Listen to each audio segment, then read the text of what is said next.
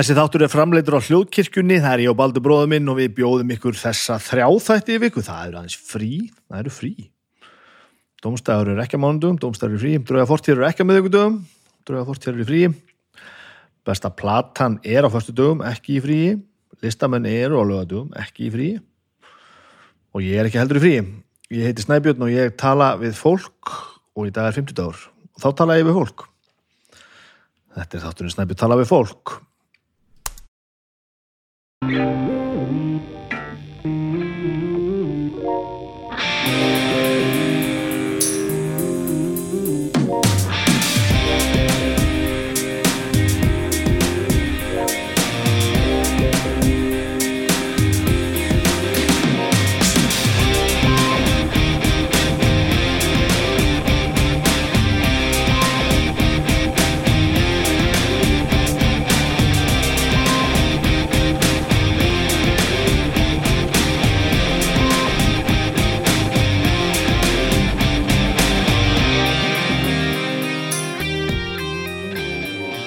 Komið sæl, blessuðu velkomin í þáttin minn Snæbjörn talar við fólk.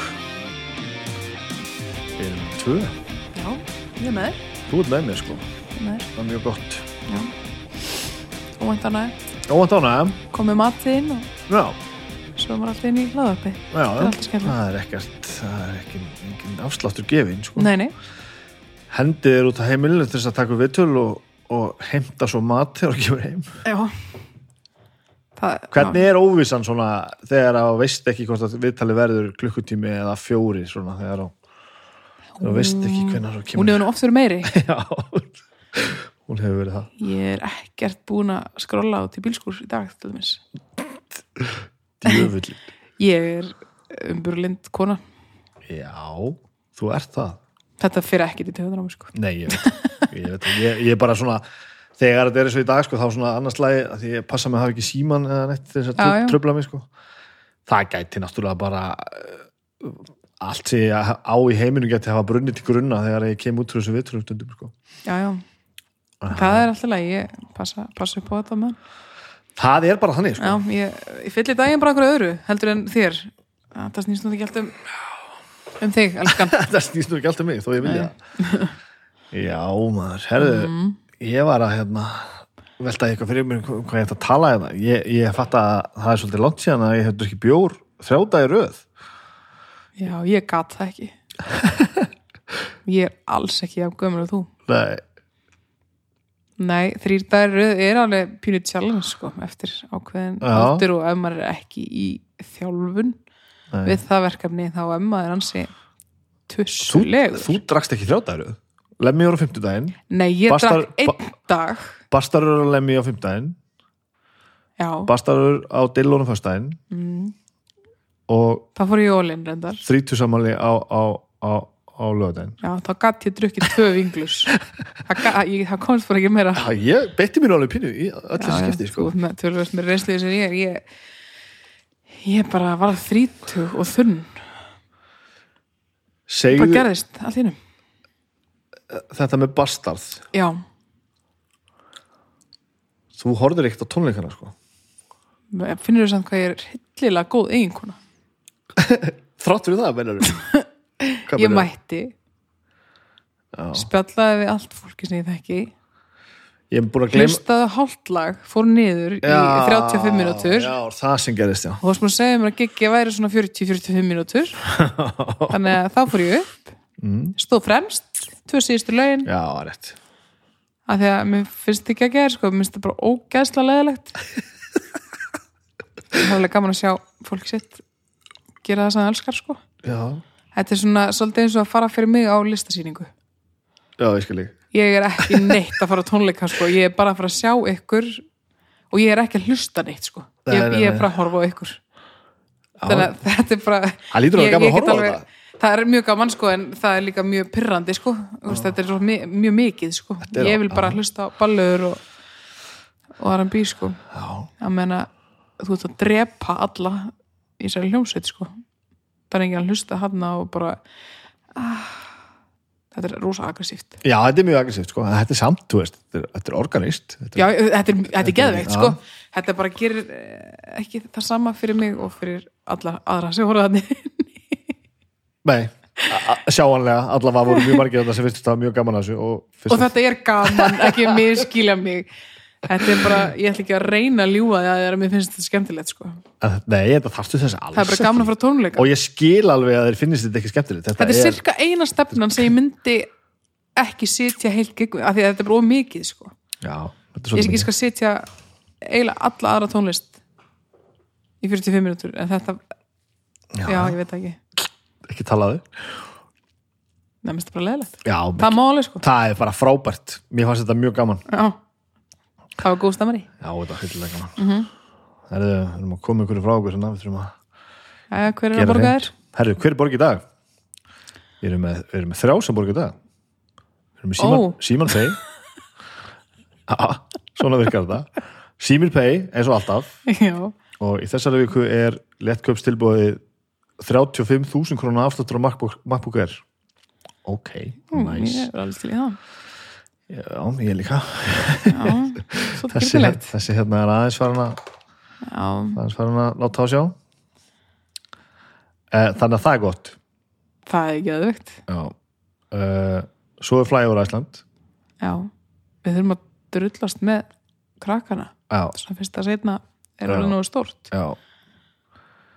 Ég var um þetta eitthvað ég aldrei að þess að þáttur að skoða eitthvað veist, hvort maður geti bent fólki á að, að það er alveg, þú getur alveg að fara að séð vídeo eitthvað svona á flyoverisland.is svona undirbúa. Og það er svona liggu að ég vilja ekki mæla með því sko, að þetta er alveg, alveg ógeðslega flott, þú sér alveg hvað er að gerast en, en þú veist, að að gaman fara að fara inn í óvissuna þarna. Nei, líka því ég er búin að fara og þetta lýsir ekkert hvernig þetta er. Þetta er bara vídeo í tölvu Mm. en þú veist, að því að þetta þessi vél sem þetta er Já. sem þú situr í og lætur histaði og blása framann í vindi og, og, og, og vökva og eitthvað mm. -hmm. sett bara í, já, já, sést bara að fljúa úti já, það er eiginlega næstu því Æ, ég vil ekki segja þetta þetta er alltaf markasefnið þeirra, ég vil ekki tala þetta niður en það er svona, veist þetta gefur bara ekki þetta myndaði sem að hérna nei, nei, ég skilði en ég, sko með við að þú og mjög góð vinnur okkar sem að hefur ekki gaman að neinu svona Mhm. þeir eru báði búin að dása með þetta í baka fyrir, ég er bara ekki búin að fara sko. Nei, þetta er hittilega gaman. Er og það, genuinely þið bara, já, þetta er geðveikt sko. Þetta er- alveg bara, þetta er alveg svona eitt af því sem bara, já, ok, ok. Já, þetta er bara, alveg bara svona gaman. við veiktumst daginn áður en við ætlum að fara með krakkana. Fokkum að því upp. ég var bara búin að gleyma því. Við þurfum eiginlega bara að rebook. Já, hann að gera það. Og svo er þetta að fara ef maður fer uh, uh, strax eftir að maður kemur úr sýninguna, þá getur þú keft annað með á 50% afslætti og nota hann þegar þú vilt. næs, Nice. Þetta er gefið ekki að klára þetta bara. jú, Það eru sjó á Sjó á á. Hlusta á þetta Við hlustum á viðskiptavinni okkar og bætum kaskotrygginguna Þeir sem lenda í pollatjónum á Malbyggi hafa þurft að greiða herri eigin áhættu. Nú er þetta einfalt sama eigin áhætta í öllum bótaskildum kaskotjónum sama hvernig þau gerast. Viðbótar fáið viðskiptavinnin okkar yðgjöld lögbóðina bílatrygginga mæmánaðar endugreitt. Blú, blú, blú, blú, blú. podlatjón Já, það er allt til, sko. Það heitir pollatjón. Ekki nema sé pollatjón, þegar að pollapunk kemur og keirir á þig. uh, hvernig er það, hefur þú eitthvað verið að lenda í podlatjóni Nei, pollatjóni. uh, Ég konu aðeins tjónaður heimitt í Eurovision alltaf. Þannig að Já. þetta er nú dillin, sko.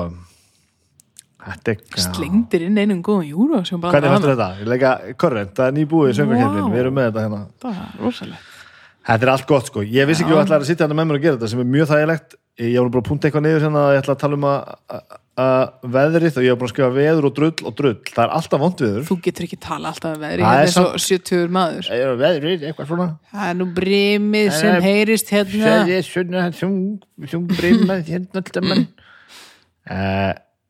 en, en ég hafði alltaf bara að tala um það sem ég grillaði hérna. Og, já, hérna hér já, en það núna þegar þú geðveikt. situr hérna, þá er þetta svolítið eins og ég sé bara að monta mig við þig, sko. þú varst ekki jafn þunnur í þannig dag Ég var mjög þunnur.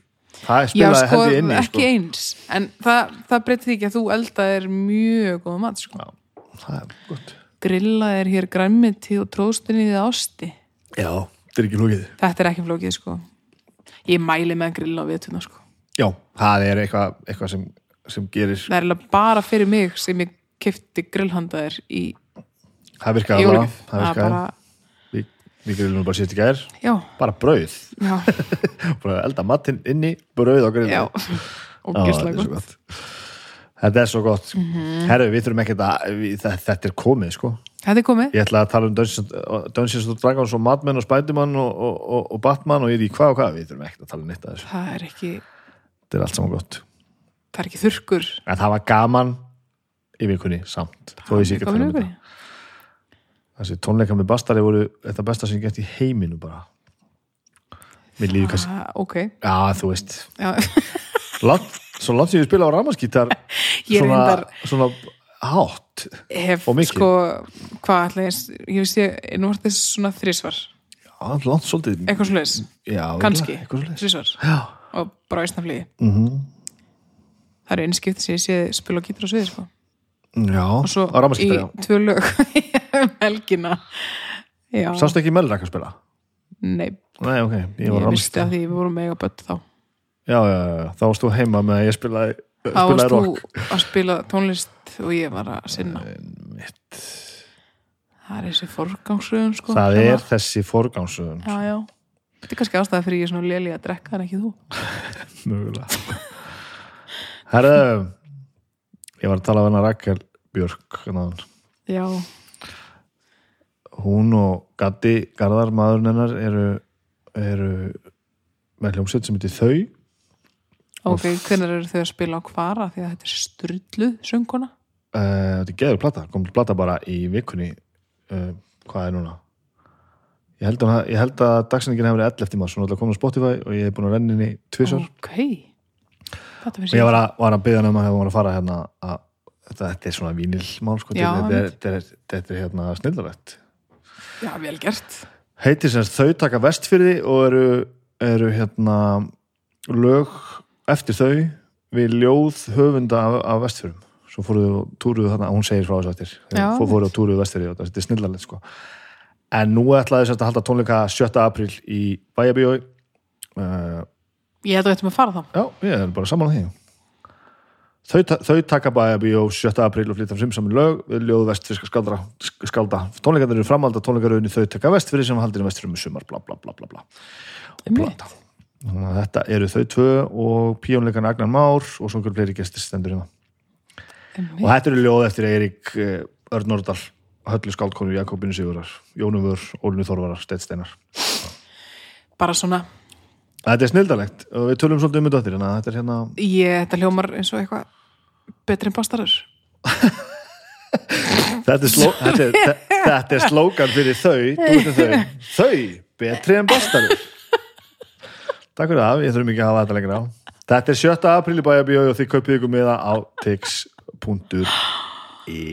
Mm. Herðu, Svo mæ, mæli ég alveg með því að fara á bastar líka, sko. Ég ætla ekki að fara að drölluðri. Herru, geðveitt, þetta eru við, við Rakel að tala saman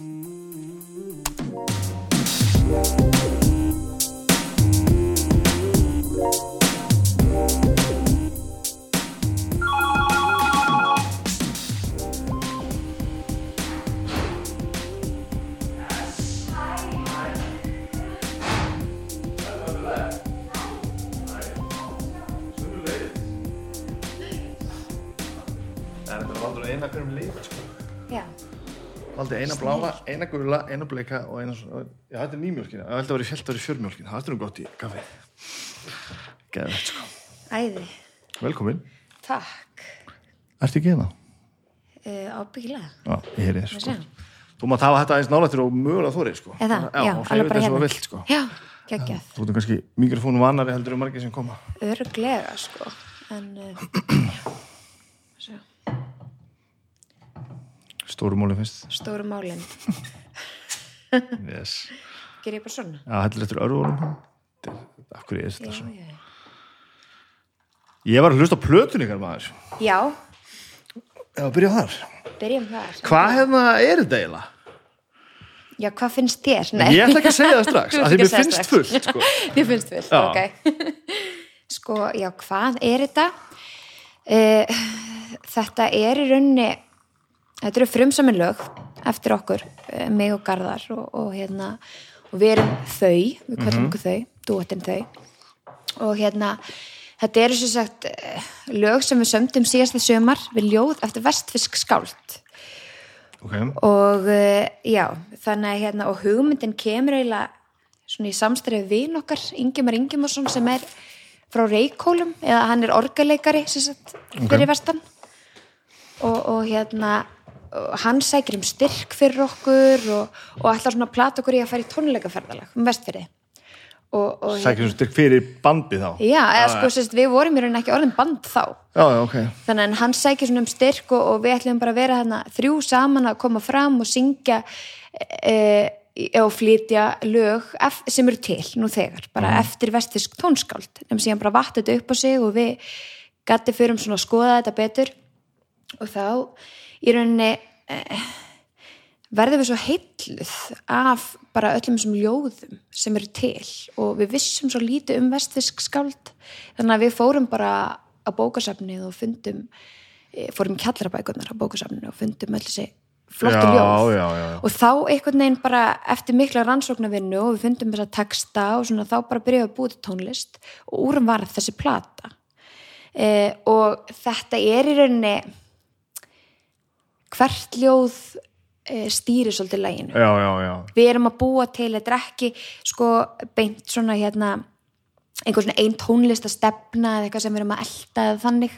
Nei. við erum í rauninni bara að vinna út frá ljóðunni hverju sinni, út frá söguljóðsins og því sem er þar á bakvið sko.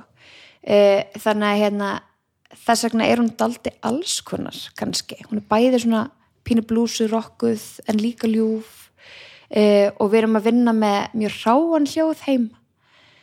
Uh, og það er líka eitthvað svona sem við erum að gera tilraun með aðeins að strýpa tónlist. Já. við viljum ekki gera uh, fara sko nútíma popleiðina einhvern veginn, við viljum hafa þetta svolítið þrútið og, já. já, og ekki svona over hérna, svona hérna svaka próduseringu, við viljum hafa þetta hrátt og, og daldi lífrænt og lifandi, þannig að það er svona svolítið það sem við erum að elta og, uh, og líka svona hvernig hún er mixuð og svona, ég veit ekki hvort þú hlustar á hana í hirtnatólum Jú, jú, ég gerði það einmitt, sko. einmitt, Já, já. nákvæmlega þá erum við svona, hérna auðvitað að pana og gera svona að mikið, sko já, nefnilega mikið og, og síðan eins og með eh, svona rýmið og, og, og hvernig hann vinnur röddina líka þá, Mhm. þá hérna erum við líka að hugsa hana í mismunandi einhvern veginn rýmum sko. Vissuðu eitthvað, vissuðu þá ekki hvernig bandið voru áður en lögðu á stað í þetta? Góð spurning. Nei, kannski bara ekki. Nei, eða við, við rauninni samstarf okkar hefst uh, í 2019 þegar við kynnumst hann í borgarleikusinu þá er Gatti, hann er með sem sagt, svona hliðarband eða verkefni sem þetta er Different Turns. Og, og, og ég held að hann hafi stofnað það í kringu 2008 eða eitthvað svo leys Já, ég til því alveg gegnum tíðina sko. er það ekki? Jú, og það er svona svolítið bara svona hérna, suðupottur af alls konar sko. Og, og hérna og hann í rauninni færi mig til að syngja þar. Já, já, já. Þá, þá hérna verðum við svona rosa góðu vinir fyrst og þannig ég byrja í rauninni að syngja inn á plötu fyrir hann eh, sem er ekki komin út en mun kom út og eh, já, þannig að þannig svona byrjum við að vinna saman og síðan bara verðum við þetta ástfangin og svona gaman eins og vill oft gerast. Það maður sleppur aldrei. Nei, Þó maður haldið að maður sé að fara að sleppa þá sleppur maður aldrei. Já. Þannig að, hérna, að þá uh, já, þá auðvitað bara langar okkur að verða eitthvað dúó þannig að við ákveðum í rauninni bara eftir að fá menn að styrka stopna þess hljómsveit. Já, já, og verða bara, verða bara þau og bara byrja að æfa okkur í að vinna saman í rauninni. En hitt produktið er til þá og stendur bara sem sitt ennþá? Og heitir það sama? Nei, já, hi, já hitt er bara different turns, já, different turns til í, ja, í hvaða formi þá? Eh, eh, Já, mm, að þetta var ekki soloprojekt nei, þetta er svona hans svona, svona kannski eh, hans lög yfirleitt en hann vinnur þau með hálfdáni vinni sínum. Og, og hérna eh, þannig að þetta er svona þeirra samstagsverkefni daldið. og þetta bara hangið svona einhvern veginn á því ennþá? Já, en síðan eh, erum við nú að hugsa um að gefa út þessa, þriðju plötu. Því ég er núna bara stíga inn í þetta núna á þriðju plötunni. Þannig að og þá langar okkur alveg að fylgja svo eftir og halda tónleika og gera eitthvað klika þannig að já eh, en hvað finnst þér? Vá, ég er smá forvitin já, alveg, það er ástæð fyrir ég er að- ég að, vil okkar byrja þetta svona sko já, já, að því ég ætla að hefa pínu insýn í að hvernig þú veist tónlist verður til og, og Já, já, hvernig, já. hvernig hljómsveit verður til sko. já, og mér, mér fannst stundum eins og ég var að fylgjast með bandinu að fatta hvað þau ætla að gera sko. á mjög góðan hátt, Já. ekki miskilja mig Nei, þetta var svolítið svona eins og svo er þetta alltaf, maður heyrir alveg pínu að það er leikus sko Mhm. sem betur ekki á mikið að því að popplötur sem eru of leikurskotnar verða fucking óþólandi af að þá verða það ekki þá er ekki þetta að hlusta á þeim í af því að maður er alltaf bara komin í einhverja sögur sko. en þessi hljóðheimur og þetta þú veist, einmitt þetta mikla pan og, og allt í kemur einhver ramaskítar úr, úr, úr engu sko, og ekki til að styðja við hann allt svona rátt sko. og það var geðveitt sko. geggja en þú, þú til dæmis nefndir ekkert jazz þú sagði blues. Já, ég hefði þetta að segja Það er jazz rosa- líka. Já, það er jazz. Kom alveg svona og, og stundum alveg svona mikið djössuð moment. Já, já, ég er náttúrulega elska jazz. Það er náttúrulega Já, bara ég örgulega bara svona, svona reyna að já, bara að- stemningi sem fylgir, fylgir já, þér þá daldið, daldið sko. Uh, já, og svo eru þetta leikusið og við, erum, við hlustum rosa mikið til dæmis saman á, á Nick Cave, Tom Waits, The Kills svona Já, já, já. svona, svona, hérna, svona storytelling. Storytelling, það er leiðarstefið, já, þá er það svona sem ég glemt að segja á þann, það er storytelling eða svona sögumannstýl og, og hérna e, það er einmitt það sem að, það sem að sagan skiptir Mhm. máli. E, og, og já, þannig að leiku séu klárlega áhrif á okkur já, alveg bara 100% ég var rosa stressað fyrir þetta í svona leikhúsplata. Það sem að, eða, æ, ég er svo leðilegt það kemur svona eitthvað að er nú sniðut, við látum nú bara standa. Og svo á þriðu hlustinu er maður bara fuck, þetta öskur þarna að finna eða dramatíska eða eitthvað sem er svona leikhús sko, virkar alveg á sviði eða í já, já, bíómynd já, fattari já. en svo að vera þetta í einhverju svona tónlist sem á bara að vera frá hjartanu og bara falli og sönn sko. Og það kemur eitthvað svona theatrical moment sko, sem að ég hef alveg fallið þess að grefi sjálfur sko, að halda það sé, þú veist, góð hugmynd að láta standa á plötunni, svo hlusta maður í annaða, þriða og fjórða og maður tala um 12 og 20 skipti og bara, fokk, djúfisist tilgeru leiðindi, sko. einmitt Þannig að ég var skítrættur um að það er eitthvað svo leiðis, en það var ekki neitt. nei, já, þetta er ekki eitthvað svona einmitt, eitthvað le leikus eða svona söngleikja e, svoleiðis svona hérna en, en hérna en já, leikus er aðalega bara í eitthvað neinn tilfinningunni og reyna að koma koma ljóðunum til skila mm. Já, og bara og, og, og hérna pínu svona ansvar við uh, svona nútíma pop kannski uh, svona hérna mumli, nei. Já, já, Hérna. ég, ég skilji, ég er, ég er svona pínu þreytt á svona einhvern veginn að heyra aldrei textana og, og svona einhver ofur innföldun uh, hérna án þess að gera neitt lítið úr því eða svoleiðis, en það bara svona fyrir mig, mig langar að heyra góðar sögur, góða texta og sérstaklega svona ljóð, ljóðlist völduðu ljóðin eftir því þá? Hvað Já, var svo stærstu sögur, já, já. stærstu sögunar Og hvar- Þessi hvar- kona í þessu húsi, alveg, ég sé hana fyrir mér, sko. hann Stein Steinars, þetta er utan, utan ringsins Þetta er bara, Já, já, já. Það eru ímsa sögur sem fara því og svo svo fyndið því að fórum einmitt í ferðalagið þannig að síðasta sömar og þá vorum við tónleika e, í Flatey -hmm.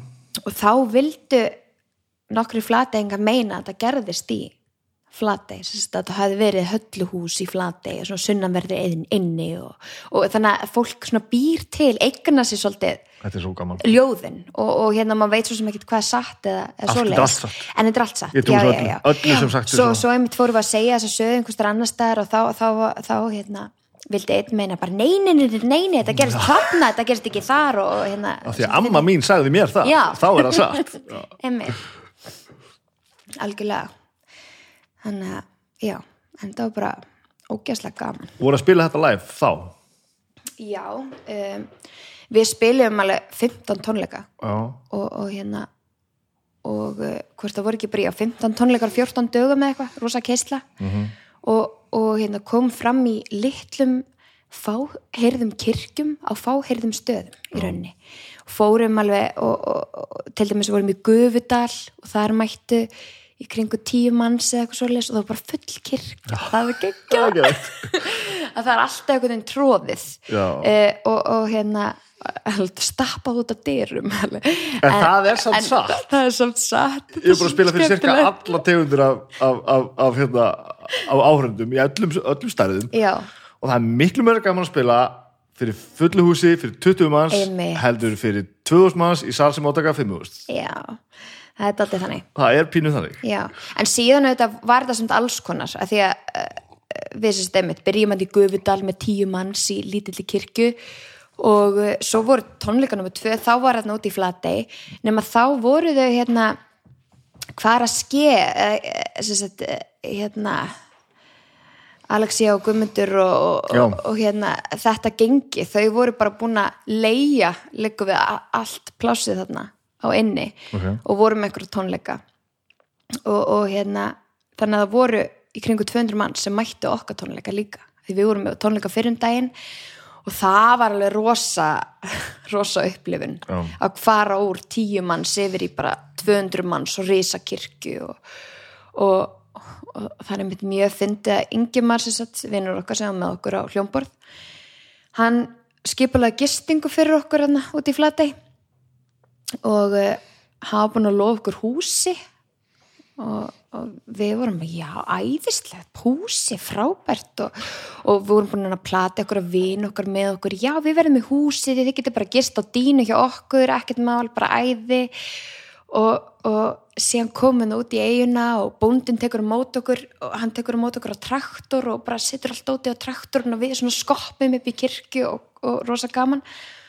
Og uh, síðan segjum við þetta við hann já, getur ekki skuttla okkur hérna yfir í, við erum hús þannig Bjössi vinnur okkar, hann ætlar að lána okkur hús og, og hérna til að gisti þá bara byrja hann að glotta og við skiljum ekkert og uh, já, þeir eru að tala um fjósakott og við hugsaum, já, fjósakott já, ætli það ekki?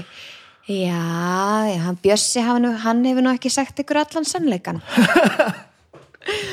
og við bara byttum nú við, herðu, þá skuttlar hann okkur yfir þetta hús sem að reynist vera eldgamalt hjólísi sem er bara svona, það er bara kyrsett þarna, eða það er bara, bara fast þarna og búið að vera þarna í mörg ár, bara Trailer alveg Park style bara. Já, já.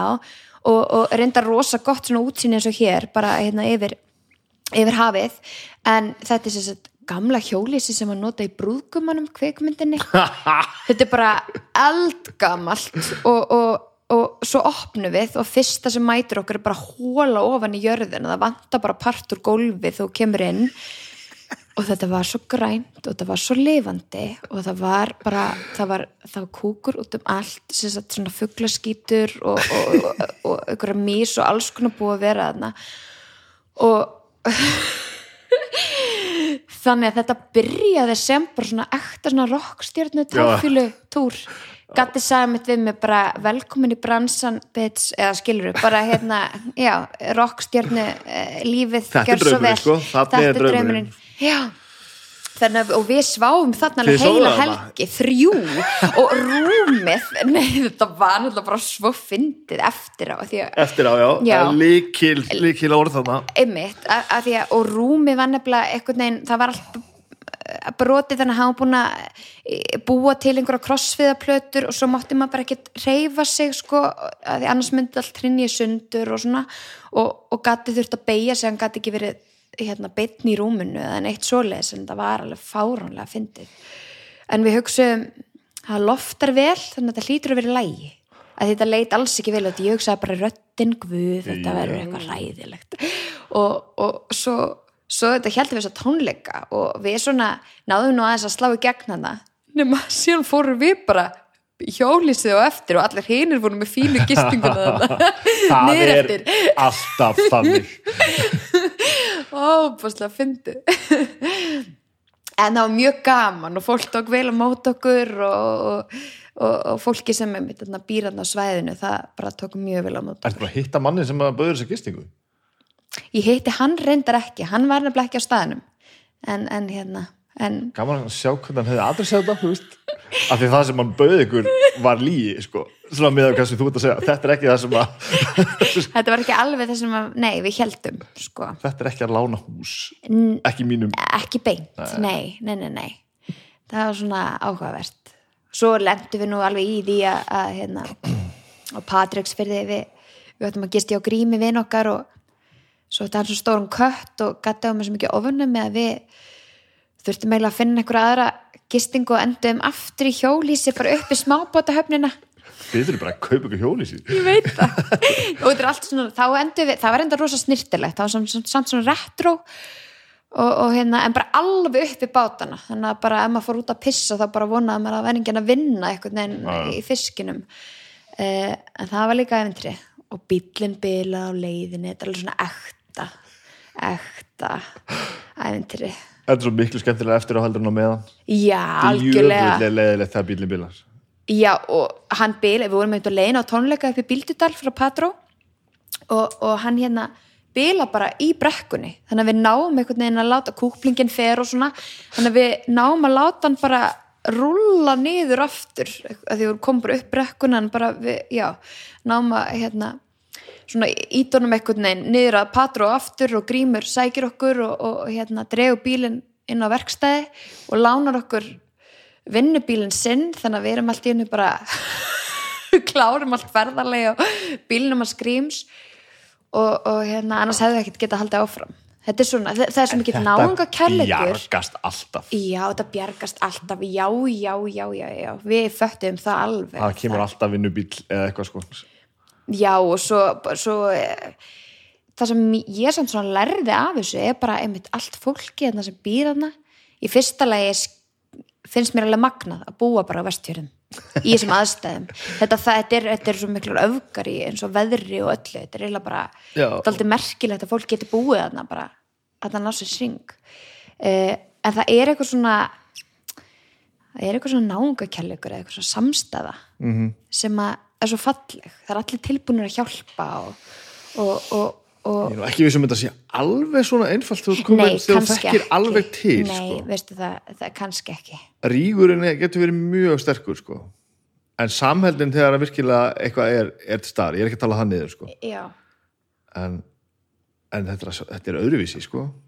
líka bara ef þú ákveður að vera þessi típa ef þú fættist þarna inn eða hvernig mm Mhm. -hmm. eitthvað svo leiðis þá er þetta svo stórpartur eitthvað þú ert þetta er, ekki bara, er bara hvað þú býrð þá ertu þessi sko. já, og það er svo, þetta er svo og ég til dæmis þekkið alveg að því ég segist þér frá Húsavík. Einmitt. Ég er náttúrulega alls ekki frá Húsavík sko.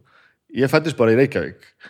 Já, já, já, og svo bjóð ég bara á laugum sem er hana inn í landi á- í Reykjadal við ofan Húsavík sko. Því ég var 12 ára. Og svo hluti ég hingað þegar ég var 18 sko. Þannig að ég bjóð aldrei veist, ég- 18 já, s- eða 20 kannski ætli hefði ekki verið 8 ára á Húsavík sko. þannig ég fæ ekki að vera þessi gaur og, og ég, veist, ég fæ bara eitthvað annað í staðinn. En húsvíkingarnir sem eiga bara mömmu sína og ömmu sína og langömmu sína á Húsavík og börnin sín Mhm. ég er ekki, ekki alltaf sammála öllu sem er gert þarna og þetta verður stundum svona svolítið, svolítið innbakað svona.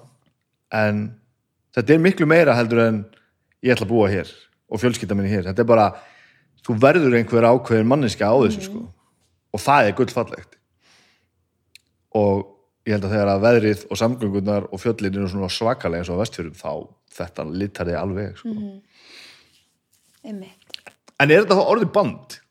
Þetta? Já. Já, við erum alveg orðin band Já. og við erum alveg að hugsa sko svona til framtíðar þá langur okkur að e, í rauninni þau er svolítið bara svona yfirheiti yfir okkar samstarf Já. og við sjáum alveg fyrir okkur að það getur stækka út og orðið meira heldur en bara hljómsveit líka bara svona einhver e, svona framleiðslu fyrirtæki eða hvað sem er sko. við erum einhvern veginn bara, já, bara þegar við vinnum hvort þessum tónlist eða tónlist e, sérst, bara e, pop eða rock eða eitthvað svoleiðis eða, eða, eða tónlist fyrir leikhús eða, eða já, okkur langar að koma upp stúdíói til dæmis sem við myndum líka vilja leigja út og, og vera svona í samstarfi aðra Þann, þannig að já, við erum svona þetta er eiginlega, já, þetta er núna hljómsveit en þetta er líka bara dúóið Rakl og Gatti, Já. það eru þau uh, það er svona svolítið að sögum pæla Hvernig hérna fluttu þetta live? Þetta er ekki, ekki allt geta staðið eins og plötinu vantar. Nei, við le- lékum okkur aðeins á plötunni já, já, þá leiðum við okkur aðeins að, að hérna, að eh, bara gera meir úr þessu og, og, og svo leis en við gerum þetta allt live, já Já. Og við erum að nota mikið lúpera Ó, já, nú skil ég. þannig að við séum bara eins og heilt band en erum í rauninni, vorum þrjú Já, það leysir margt. það leysir Á mjög margt plötinu sem ég hugsaði bara, ok, hann okkur verður bara að strípa þetta alveg niður já, eða bara vera með eitthvað trikk. Sko. og eins og bara þegar ég er að ratta og svo leis þegar það koma svona hérna uh, svona, já, kablar þar sem ég er að ratta og ný og svona það er allt gert með lúpurum ég geri það allt á staðinum Líka í stúdíónu eða? Uh, ég reyndar, reyndar í, í stúdíun jú og þá söng ég þetta eins eins og ég væri að lúpera en, en hérna, eða nota lúper. Uh, en uh, það er allt auðvitað bara sikkur rásinn og, og, og, klift sko. En en já, en þá ger ég þetta bara live. Ert þú með lúper fyrir röddina í þér þá? já, svona loop station sem er sérstaklega svona eiginlega fyrir Hvaða station er það? Hvað er hann 505 RC eitthvað já Boss- Nei, ekki, bo, ekki, ekki rauði þessi hana. Eh, ekki rauður? hann er með svona fimm rásum Já, já. Nei, nú rúglaðist ég aftur. Já, ég er ekki að tala um bossin hérna, Með tveimur, til e einfaldur boss og svo tvöfaldur. Þú ert að tala um eitthvað svona fimmfald. já, ég er að tala um alveg svona fimm rása Ok, ég er Loop ekki nú- station. ég er ekki nú góður í þessu. Þetta er, þetta er mjög flott sko, ég held að þetta sé líka bara frekar nýtt svona Mm. hérna þessari stærðagráðu fyrir eins og rödd og svo leis Já, hugsa meira fyrir raddir heldur en Já, þetta er eiginlega hugsa meira fyrir rættir þetta eru, og, og takkarnir eru einhvern veginn þetta eru svona, hérna, þú smellir á þá sérst. þannig að hérna uh, já, þetta er svona hugsað fyrir rödd ég átti lúper Og mjög sko, flott. og le- leik mér aðeins með hann og gaf Já. hann svo jólagjöf eða eitthvað já, og það var mjög gaman. En ég, ég spilaði einhverju partí einhvern tímann eða tveimur eða eitthvað. Ég var, ég var samt alltaf alveg löðrandi stressaður sko, að það myndi klika. Já, en það er samt líka fegurt í því einhvern veginn, að því að til dæmis þegar við vorum að koma fram þá vissum við alveg auðvitað getur eitthvað farið og syngi þetta getur eitthvað klikkað eða svoleiðis en Já. það er svo spennandi já, já, og það er alltaf það sem er að, að vera, vera, vera á tónleikum það, þegar eitthvað klikkar og mér fannst ég mitt bara stundum bara sagði ég það líka bara nú ætlum við að galdra og nú ætlum við bara hérna. Að, að gera tilraun skilur og, og svo eins og ég veit ekki hvort mannst eftir Vari Skáldsins á plötunni eftir hérna, Það er aðeins saman. öskrum svo hátt að yfirgunna Já. við ljóðið já, það er sérst Eiríkur Örn er nútíma skáld hjá okkur sem veldum og, og það var eitthvað svona lag sem vissum ekkert hvort að við gætum tekið í kirkju einhver staðar út í sveit. Já, e, nema við ákveðum síðan bara prófa bara fyrstu tónleikunum. Og síðan var þetta bara eitthvað svona sem að fólk var þvílíkt að fíla. Bara, bara læti í kirkju og bara og bara, já, og svona stælar og við, við stóðum upp á kirkjubekkjónum og bara svona, svolítið svona sprengdum uh, uh, kirkjukonseptið út einhvern veginn, sko. Uh, að því í rauninni tengist þetta verkefni ekki trú eða svoleiðis, þetta er rauninni bara uh, okkur langar bara að skoða kirkjur sem tónleikastæði, að því að svo flottur hljómburður og við vorum alltaf með þessa tengingu, við erum með orgaleikara með okkur sem að já, gatt e, já, t- tala við alla í sveitinni og svona. Þannig að hérna já, þannig að það var svolítið gaman að auðra því. Það eru kirkjurnar íslensku kirkjurnar og íslensku félagsheimilin. Þetta er bara bestu hús í heimin frábær, alveg frábær. E, fyrir utan hvað hvað þau eru falleg og sjarmirandi og kirkjur eru margar algjörlega og- æðislega sko. já, bara æðislegar, algjörlega. Og, og svo vorum við til dæmis í Unaðstall hefur farið í Unaðstall það er ekki. Það er alveg bara svona lengst út á vestfjörðum alveg bara e, e, já, alveg bara eins langt og kemst. Í rauninni steinshús er þarna e, og, og, og það sem er steitt steinar. Hann, mamma hans er frá Snæfjallaströnd og Sig, Kaldalón, Kaldalón Sigvaldi Kaldalóns, hann er þarna. Já, það er mikil saga og þetta pínu myndi mig á eins og landmannalögar, svona litirnir. Það var einhvern veginn þetta er alveg svona svolítið annað og svo horfir yfir alla fyrðina frá Mm. Unastall og, og hérna já, það var rosa gaman að fara bara og kirkjur út um allt bara. Kirkjur út um allt. Bara svo í fokkin færiðum bara. Já, já, það er rosalegt. Það, maður sér yfir tvær kirkjur í einu í færiðum bara. Já, var það einmitt. Ég fór ekkert um hann til Klaksvík. Klaksvík. já, Klaksvík, já. Og leiklistráti sem úlingur -hmm. það var mitt manni að það voru svona lítið lömb út í garði. Já, það er bara, Bara í bandi? Þór- það er líka bara í þórsöp bara, já, það er þó þósöfn Líka, líka, sko. já, maður þarf ekki að já, maður þarf ekki að fara mjög langt sko. nei, nokkulega já, færingar svo fyndir að hérna, það er ekki bóndabæðir nei, það er ekki múndabær það er bara útihús og Já. þú búa þetta í þorpum. Já, og það er svo stuttamilli þorpa að því að þú veist það er svona, þú hópar er bara svona í næsta þorp við þar sem að þú ert með útihúsið og kirkjur í þeim öllum og þú keiri bara í svona fjóra myndir og þetta er næsta þorp. Og það er líka kirkja. Einmitt, og gamalt ofstakisfólk að tala illa um fólk sem er ekki eins og þau. Ok. Spennandi. Þetta er svo rassist sko. Það er bara- ég er í stuði dag, ég er búin að taka henni já, landsbyðina og færi Herru, förum eitthvað lengra maður. Já, förum lengra. hérna- tökum þetta bara, Mhm. allt saman. Hvaðan kemur þú nú? Já, hvaðan kem ég? Sko, uh, í rauninni amma, hún er frá Snæfellsnesi og ég tengi rosa við, við erum rosa mikið tengd Snæfellsnesinu og Arnastapa og þannig að þaðan svona uh, talandi um orku og talandi um fólk sem að uh, sko tengi við staðin þar sem það býr maður amma er alveg fætt undir jökli Já. hún er alveg þar það, þannig að hérna uh, já, okkur finnst vera svona, það er eitthvað svona einhver orka sem að teku með sér og, og bara að ganni í rauninni. Eh, það er bara gaman. Ég, ég fíla allt svona andlegt og ritual og leika mér með æfintýri og búa til í haustnum og svona.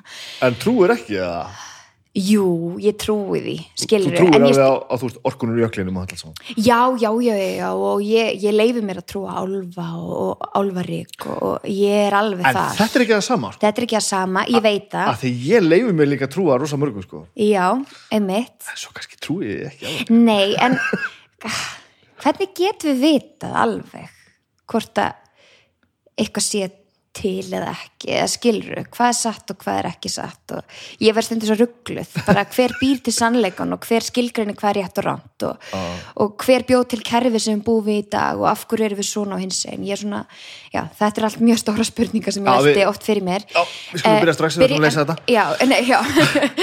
en, en sem sagt, ok en ég tek alveg þetta með mér bara þessa svona hérna, uh, þessa orku daldi inn í, inn í bara uh, mitt líf og, og hérna og, og mér finnst líka bara eitthvað svo magna eins og amma er ofta að segja mig sögur bara af lífinu þegar hún var lítil og svona. Og, og uh, til dæmis langa langaðu minn þau byggu á Eyri og Arnastapa eh, nei, þau, þau voru reyndar ekki flutt ánga þau byggu svona á sunnanverðum Arnastapa og hann þurfti að fara til Ólafsvíkur að kaupa matinn eins og maður gerði. Þannig að þau, hann lappa bara yfir fjallgarðin og, og, og, hérna, og, og við, við nennum skilur ekki að taka strætó í dag, nú tíma fólk já. en hann lappar í búðin að taka upp mjöl yfir fjallgarð og, og, og kemur tilbaka nema á leiðinni þá koma við hjá hreppstjóranum.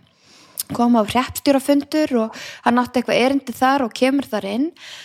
Og uh, þar heldur einhver maður á þryggja vegna barni, bara unga barni. Og hann, hann er að uh, hann öskrar hérna yfir hópin bara hver vill taka þetta barn fyrir sem minnstan pening?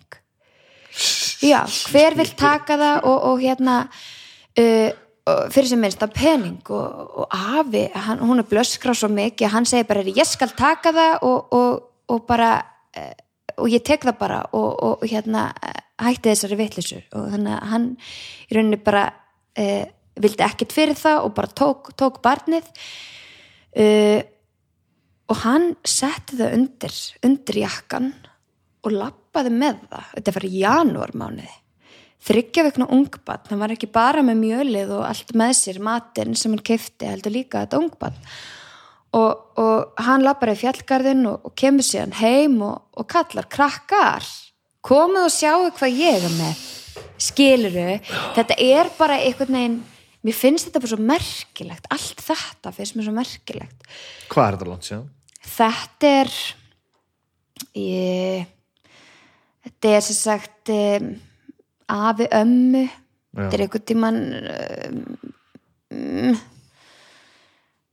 þetta er nú 20 stöldinni sko, þetta er svona kannski, já, allir þetta sé ekki ég, ég bara veit það ekki, ég man ekki alveg hvernig þetta var þetta er alveg þó nokkur ár síðan sko. Þetta er samt ekki nógu langt síðan sko? nei, nei, þetta er ekki, þetta er ekki hérna, eh, einhver rosalegu tími þannig séð. Uh, en, en hérna þetta var sérst yngsta systir uh, langa, langafa.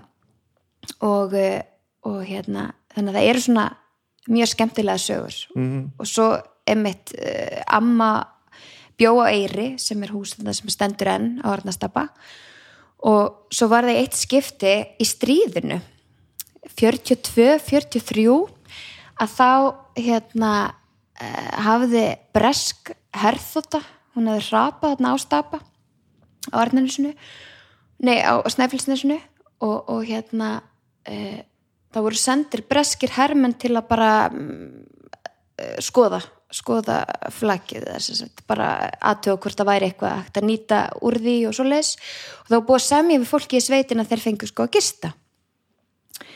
Nema svo var bara amman heiman með börnin sem sagt og, og, og amma var þá eina börnunum sko. en, en, en amman á heimilinu hún var einhvern veginn ein heim að passa börnin og fóreldrarnir fóru eh, eitthvað út. Og þá allt í henni banka tveir breskir hermin upp á á eirinni og hún mætir þeim aðna og bara já og hún sér að þeir eru vopnaðir. Og það tekur hún ekki mál. Bara vopnar hermenn hingað ekki lengra. En það var sérst búið að semja um að þeir fengju samt að gista.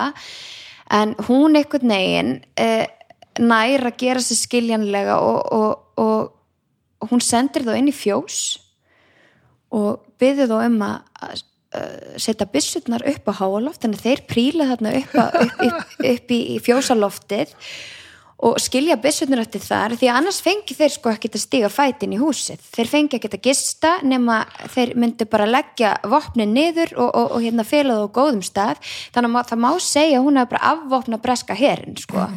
Eh, og já, þannig að það eru svona svona sögur Já. sem að maður tekur svolítið svona með sér, mér er bara svo merkilegt að hérna uh, að heyra svona sögur og heyra um við tala um gamla tíman þannig að já, ræturnar eru svona snæfilsnes uh, en síðan í rauninni bara ég fæðist bara Reykjavík og, Já. og, og hérna byggum fyrstu fimm árin á laugaveginum í hátúninu. Þannig að hérna, og ég fyrst að bat fóreldra minna, þau voru bara ung 25 ára og, og síðan flutti við Garðabæin Hvort er það með tenginguna á, mamma, mamma já, sem já. sagt, já. Og pabbiðin kemur hvað hvaðan? það er Dalvík, Dalvík og, og Það er norðan já, norðan já, Snæfellsnes og Dalvík já Það er best að ég er ekki fleiri í þessi í dag Ég ekki ástæð til sko, ég er þetta á grín nei, já, Já, ok Hvað papp, pabbiðin að gera? hvað segir ég? Hvað var pabbiðin að gera? Hvernig, hvernig kemur hann inn í þetta? Hvernig kynnast þau? hvernig kynnast þau? Um, þau kynnast nú bara í MR já, Já, pappi hann, hann, hann, hann er ákveð að hætta sér í, í borgina og fara að gera eitthvað þar Uh, já, hann í rauninni, að amma er sko, amma er Dalvík, en a, a, a, pappi hann elst upp í það bara víkuströnd. Já, ok, ok, ok Hann er bara, uh, hann er bara hérna af seltjarnanessi Mhm. uh, og uh, já, svo kynast mamma og pappi í MR. Þannig að hérna, uh, já, ég held að pappi hafi skemmt sér svolítið vel í mentaskóla. Þannig að hann er árið eldri en mamma, en, en hann sem sagt tók uh, fimmtabæk aftur. Hann ákvaða, það var svo gaman að taka fimmtabæk, hann vildi taka hann aftur. Já, þess vegna, er bara þess vegna. já, bara þess vegna, en þá kynntist hann mömmu. Ok, þannig að það var bara fallegt. Uh, um, og svo varð ég til auðvitað. Uh, við sleppum aldrei sko. Nei. En síðan sem sagt elst ég bara upp í Garðabæ Ok, og er, þar í grunnskóla og gaggó og uh, nema síðan fór ég bara í MR og herranótt leikfélagið hvað svipur þetta?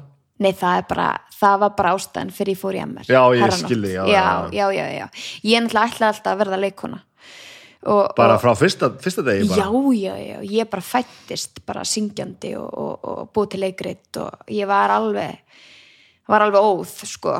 Eh, og, og alltaf einhvern veginn komin, komin upp á borð með atriði og fekk alla krakkana í, í matabóðum til þess að búið til leikrit og það var bara eftir þrjá tíma og síðan var sínt og þetta var alveg þetta voru svona hálfgerar herbúðir oft sko, af því að síðan var ég svona elst þannig að ég náði einhvern veginn að eh, fá krakkana með í allt þetta rugl og ég mætti með búningarna í, í matabóðin og það var þetta, þetta var prógram og hérna, ég hef alltaf verið svona. Og reyndar á tímabili þá ætlaði ég að verða Britney Spears. Sem þegar ég var fimm ára þá segi mömmu mamma ég ætla að vera Britney Spears þegar um stór. Og það var svona ákveðum tíma, þetta er veist 2000, ég held að Britney hafi nú fljótlega síðan farið eitthvað. að raka sér hári og eitthvað rugg Já, hún er sko. hann alveg að toppa sko. svo, Er það ekki? Svo fer þetta á við Já, svo fyrir þetta niður við þannig að mamma var svona, já, viltu kannski ekki hugsa aðeins málið? Allt í nú, hún var ekki alveg sannfæðum og ég ætti að vera Britney Spears. Nei, ég heldur hann hafi heldur ekkert með að fyrirparti fyrirsins Nei, örglega ekki. Ég, ég man alveg þegar þetta var sko, þetta var Já, er það, ég er enda svo pínu lítil. Ég, ég sá bara einhverja stelpu sem var að syngja og dansa og fannst það eitthvað spór Okkur finnst þetta ekki svakalt í dag sko. Nei, nei, En þetta nei. var náttúrulega, sko, þetta var svo provokativ og þetta, var- hún var svo fáranlega ung sko, Já, og gerði svo einmitt. hún, var bara, hún gerði út bara svo bann með brjóst sko. Guð minn góður. Var Já, alltaf, já, en eftir á því gerði þetta alltaf geðveikt, ekki sákultúr heldur músikinn og, og talentin Já, og allt, hún var já, alltaf já, snillingur sko. algjörlega. Þetta er jöfull sem að sem er búið að brenna hann í alla enda maður. Úps, nákvæmlega. Já, já, ég náttúrulega hafði engan skilning á því Nei, nei, einmitt. þá, þannig að hérna. Eh, en, en ég skil það alveg eftir á. Mamma hafi nú verið svona pínu svona já, býttu nú aðeins.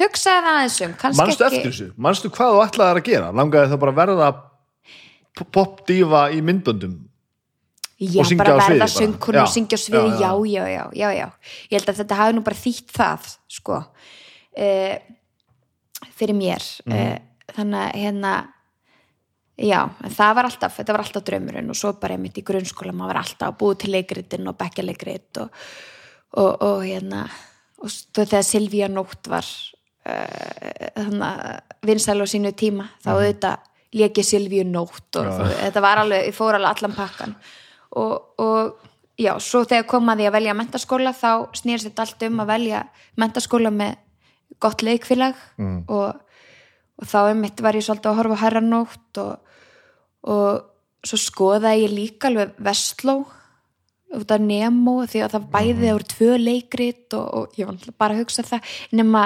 síðan sem sagt fór ég heimsókn í Vestló. Og það var þannig að í, í hruninu 2008 að þá voru við fjölskyldan að byggja. Og við lendum alveg rosa illa í því í hruninu. Og, og við eiginlega bara að því húsið var það fókalt að þá einhvern veginn gatt enginn tekið á okkur og var ekki, enginn peningur í því að því að það var það, átti það mikið eftir að gera. Þannig að hérna, við heldum húsinu og svo leis svona, og, og, en við fluttum inn í það, alveg fókalt fluttum inn í tvö herbergi engi sturta, það var eitt klósett og eitt vaskur, tvö herbergi svo voru bara mís og, og, og bara reik sko e, og ég er þarna bara einmitt í gaggó, bara svona 7-8. bekk, eitthvað svo leis og hérna og e, þannig að þetta litaði svolítið svona næstu ára við vorum svona pínu í harkinu en ég samt fann ekkert fyrir því sko. ég, mér fannst þetta bara spennandi og þurfti svo sem ekkert meira bara fjölskylduna og það þurfti ekkert að vera uh, hurð, hurðar og, og eitthvað svona. Þannig að og fóruðræðinni var það frekka góð í að halda fólkinu sinu glöðu með, með að Já, í rauninni með að við og, og hérna, það er eiginlega ótrúlegt hvað ef þú ert að segja það í alveg en þú hefur ekki fundið fyrir þessu þá hafa þau verið að vinna vinnuna sína Fjö, fjölskyldu liðið sko. Já, algjörlega og ég, meni, ég, ég get alveg ímynda mér að vera mjög stressandi fyrir þau allt í einu einhvern veginn að þurfa að borga 800 krónur á mánuði skilur við bara, það fór náttúrulega bara allt í rugg sko. eh, og við vorum bara eh, óheppin hérna, þannig að, eh, að því að þau voru mjög skynsum sko, svo bara ég veit ekki. Það fór bara allt í rugl og, og bara einhvern veginn, já, ætlaði sér þetta enginn og, og, hérna uh, en þannig þannig að ég var svolítið, við vorum svona góði að nýta hluti og, og það voru náttúrulega engin ljós og, ég fattaði ekki fyrir en ég flytt út bara sjálf eftir tvítugt. Þá flytt ég mína ein íbúð og, og, og sambilismæði minn, minn þá, hann, hann hérna var alltaf akkur, akkur, þetta með öll þessi kerti út um allt? Bara væri þið sama, ég er bara búin að fylla íbúðun af kertum. Svona 30 kerti alltaf og bara meiri þess að einhvern veginn bara um hábjartan dag og bara enda laust af kertum. Og, og svo þegar ég elda matin ég kveiki aldrei ljósin einhvern veginn undir ofta ljós undir innrýtingum, vissur það? Vissi ég? Já, já, já, ég já ég það nefnilega fór eitthvað fram hjá mér að það er til svona ljós sem eru sett undir innrýtingar og, og ég kveikt ekkit á því að það væri hérna, væri svoleiðis og, og, og ég er alltaf einhvern veginn að vinna í myrkrinu, skera í myrkri og hann skilur ekki okkur, ég kveik ekki bara ljósin, hvað er þetta? Og, og sér þið ekki illa, jú, jú ég sé bara illa það, en það er bara er ekki inn í systeminu mínu og þá fatt að ég hvað er eiginlega að mér, okkur er kveiki aldrei en ljós, veist, okkur hérna, hvað er þetta kerta brjálaði sem að hérna, mamma og bara alltaf að þessu það voru aldrei en ljós heima. Þess að í húsinu, ég veist, ég ólst upp í tíu ára og ekki, ekki ljós, sko. Það voru bara Og áttaðu þið ekkert á því, já. Nei, veist ég bara nei, ég held ég hafa bara ekki átt að með almenn láði það voru lampar, svo voru bara kerti. Og, og já, ég bara ótrúlegt er satt, þá bara hætti ég að pæli því. Já. að það væri ekki, væri ekki bara hérna, ljósi í öllum loftum og, og þannig að það, var ekki tægt að kveiki eða slökkva sko. þannig, að, þannig að ég var einhvern veginn ekki með þetta í fingrunum þessa, þessa aðgerð af kveiki og slökkva eh, hún var bara hún bara farin eh, þannig að hérna já og, og aftur að því þegar ég fyrir síðan að skoða skóla eins og Vestló Mhm. Að þá var ég búin að kaupa mér einhverja úlpu bara í kólaportinu og rosa stolt af því að bara geggi úlpa 2 og 5 og, og rosa flott og, og, og mér var svo sem alveg saman hvað þetta, kæmi bara, mér var þetta bara flott. Og ég fyrir þarna inn og eru þúsund manns það var bara svona eitt opið hús það voru allir í eins úlpu. Það voru allir í sömu úlpunni hérna 66 gráð norður uh, svona appisinu gulur eða silfur litaðri og og ég hugsaði bara mamma, eitthvað þetta ég passa ekki hérna inn og ég fann bara einhvern veginn akkur er mín úlpa öðru sem hin, hinna? Uh, þannig ég eiginlega bara ég eiginlega bara sagði mamma, mér langar ekki að vera hér og labbaði bara út. Uh, og hún svona pindi mig aðeins til að hlusta ykkur fimm mínútur á einhverja ræðu eða eitthvað svoleiðis. En síðan bara fann ég bara nefist að ég á ekki svona úlpu og ég hérna ég ætla ekki að fara í þennan skóla. Og ekki það að það eru þetta alls konar fólk í Vestlu og svoleiðis en ég fann bara þetta á svona menningasjokk fyrir mig. Að einhvern veginn að ég þarna sá ég hvað uh, við erum á ólíkum stað skilur einhvern veginn sko eða bara hvað ég þetta vantaði í mig einhvern veginn tískuvitið og, og, bara, og, og bara já þetta bara svona já ég var svona ekki alveg tilbúin á þessum tíma allavega í þetta sko Hvort heldur þetta sé gott eða vond? uh, Eða einhver starf á milli? Öruglega bara einhver starf á milli að því að, að því að ég fekk alveg pínu svona minnumáttakend sko. Já. þetta var ekki eitthvað svo góð nei. sem ég fekk en á sama tíma er ég alveg þakklátt fyrir þetta að því að, að því að í dag þá bara maður næjusamur og, og maður svona uh, já, maður lærir alveg ímislegt af þessu. Uh, en, en, en ég líka alveg með svona pínu svona pínu peningakvíða. Mér finnst vant að uh, vera að ströggla skiluru uh, og, og hérna sérstaklega þegar maður verið í námi eða svo leist þá bara svona mér vant að eigi ekki kannski næla mikið pening til þess að bara næra mig almennlega eða gera hluti. Þannig að hérna Eh, en ekki það að fóreldrar mín á mjög góðum stað í dag og bara þetta tekur bara tíma og, og var bara svona tímabil sem að við þurftum að gangi í gegnum. En síðan fer ég alltaf bara yfir í MR og, og skoða skólan og þá þá maður að beigja sig undir stigan og það er allir litirnir og þetta var bara miklu meira ég. Að þurfa að leggja í bílastæði og til þess að komast út ef maður læði snemma þá þá maður bara að ringja í númer hjá hinum sem að er fyrir aftan og láta hann færa sig og þetta er algjört vesen Já. og ég elska svona vesen. Nei, Jú? Já, ég elska svona allt svona sem er bara skrítið og óþólandi og, og, og, og síðan þegar ég fór að skoða kösukjallara þá er einhvern veginn bara allt út í einhverjum alls konar gömlum mublum og, og hérna og, og einhvern veginn engin symmetría og, og engin stíll í gangi einhvern veginn. Og, og, og hérna ægi bara svona eitthvað svona sveit og kósi fílingur og, pínu, gamalt já bara gamalt og bara já. mikil saga og ekkert búið að uppfara allt Já, ég held að ég sé bara svona söguperri eða eitthvað. Þetta er bara svona eitthvað, rýma við allar margt sem þú ert búin að segja er það ekki? Já, Þú ég er svona, það er bara, ég hef bara svo gaman af eitthvað svona gömlum hlutum og, Mm. og svona gamalli lykt og eitthvað, já, svona, uh, mér það bara eitthvað spennandi. Það er mitt, svolítið það sem ég var að meina á hann Já. ég veit ekki hvort þið náður í alveg það sem ég var Nei, að reyna að koma frá mér Já, hvort þetta væri gott eða slæmt Ah. að því að, að því að mann finnst sko í eðlísinu er einhvern veginn svona hópamyndun ekkert endilega góð sko það verður allir svona einsleitir og fara svona að tala veist, sama tungumáli inn í einhverju svona bergmálsklefa og, Mm. og, og svo bara endar þetta í, með ósköpum veist, ef við fyrir svo einhvern svona alheimskvarða og þá erum við bara að díla við heimáttalegt fólk sem er bara rasistra því að veit ekki betur sko akkurat. en að samanskap er rosalega gaman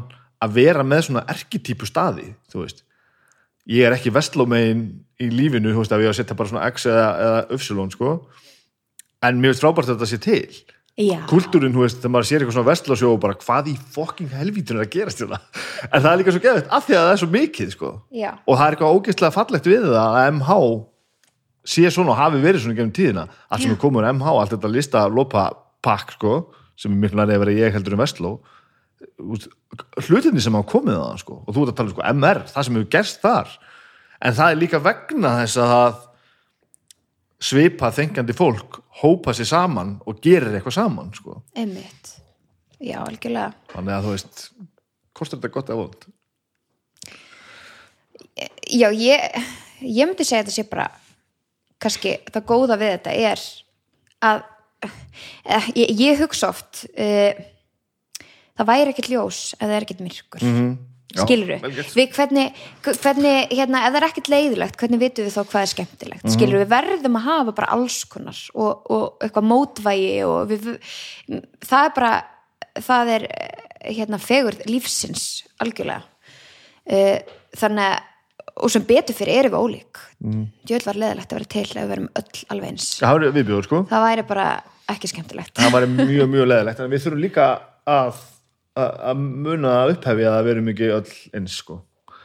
já, þannig já, að þegar, að, sko, þegar maður upplifir stóra rígin á milli mentaskólana Mhm. -hmm. þá hugsa maður bara ok, þetta er, þetta er pínu fókt upp sko. þannig er bara, sumir eru bara að líta niður á aðra og bara gangast upp í því já, og það já, bara já, já. strax að því að fóreldrar eru bara búin að senda einhvern ákveðin, ákveðin skóla og þá ertu bara svona næstu automatist að fara að hugsa niður til einhver annara sko. einmitt í, í allar áttir, ég er ekki að tala um einhvern einn ákveðin skóla. Nei, nei, nákvæmlega. Og eins og bara það sem við vorum að tala um ég menna auðvitað, auðvitað er ekkit allir eins skilur sem fari í Vestló eða. MR eða svoleiðis. Og ég menna bróður minn fór í Vestló og bara eh, reyndar í, í COVID þannig að hann fór eiginlega bara ekkit í skólan því miður eh, freka glata.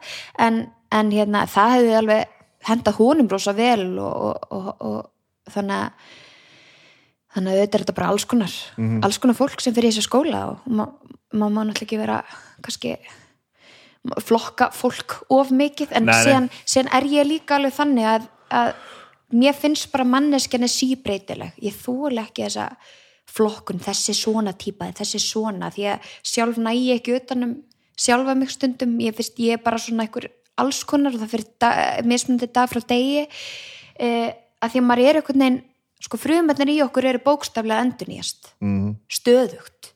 Þannig að við erum aldrei alveg eins.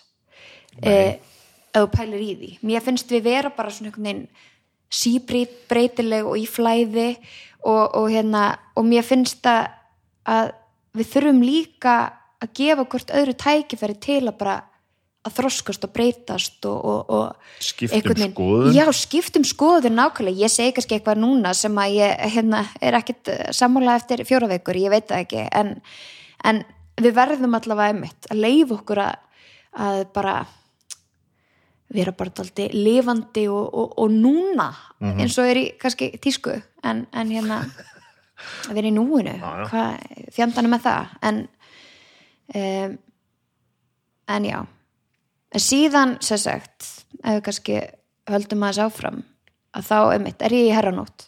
Og það snýst náttúrulega bara allt um leiklistana, ég var ekkit kannski, ég er ágættur námsmaður. Ég var alltaf, alltaf átt auðvelt með að læra.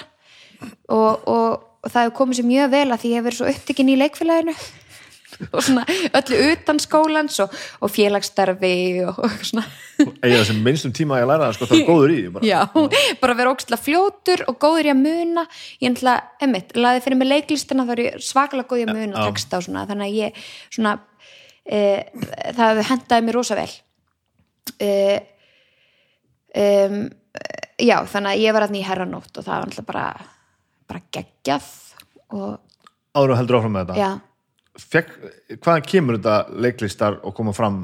Eru fóruldriðaðinir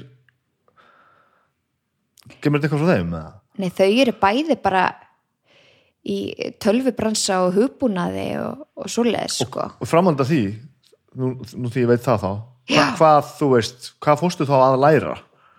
Tókstu, þú veist, Hva- hvað meinur ég, ég, ég veit þú fórst bara og ætlaði bara að vera leikari, en Já. menn þú þurftir að, þú þurftir að gera eitthvað, þú varst ekki með neitt annað námslega sem þú varst að hugsa um að leggja fyrir eða, eða hva- hvaða áherslu laður í náminu, þú veist. ég fó bara Þú hristi bara hausinn. Jú, ég hristi bara ég- að því ég er bara, guðum góður, hvað það er leðilegt, nei, nei, nei, nei, nei, hérna, uh, uh, ég fó bara á náttúrufræðabraut Já, já, og, og það er bara því að það er svona alls konar Ah. og einhver starffræði og, og eitthvað svoleiðis já, og hérna, og ég gerði það bara til þess að ég myndi allavega að kunna eitthvað ef að planið mitt myndi Já. ekki ganga eftir. Já, já. en rauninni það var bara svona til að hafa eitthvað varaplan.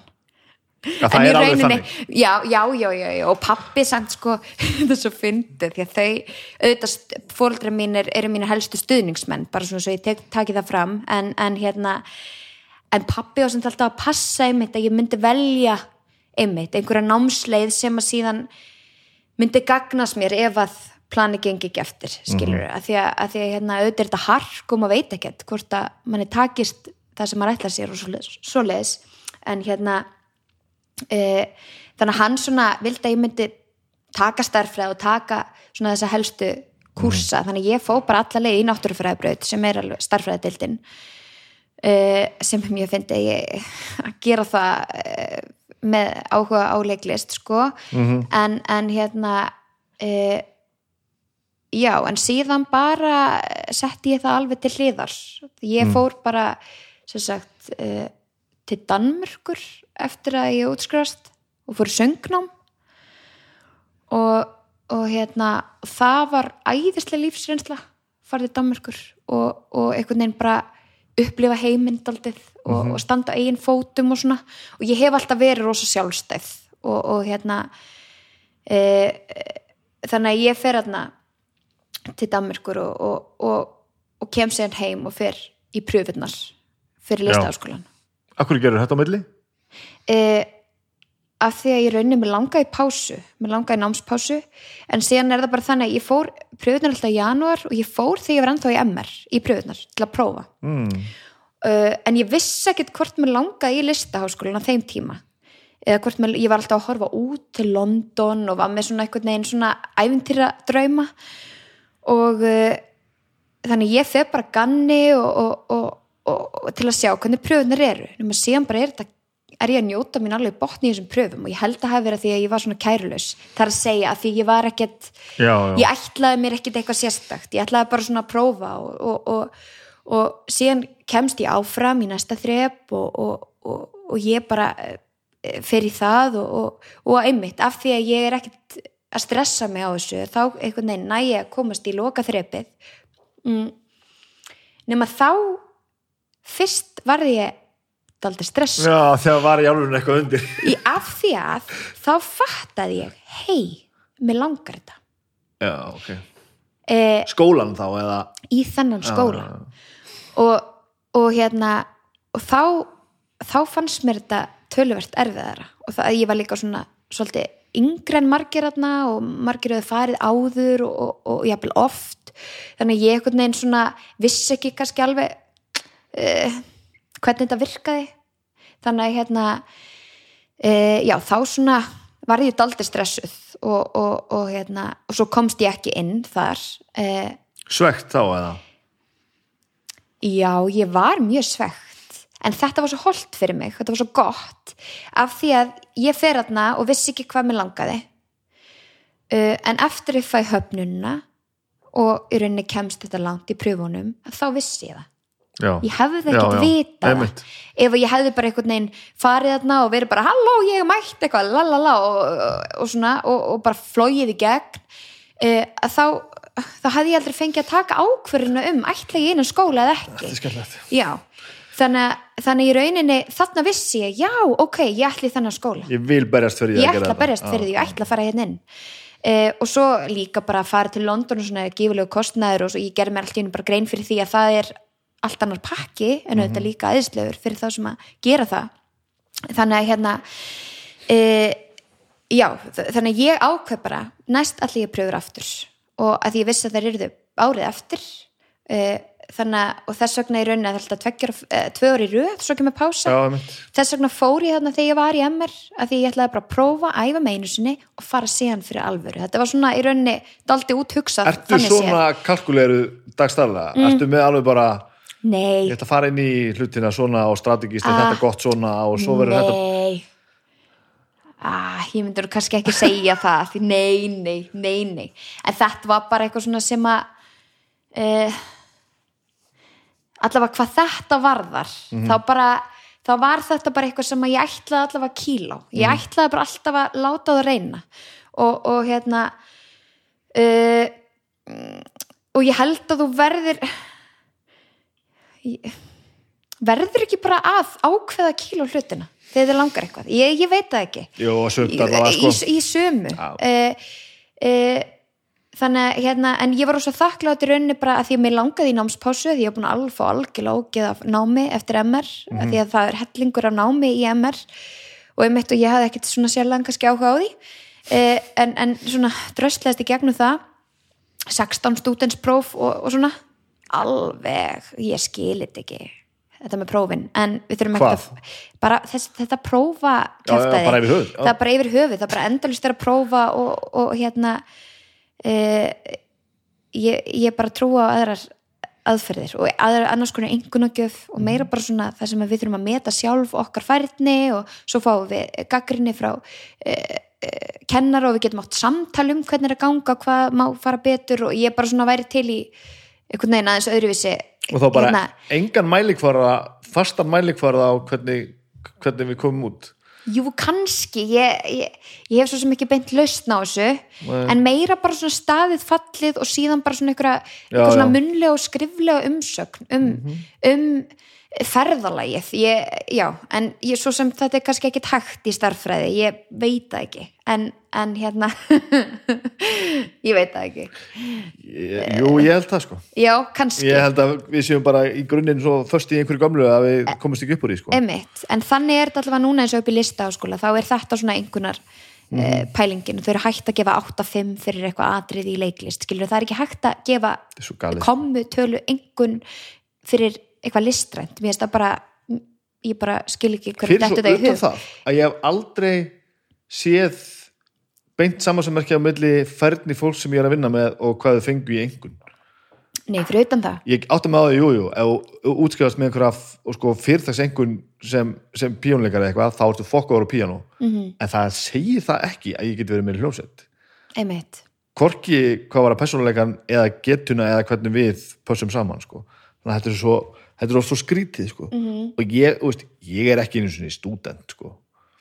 og það er líka bara allt í lagi það er bara allt í í lagi með þig? Ég er bara fínum stað? ég er bara stórkostlega góðum stað en það er ekki út á einhverjum sem ég fekk Nei, veist, tíjan sem ég fekk í samlanduprófum í starfsfæði kemur mér ekkert áfram, ekki neitt sko. nei, mitt þannig að það er eitthvað bilað þarna, sko. Já, og nú er ég ekki að tala niður að læra af því að ég er, mik- ég er hrifin að því sko. ég ætla algjörlega að gera meira af því en Já, emitt uh, algjörlega. En svo emitt þarna uh, já, í Danmarku var svona lærdómstími, bara læra á lífið og, og hérna læra að vera einn í útlöndum og, já, varst ein? Já, bara einn, fór bara 19 ára bara einn mamma og pappi rosa ánægt, nei. Hvað bjóstu? Eh, ég bjó, bjó í Nörbro ok, já, og svo í Hellerup. Já, ég, ég bjó í köpun já, og uh, uh, þannig að það var bara geggja og þar voru bara frábærir uh, bæði píjónuleikarar og fleiri sem voru að spila með okkur og, og ég var í Complete Vocal Institute. Já, þar sem að hér- hérna ég bara, já uh, það var rosa góð viðbútt við, við bara einhvern veginn söngin og allt þetta, ég hef alltaf verið að syngja og verið í alls konar svona söng hérna, kennslu svona í gegnum tíðina. Uh, og ég hugsaði líka bara eh, að þetta verið frábært inn í listaháskólan þetta var svona pínu bara pínu útpælt í rauninni mm -hmm. ég vissi síðan að þessi tækni verið kent upp í listaháskóla og Já, já. þannig að ég var svona þetta var alveg bara, ok, þetta er bara geggjar undirbúningur sem mæti hérna í pröfunar og ég bara, hérna, tekið allar leið og ég berst allavega fyrir þessu, þannig að það ég gerði það uh, og uh, og það sem betur fer nei já, það er bara mjög gaman en það tókst skilur þau, þannig að ég bara var einhvern veginn tilbúnar í annarskiptið og vissi hvað ég er að gera og, og auðvitað líka stressuð og allt þetta. Mhm. uh, en, en hérna ég einhvern veginn bara uh, ég ætlaði bara að fara þannig inn. Uh, og síðan auðvitað bara fór ég inn og byrjaði í listaháskólanum og, og, og hérna og það gekk svona upp og ofan. Ég er svona fíla þetta að mörguleiti samt var ég líka einhvern veginn ekki alveg alveg sammála. Mér finnst svolítið vera svona hólf okkur niður pínu vera það einhvern veginn að- já, aðeins að vera að segja manni hvernig maður er og pín, já, mér fannst við einhvern veginn ekki alltaf ná að rækta upp svona styrkleikon okkar daldi fókus á svona myrkrið og, og ve- veikleika og svoleið sem er gott að blessa af, sem er allt í lagi. Uh, maður þarf auðvitað að styrkja sig og uh, hérna uh, styrkja sína veikleika líka skilur uh, en síðan erum við, erum við þarna og, og það er MeToo-bylgjan í gangi og við erum að flytja úr miklunni og sölfólkskutu yfir í lauganessið og þetta er svona, það, það eru ymsa breytingar sem verða þegar ég er þarna að læra öðru ári.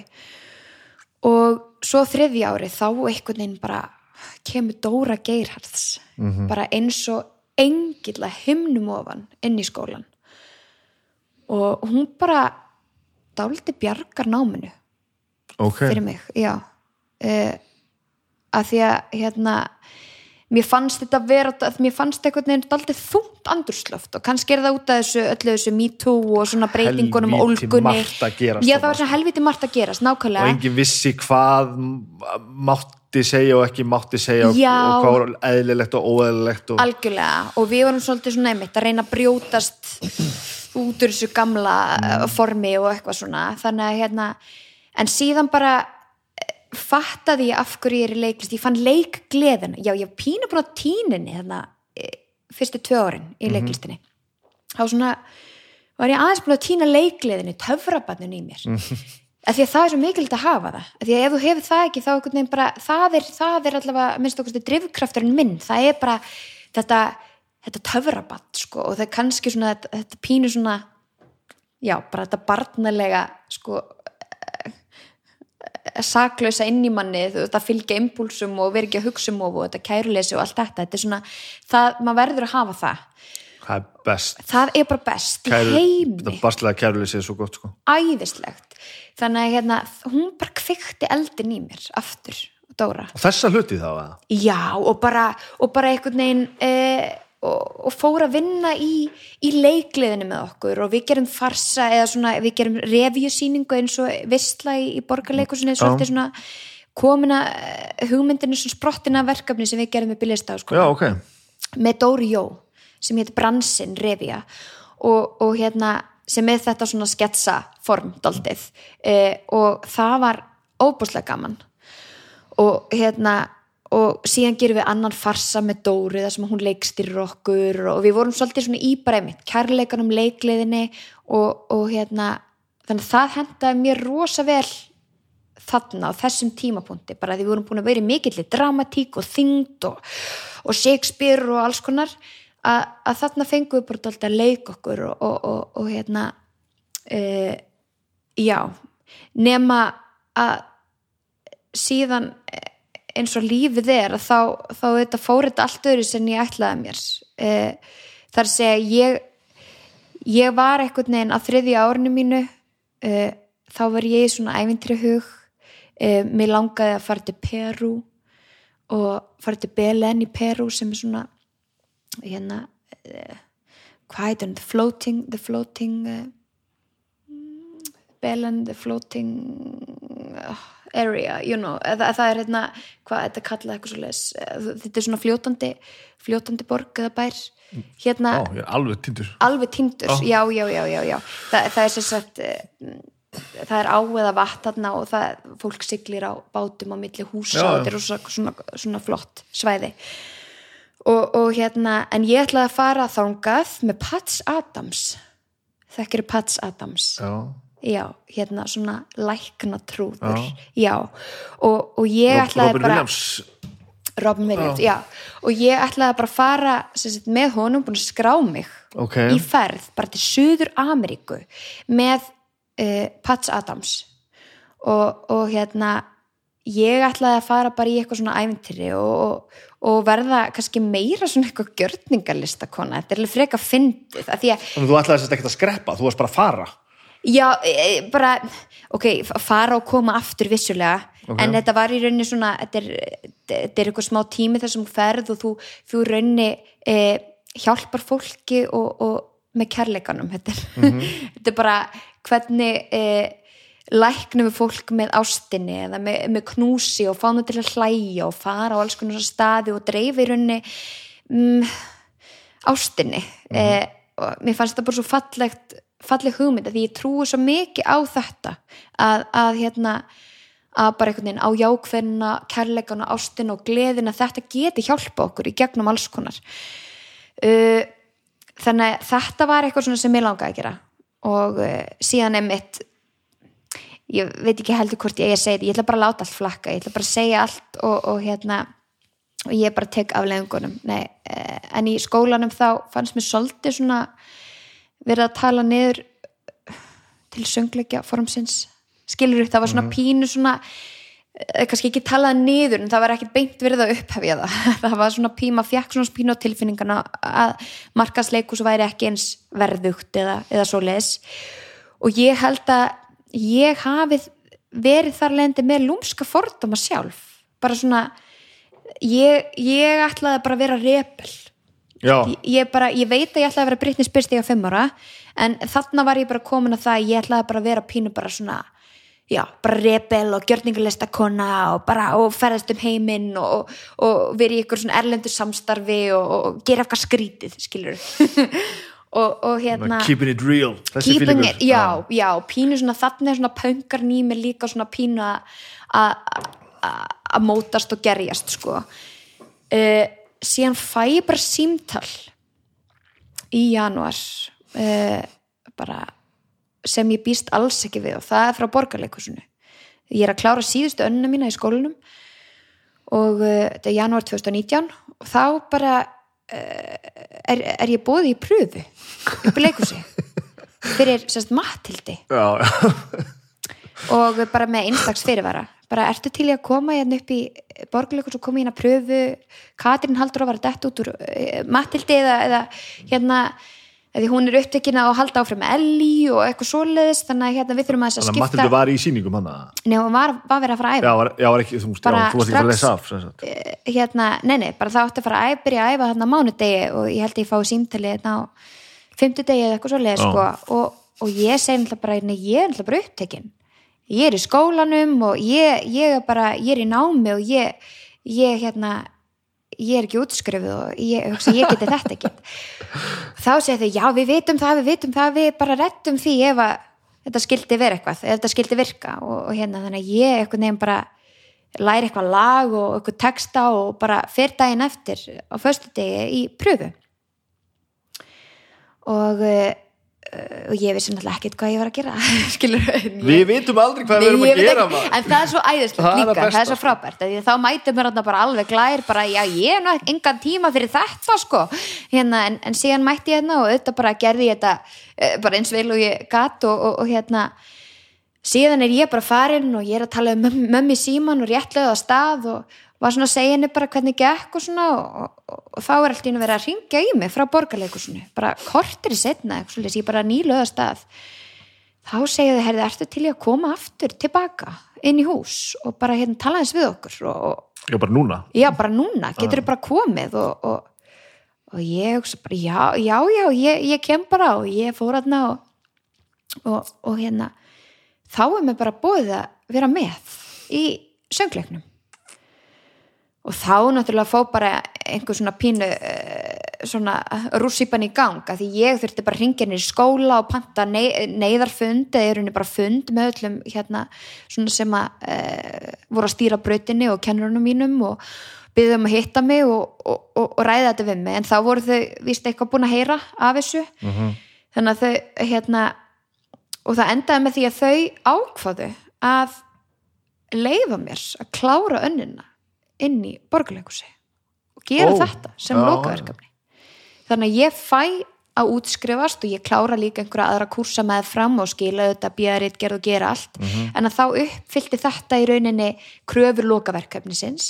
Þannig að þau meta þessum svo og þetta sé bara eh, alveg jafn gott tækifæri og, og jafn mikið lærdómi sem að fælist í þessu og taka þátt í lokasýningunni upp í allavega í þannig að hérna þannig að þetta er bara ákveðið þarna, þennan dag og, og síðan bara mæti ég á mánudegi upp í borgarleikus og það er samlestur og ég held bara að við séum að fara vera með samlestur bara saman einhver staðar leikópurinn og svona.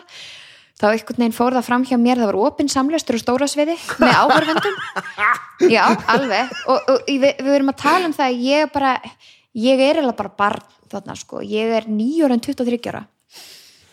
Og einhvern veginn ekki alveg alveg búin að setjast í mig sko, en, en hérna e, þannig að hérna en ég fer hérna og bara allt í læg, gerum þetta og maður fær engan tíma til að hugsa og það er Nei. kannski fegurðin að maður fær ekki tíma til að vera eitthvað að stressa sig um og að því að það gerði svo hratt að ég vissi ekkit hvað var að gerast einhvern veginn og síðan bara bara ger ég þetta og, og, og hérna og, og þetta var síðan bara æðislega gaman. En eins og ég sagði með þessa lúmsku fordóma sem ég var með eh, að hérna að ég sem sagt einmitt, sá ekkert fyrir mér endilega að fara eitthvað beint inn í, inn í svona atvinnu leikus eða svona markasleikus eins og hérna, þetta var stundu kallað og, og, og uh, en síðan kem ég að inn og bara fyrsta daginn og ég verið gjörsamlega hilluð bara af því að þarna inni er bara alls konar fólk svo hæfileika ríkt og flott.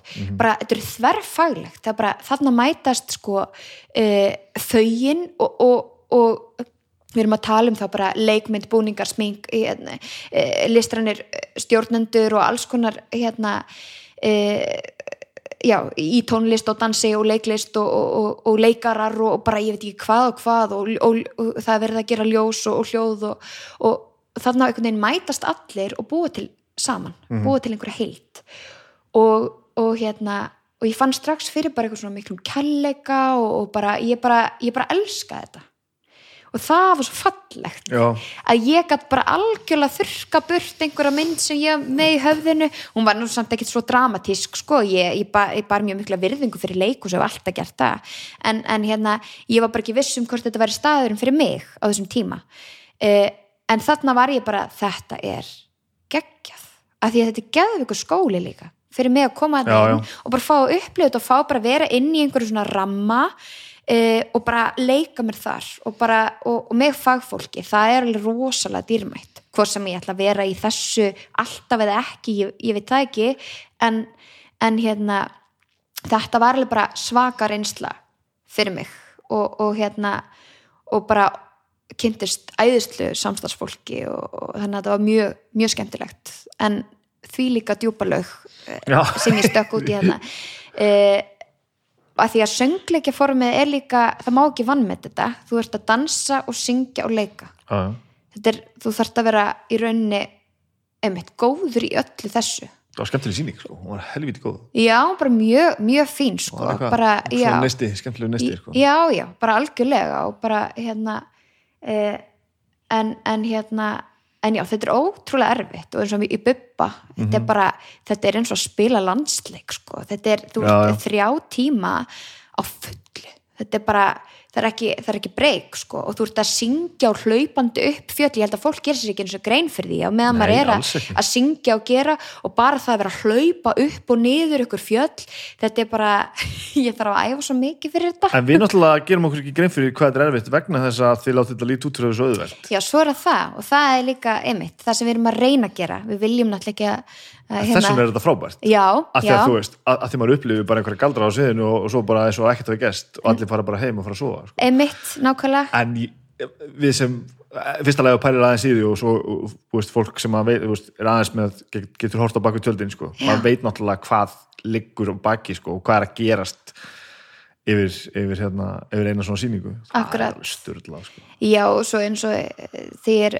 eh, fer úr skiptingu ég er, sérst, er ungi bubbi þarna í fyrir hlutanum og, og svo fæ ég einhverja tíu sekundur til að skiptum búning og, og fara í yngu karakterin uh, og ég held að fólk veitir það ekki að ég er í tveim búningum alveg bara fyrir partinu sinni, ég er í tvennum gallaböksum sko. Þetta er alveg rosalegt og ég er í úlpu og búning undir og að ég hef bara tíma til að taka, fara úr unga bubba og innan undir er ég í yngu, þannig að ég er að dansa og syngja og hlaupa upp fjöll í, í, í tvennum gallaböksum, kappklædd kófsveitt, þetta er alveg bara og, og hérna og slást og að syngja með blóð í munninum og alls konar. Þetta er svona, þetta er alveg alltaf æventýri en, en sko nú, nú frábært þetta hugtæku markas, markasleikus Já. ég man ekki hvort ég hérst þetta sagt svona harkalega sko, ah, já, að þetta er satt. Uh,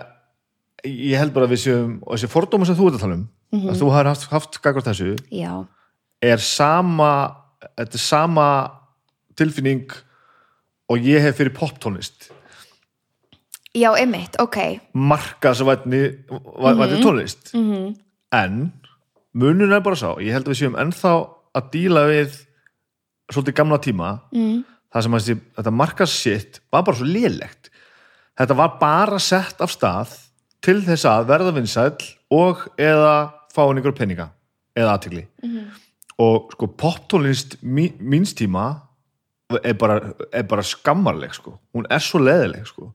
og ég man alveg eftir þessum markasýningum á sínum tíma sem að fóru leikus og bara þetta skildi ekkert eftir sig þetta var bara til þess að, að fjölskyldin gæti farið saman og, og ég maður sá einhverja farsa sem að voru ógeðslega margir ógeðslega hérna, frægir á sviðinu og maður satt í fullum sal sko, og það örguðu allir látri bara því að, lab, að, því að Latti labbaðin á svið sko, og maður bara, eru þið ekki að fokkin grínast? Þetta er algert drast, þú veist, er öllum sama.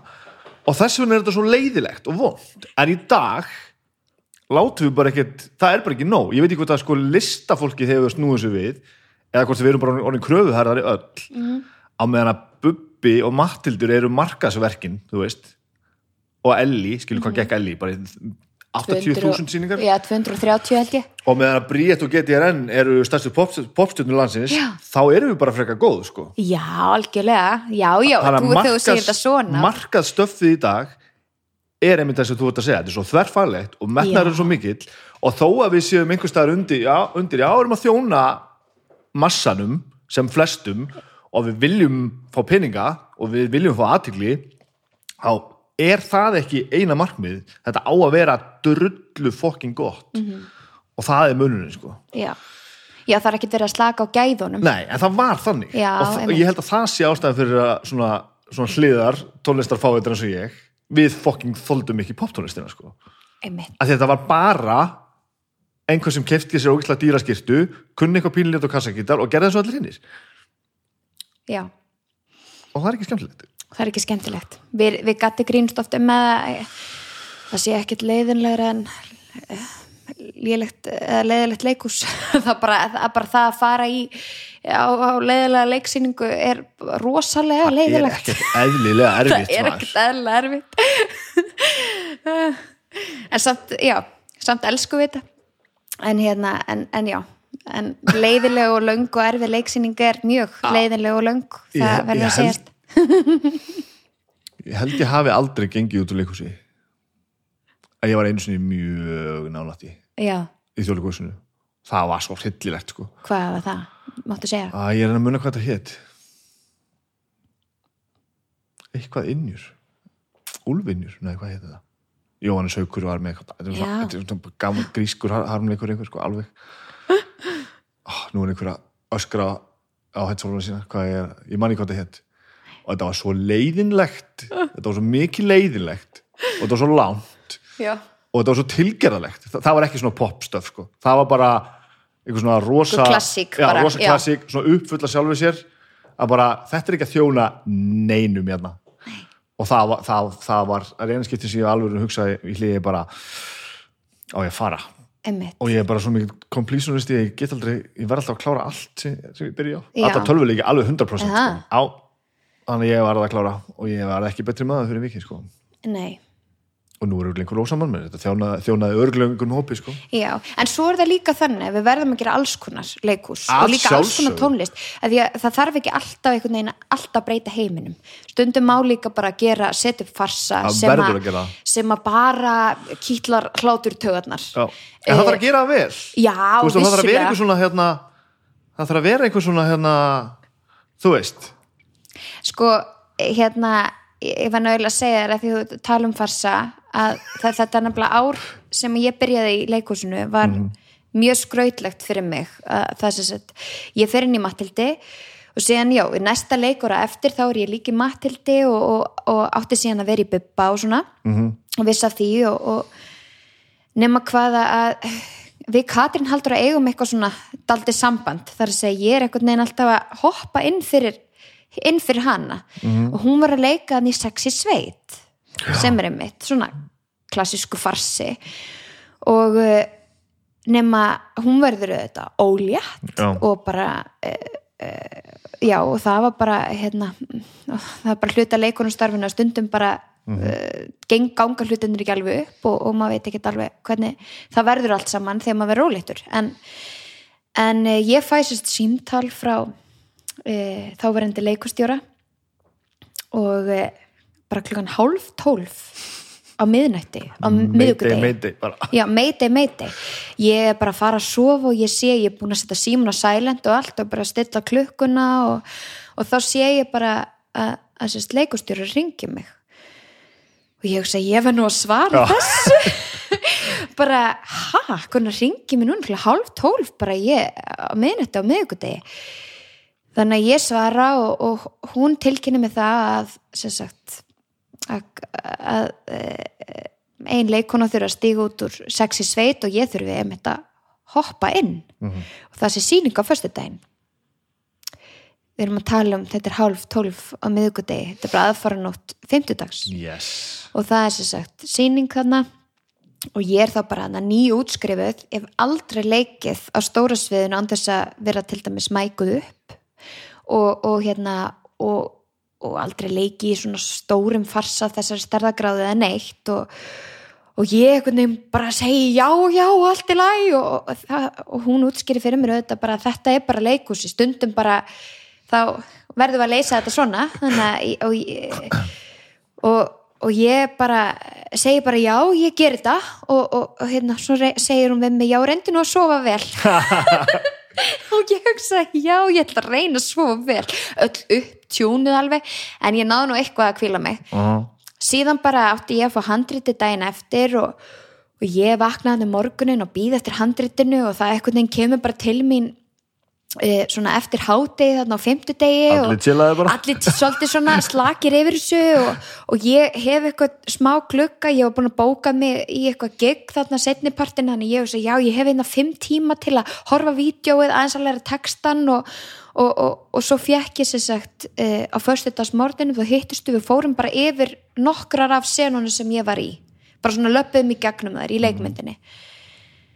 Síðan var bara sýning og, og hérna og, og ég bara síndi þarna sýningu sem var búin að vera að búa að sína einhverju 17 sýningar eða eitthvað svo les og bara vissi náttúrulega ekkert hvað ég var að gera. Bara hoppaði inn í þetta okkur adrenalíni og, og það var bara uh, gekk allt í lægi skilur en auðvitað auðvitað er þetta ekkert eins og að maður hefði verið í búin að vera að vinna í, í karakternum lengi og, og, og svona og, og hérna en þetta gekk upp og var bara sjúklega gaman og þetta frábær leikur hópur með mér sem að svona og engin blackout moment þar sem þú bara svona nei, veistu, þetta bara ó nei, hvað gerist núna? Nei, ég Jú, eflaust, ég náttúrulega bara bullaði mitt aldrei í gegnum þetta líka. geðveikt kast með þér Þau- Já, þau, já. alltaf alveg ógeðslega færi frábær. En það sem er samt svo fyndið er að farsi er heldur ekkert grín. Það má heldur ekki vann með þetta farsa veist, þetta er bara svona því að tímasetningar þar skipta rosamáli, Mhm. innkomur útkomur, allt þetta. E, þannig að það er, það er þvílík tækni þar á bakvið líka. E, þannig að ég þurfti svolítið bara svona ég þurfti að hérna, bara reyna að gera þetta dálítið vel svona, og hérna, ná mómentunum og svona. E, en, en ég auðvitað bara svona fór inn í þetta en var reyndi að vera góð við sjálfur Já. alveg bara, Rakel, ok, þú, þú, þú ert náttúrulega eru hérna. já, og þú verður að gera þig grein fyrir því að þú ert að hoppa inn í þetta og þú veist ekkert hvað þú ert að gera Já, já. skilur uh, hérna, en vonandi verður þetta rosa gaman og fyndið, skilur hérna uh, þannig, já, þetta var bara rosa áhugaverður sólarhingur þarna fyrir mig og, uh, og ég var náttúrulega með niðurgangi í tvær vikur og eftir það Geðveikt, já, sem- bara sem svona spennufall alveg bara og, og síðan var ég að sína sér sagt bæði Mattildi uh, enda þannig að ég var að sína Mattildi á, á, daginn mm Mhm. um helgar og sína síðan sexi sveit og kvöldin nokkur kvöldi viku síðan var ég að æfa bubba sýninguna Já, virka já, daga, já. það var alltaf bara brjálaði fyrir mig, svona unga hérna leikonu sem að svona já, var svolítið ennþá að læra inn á allt En hvernig var sýning nummer tvö? Þegar að uh, bústið er farið og, og, og Rikki aðeins fellur og Nei, veistu það, það tók alveg svona sjö sýningar fyrir maður að ná Já, já. adrenalín eða bara ná að róa mig af því að þetta var einhvern veginn, ég var bara keppast við að, að læra inn á þetta á meðan við vorum að þessu í rauninni eh, en og, já, og síðan svona fór maður að bara einhvern veginn að ná betur utanum þetta og leika sér að þessu og Mhm. allt þetta eh, þannig að hérna, þetta, þetta fór allt saman bara vel og svoleiðis en, og, og ég lærði helling en auðvitað auðvitað hérna e, auðvitað var þetta kannski ekki performance lífsmíns skilur Nei, ég skilji, já, já þetta er þannig að hérna en, en hérna uh, að því að maður er bara stíðin í eitthvað sem að En einhver annar hefur gert en Þarna komum við nú svolítið aðeins líka hvað er að vera atvinnumannskeiði sem að gerir sko. já, algjörlega Uh, Eitt er náttúrulega að vera bara einhver svona listaspýra sem gerir allt eitthvað rosa út frá þínu hérna hjarta og svona Mhm. er þetta en svo er það líka þessi atvinnumennska bara að geta einmitt, til dæmis með stuttum að einhver fyrirvera eða á frekar svona óljósum fórsendum bara gengið inn í verkið og bara gjör svo vel, einmitt, þetta er þitt, þú verður að klára þetta er enginn að fara að redda þér. Akkurat, ég bara bara, leysa ok. verkefnið. Leystu þetta. já, já, og það er mjög gefandi þegar maður finnur um að geta það. Já, 100% og alveg sama þó maður sé ekki endilega alltaf þú veist að gera eitthvað nákvæmlega sem stendur mér eitthvað geðut nærri sko. nákvæmlega já, algjörlega uh, já uh, þetta reddast er það ekki svolítið svona er það ekki þetta íslenska það er eitt sem þú búin að segja hérna, svona á, á ímsa vegu núna meðan að spjalla saman Já. sem ég, ég dáist á og, og trúi mjög mikið á Já. og þú sagði eiginlega byrjum orðum varst að tala um fyrsta indökuprófi sko. Það er þetta kæruleysi og að vera pínu sama sko. ég er búin að læra þetta og er, er, er, er næstu þegar að þjálfa þetta sko. ég, að því að ég er aldrei betri heldur, heldur en þeim er alveg sama. Einmitt. Og ég er ekki að segja að mér sé alveg sama eins og ég ber ekki, ekki virðingu fyrir verkefnunum. En ef ég fer inn í verkefnin óttastlegin um hvernig þetta verður á hinum endanum þá verða þau verri heldur en að mér er sama auðvitað þegar ég setja ykkur gæsalappar auðvitað um þetta ég, sama ég veit nákvæmlega um hvað það tala og, ég einhvern, og það er hægt að æfa sér svolítið í þessu og það er bara, eins og bara í vinnunum minni þess að ég er bara ofta að gera hlutina mjög hratt og það er bara fullt af peningum og bara, þetta er bara auðlýsingamarkaður og það er bara mikið undir sko. ég er aldrei betri heldur en ég mæti á fundina alveg drull sko. -hmm. ég veit alltaf ég er góður í sem ég er að gera þetta er nýst svolítið um það -hmm. að treysta því þá sko. já, en kærleysi bara verður að vera þarna sko. algjörlega, en mér finnst þetta samt einmitt, maður er alltaf að æfa sig í þessu af því ég er ekkit, ég, ég er alveg líka skilur hérna uh, og ég ofhugsa hlutin alveg líka s- og, og allt þetta og, og hérna þannig að þetta er bara eitthvað svona sem ég er að reyna að vinna í eh, og, og hérna eh, og stundum bara kemur þetta náttúrulega að því að að því að ég dálítið svona auðvitaði mig. Eh, en, en hérna en á sama tíma rosa praktísk líka. Ég er svona, já, ég er rosa praktísk en ég, sko við gerum dálítið grínaði heima að ég er mjög góð að gera plön. Setja upp svona plön og, og gera lista. Ég er mikið svona listakona, gera alls konar lista en ég er ekki eins góð í að fara eftir þeim. Nei, nei. sem er samt líka gott Já, að því að, að því að hérna að því þannig er bara lífið. Mhm. það er, þú getur ekki þú kannski reynir að plana eitthvað en ég held að plani gangin og bara yfirleitt aldrei upp. Þannig að það er svona uh, já, já, þessu svona tvær hliðar, svona praktiska hliðin líka einhvern veginn uh, er líka þessi sveimhaugi sko, þannig að hérna þetta er svona ágætis blanda en maður er alltaf auðvitað að vinna í þessu og þetta með listan er eitthvað sem ég er, er að byrja að læra er þetta að læra það? af því ég er, ég er vonlust, ég er farið til skipulega ég er Já. alveg kátískur, alveg í voðalegu sko. Já, já, já, og, og ég var svo mikið í þessu einhvern veginn að skrifa niður til að halda mér á teinunum sko. Já. og svo held ég mér aldrei á teinunum af því að þú veist, þetta- ég þetta fór alltaf út af þessum fokkin lista en svo fattaði ég það eftir svolítið tíma að ég er ekkert að gera listan til þess að fara eftir honum bara með því að hafa gert þetta og skrifa þetta niður og einhvern veginn forma þetta eitthvað sko, og jú, maður er með einhverja þú veist, einhverja praktiska eitthvað praktist formað þessu nákvæmlega þegar maður er að gera listan en það er ekkert ástæða fyrir listanum að því svo fyrir hann bara í fokk en ég gerði mér rosalega gott með því að gera listan sko. Já, því þú býrð kannski til eitthvað fókus Já.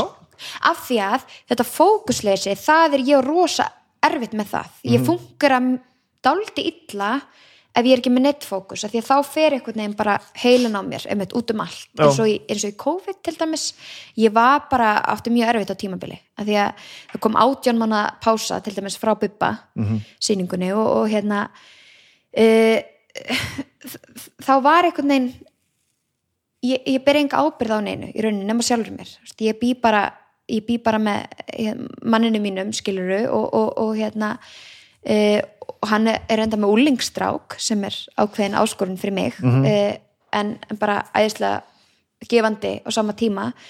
Eh, en annars ber ég ekkert ábyrðinu bara á mér. Og ég var ekki með vinnu ég var ekki með neinn verkefni það einhvern veginn mátti ekki gera neitt og vinnan var bara bönnuð og, og, og hérna. Þannig ég sat einhvern veginn bara heima bara eh, eins og eitthvað fluff upp í sófa. Ég veit ekki hvernig ég útskýrða það en bara vissi ekki, ég misti tímaskinnið mm og, og ég hafði engan fókus. Og þá verði ég bara svolítið svona missið aldrei einhverja eh, einhverja tengingu við það sem er að gerast. Þetta er svona mjög sérstætt ég þurfti alveg að vinna þetta tilbaka. Því ég hef búin að vera í einhver svona tímaleysi rosa lengi. Og, og síðan þegar allt fer í gang aftur og ég bara skrá með okkur námskeið þá bara einhvern veginn man ég aldrei hvað dagur er þannig ég mæti ekki á námskeiðið. Að því einhvern veginn búin að missa út e, tímaskeiðið og, og hérna ég skrá mig aftur á námskeiðið og bara afsaki, ég mætti ekki, má ég koma næsta og ég mætti ekki heldur á það, því ég bara rugglast að degi.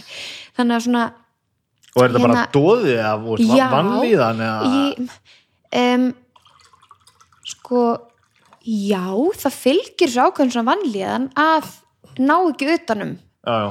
einhvern veginn. Haf, uh, hafa engan fókus það er ekki, já, það er einhvern veginn rugglast daldi í kerfinu mína því ég er á sama tíma rosa hrifin að því bara að ég væri til í að búa bara ykkur um kofa út í sveit og með fugglónum og svona, þú veist, ég er alveg þar Mhm. en, en en ég finn samt að ég verð samt líka að hafa hafa eitthvað að gera og hafa eitthvað fókus eða bera ábyrð á einhverju eða, eða, eða til þess að gleyma mér ekki alveg En hvernig ertu þá í að skipulega þín eigin verkefni og svona? Uh, meinur hvort ég mæti? Nei Já, basically, já. já ég, ég, ég lögði að sjálfur mér í, sko, veit ekki, 15 árið að meira að, hérna, að ég væri svo frjáls og frí spirit og, og, og ætti ekki að vinna fyrir mannin og, og, og ætti bara að vinna þegar andi kæmi yfir mig og skipulega minn eigin, eigin verkefni og eitthvað. Svo bara komst ég náttúrulega því að það er náttúrulega svo langt frá lægi. Ég er svo rútineraður að það er að besta sem ég hef gert sjálfur mér var að fá mig fasta vinnu, sko, sem ég held að væri óvinnu minn. Að því ég gæti alls ekki séðu mig sjálfur og skipla tíma mig sjálfur og vita hvað ég átt að vera og eitthvað svona, já, það er svo langt frá því og ennþá, sko. Já, já ég, ég, ég tengi alveg líka við þetta. Ég er alveg, það henda mér rosa vel jú, vissulega að vera með eitthvað ramma eitthvað rútínu. Já, það er alveg þannig. Uh, uh, já, þannig ég verða þess vegna ger ég alla, alla listana held ég, því að þetta er líka eitthvað svona þetta er líka eitthvað svona öryggi fyrir mig að ég þá bara veit að hérna, ég veit sirka hvað ég get gert. Ef ég á einhverja frídaga eða svoleiðis og þá bara er ég með hugmyndur um alls konar verkefni til að leysa eða gera þetta eða gera hitt eða búa mig til eitthvað prógram. Uh, að því að maður er ekki beint í 9-5 vinnu einmitt, maður þarf svolítið að finna leiðir til að næra sig sem ég gerði ekki alveg nógu vel í COVID Mhm. uh, af því að það var einhvern veginn bara allt lokað og, og, og maður svona félagslega einangraður og það henda mér heldur ekki. Ég er alveg svona svolítið svona, ég vil vera í mikill nálægð við fólk, ég er rosa knúsari og svona vil vera í tengingu og líkamleri snertingu við fólk. Þannig að mér finnst þetta svolítið erfitt. Uh, þannig að hérna uh, það sem ég gerði var að ég, ég skráði mig mitt í nám eftir að svona eftir eitt ár af COVID.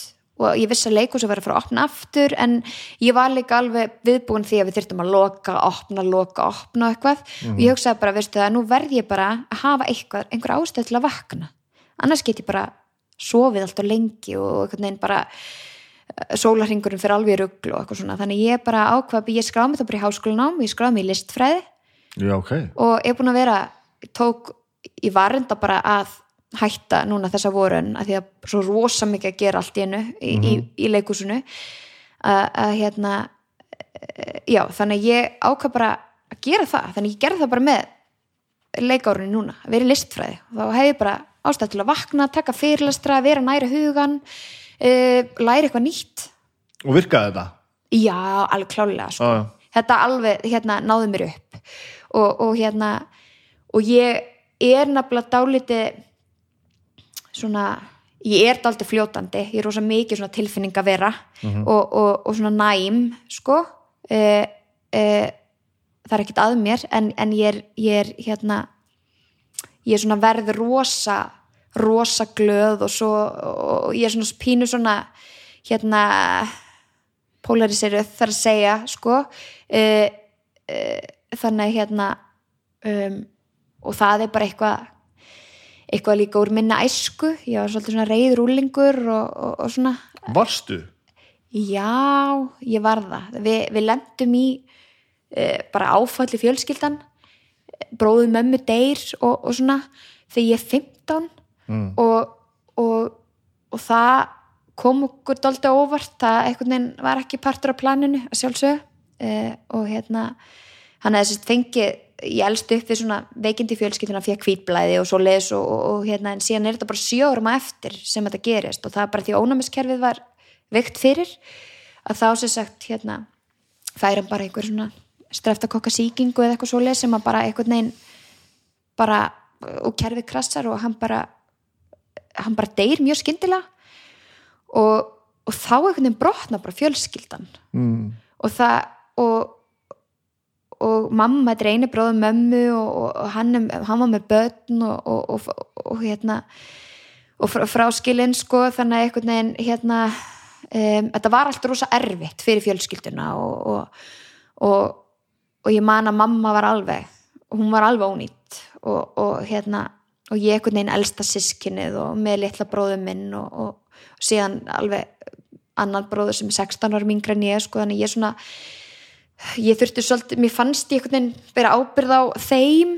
Það var svona svolítið erfið tilfinningar því ég síðan réð ekkert við mína tilfinningar. Ég var bara 15, alveg bara einhvern veginn úlingur með í, í hormonakasti og, og hérna uh, kunni ekkert að höndlita og, og nema það var enginn til að grípa grípa okkur, nei. krakkana. Af því að, að því að í rauninni því miður þá bara urðu allir einhvern veginn stolti ónýtir í kringum mig sem er bara eðlilegt stundum bara einhvern veginn, já, koma áföllin þannig að, að verða allir einhvern veginn bara alveg lemstræðir og, og, og hérna þannig ég held að það sé líka alveg partur af því að ég hef alltaf þurft að vera svona svolítið sjálfstæð sko, og svona sjá um mig og bara einhvern veginn, en ég var rosa reið ég var mjög reið mér finnst bara lífið ósangjant og, og hérna þannig ég eh, ég var alveg mörg ára einhvern veginn að jafna mig á þessu og jafna mig bara á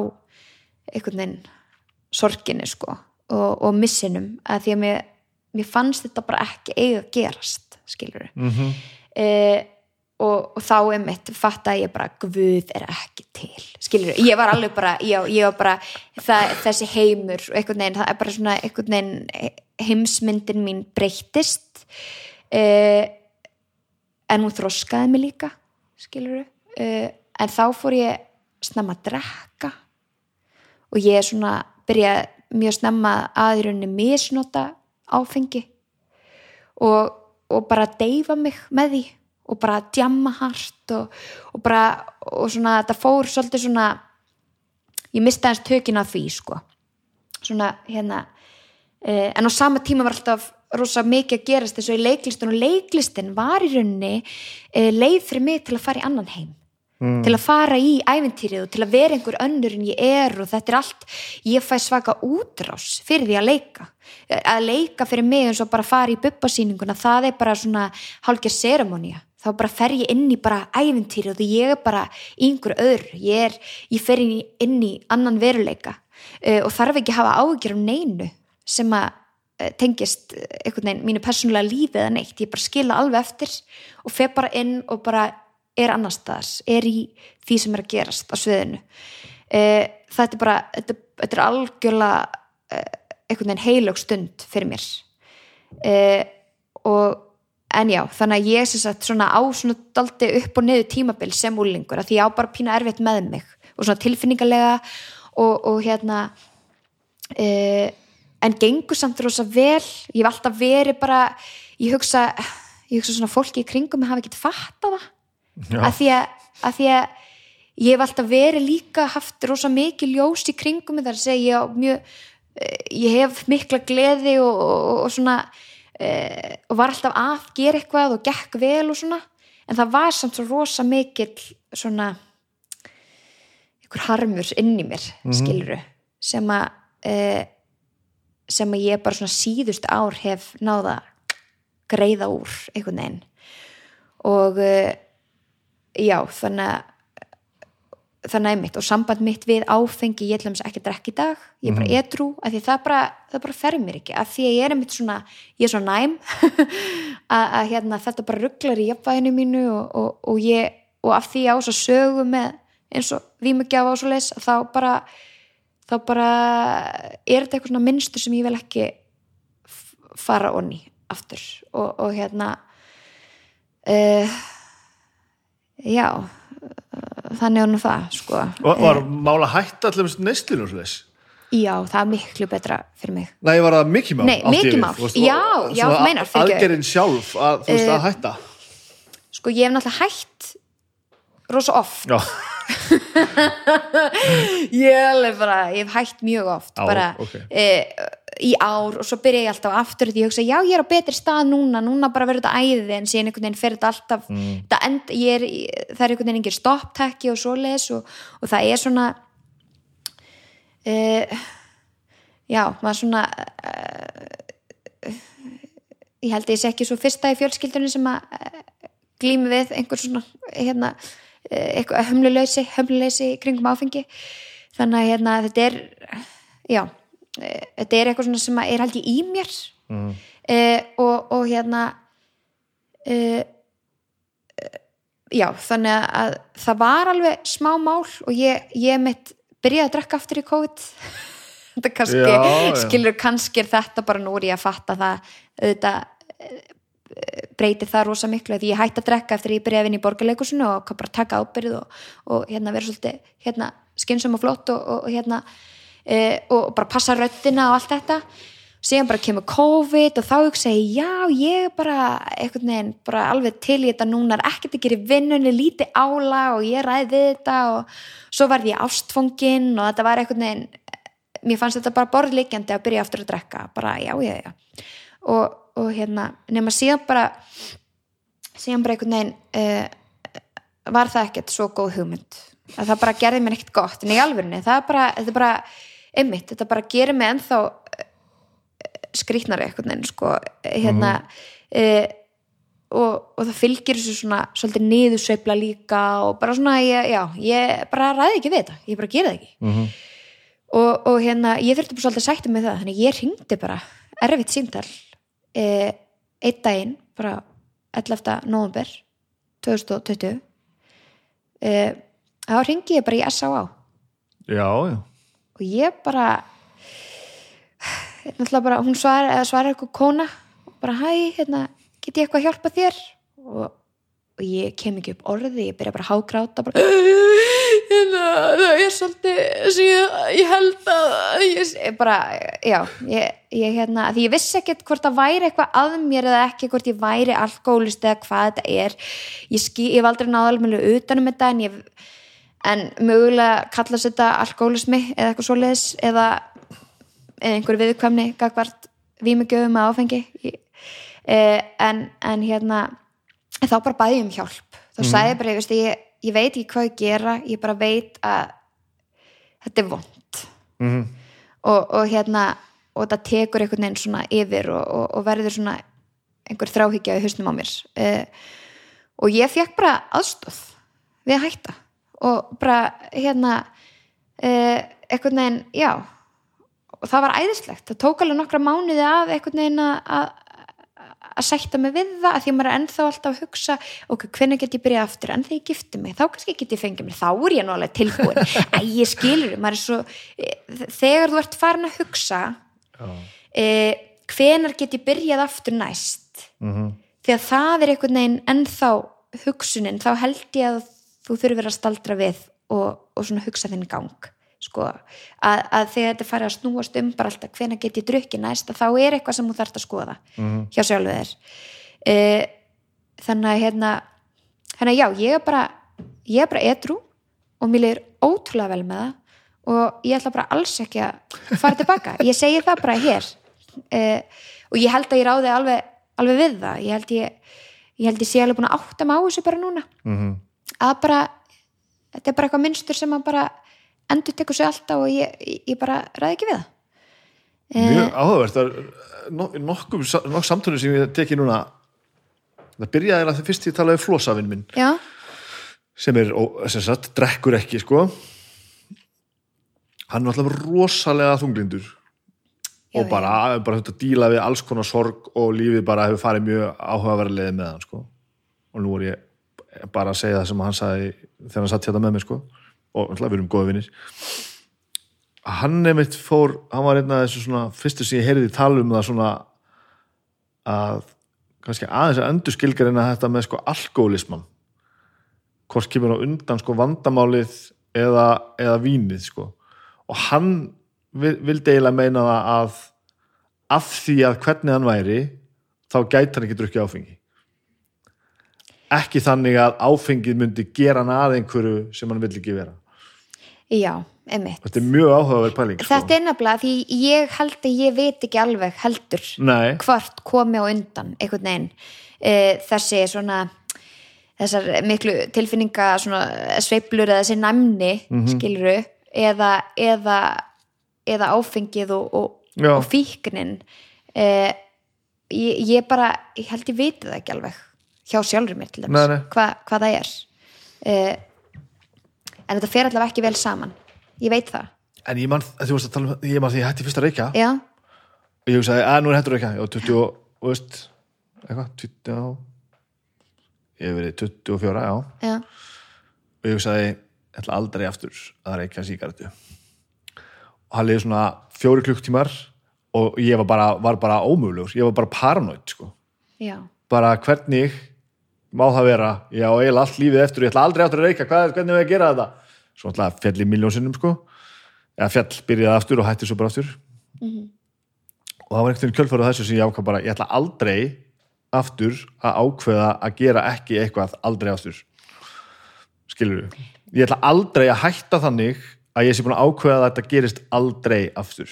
Einmitt. Því þá fæ ég bara eitthvað svona en, en leifur þér stundum að fá, þér eins og vindil eða, eða eitthvað svo leis já, svo er ég náttúrulega frekar slagur fíkil af því að ég á yfirleitt frekar auðvöld með að hætta hlutum sko. já, já, já. og eins og þegar skálmundur að túra þá ofta reiki ég bara tvo bakka á dag bara í mánuð og svo kem ég bara heim sko. já, já, þannig að þú ert í rauninni þú, þú, þú ert ekki takandi alveg í burtu.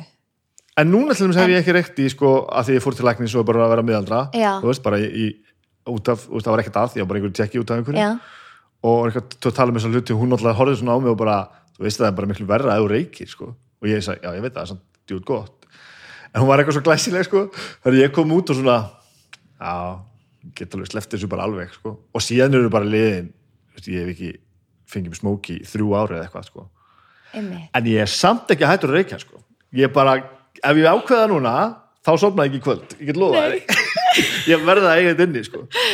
einmitt, og nú til dæmis drekki ég, drukki mjög mikið bjóri gæmum tíðina, mér finnst það hrikala gaman. Og bara mjög mikið af mínu kultúr einhvern veginn bara svona snýst svolítið um það að bara spila á tólningum og fá mig bjór með fólkinu og bara eitthvað svona. En nú gerir ég alltaf sjaldan og sjaldan sko. Mhm. af því að þú veist ég finn líka alveg fyrir að drikja holt. Ég fer, veist, ég, ég fer alveg upp og niður líka sko. Og ég finn alveg dífutna sem ég tek sko stundum eftir, eftir góðan bender sko, það er bara svona ok, það er nú miklu erfiðar að sjá með börni sín heldur en það var í fyrir tveimundum síðan og það er bara því að ég var helvíti fullur í gær sko. Og nú er ég ekki að tala um þinguna, heldur bara þú veist, dánerinn sem kemur sko. Á þess að ég verði, ég fæ ekki eitthvað brjála djáminskupið eða eitthvað þannig, heldur bara svona allt verður bara, bara efnaskistinu eru bara heldur bara að gera þetta almennilega um mikið og þá einhvern veginn líka bara vel ég þetta alltaf sjaldnar og sjaldnar sko. Bara svona, já, ég ætla bara ekki bara ekki að fá mér bjór núna sem ég hef aldrei gert fyrir 10 árum og 20 árum sko. nákvæmlega, því þá er ég alltaf fullur af því það var svo sillilega gaman sko. einmitt. En þetta er mjög, mjög svo held ég að vera hötti hérna Makland sem var hérna líka. Hann var komið eitthvað svipaða sögur sko, veist, hvaða skilgjarningar eru þetta, þú veist? Þessi sjúkdómapæling, sko þú veist, og ég ætla ekki að slá þetta út ég þekki þetta ekki. En ég verði svolítið þreyttur á umræðinu, sko. Þegar allt er svona hryllilega svarkvitt, sko já, einmitt. já, að þú veist, þetta sé bara svona og bara, þetta er eina leiðin og annars, og það eru allir veikir. Og það bara, oh Herri, shit og talandi um það einmitt, allir séu með eitthvað alls konar. Uh, ég til dæmis er að hérna, vinna mikið með börnum og k- kenna, kenna söng og, og svona. Uh, en það er bara þetta í dag með að við erum, við erum að greina uh, börn svo svakalega með alls konar kvilla eða sjúkdóma eða, eða það er einhvern veginn allir með átta greiningar og, og, og hérna ég, ég stundur svo næ ekki alveg utan um það, ég skil alveg ég skil þetta til þess að við náum einhvern veginn að hjálpa öllum og, og, og, og, og allir fái þá aðstóð sem þeir þurfa og, svoleiðis. Eh, en mér finnst samt rosa erfitt þetta svona, þetta svona þessi sjúkdómsvæðing. Já, eh, og það sé, það sé alltaf einhvern veginn, við erum öll einmitt með uh, við erum ekki bara kvíðin, við erum með kvíða skilur já. að því að sumt er líka bara eðlilegt sumt stundum Já, er bara eðlilegt að, líða pínu illa eða líða, eða líða vel og, og, og, svona. Og þetta er einmitt þetta með þess að ég var að tala um á það með ljósið og myrkrið. Mhm. bara við, við verðum að við, við hljótum að þurfa einmitt að, að prófa það að líða stundum illa til þess að vita hvernig það er að líða vel og Já, allt já. þetta uh, þetta er bara partur af einhvern veginn uh, blóðflæðinu í okkur uh, bara, En auðvitað náttúrulega króníst ástand sem fer að verða fyrir. Já, Þa, auðvitað. það verður náttúrulega að- að sónu minn er fjögur ára já, og hann er svo ofurkur og með svo mikinn aðtiklisbrest að það er algjörlega stórkoslegt. Hann er, hann er, hann er gössamlega óstöðandi Já. og núna er að fara að stað við vorum í viðtæla á leikskólanum sko. bara, kom bara hérna til að bara við vorum að veltaði fyrir ykkur eitthvað svona eigðublað eitthvað svona, svona leikskóla deildarstjórin, hún alveg svona passa sig að hvernig hún talaði og við erum alltaf bara, yes, geðvegt bara aðtuga hérna hvort við getum hérna að skoða þetta hvort að við getum greint hann svona við bara, já, það er geðveikt en munurinn er samt sá sko eins og ég líti á þetta allavega eh, við erum ekki að fara inn í þetta til þess að dempa hann sko. Heldur þess að þetta er vesen og vandamál bæði fyrir hann og okkur hinn og öll sko. Og Já. leiði þetta bara komið þá farfum við allir fannir átt að segja bara, já, já, já, hann er hérna, já. Herru, þá þurfum við að gera þetta hér. Já, einmitt, þetta er til þess að halda utanum Já. þessa krakka og þetta, og þetta fólk sem að, hérna, og okkur, ég er náttúrulega örgla, ef ég fæn einhverja greiningu verð ég örgla með einhverjar alls konar greiningar, Já, já, skilur líka, alveg. alveg bara pottjætt, en ég er samt alveg pínu fegin að að eh, einhvern veginn bara vi, vita það ekkert alveg, leifa mig bara að hérna, já, menn, ef, ef, ef, ef maður púlar það, já, já, já, einmitt. Það er bara aðeinslegt það er aðeinslegt sko. En ég meina að mjög fyndi að sjá sjá uh, fólki þarna sko tipla í kringu fóreldrana, hvort að maður þú veist ég, ég held að sumir takkir svo þannig að sé verið að tala barnið þeirra niður sko. Já, viltu horfa á Björgvin son minn? Hann er gjössamlega snældu bilaður sko.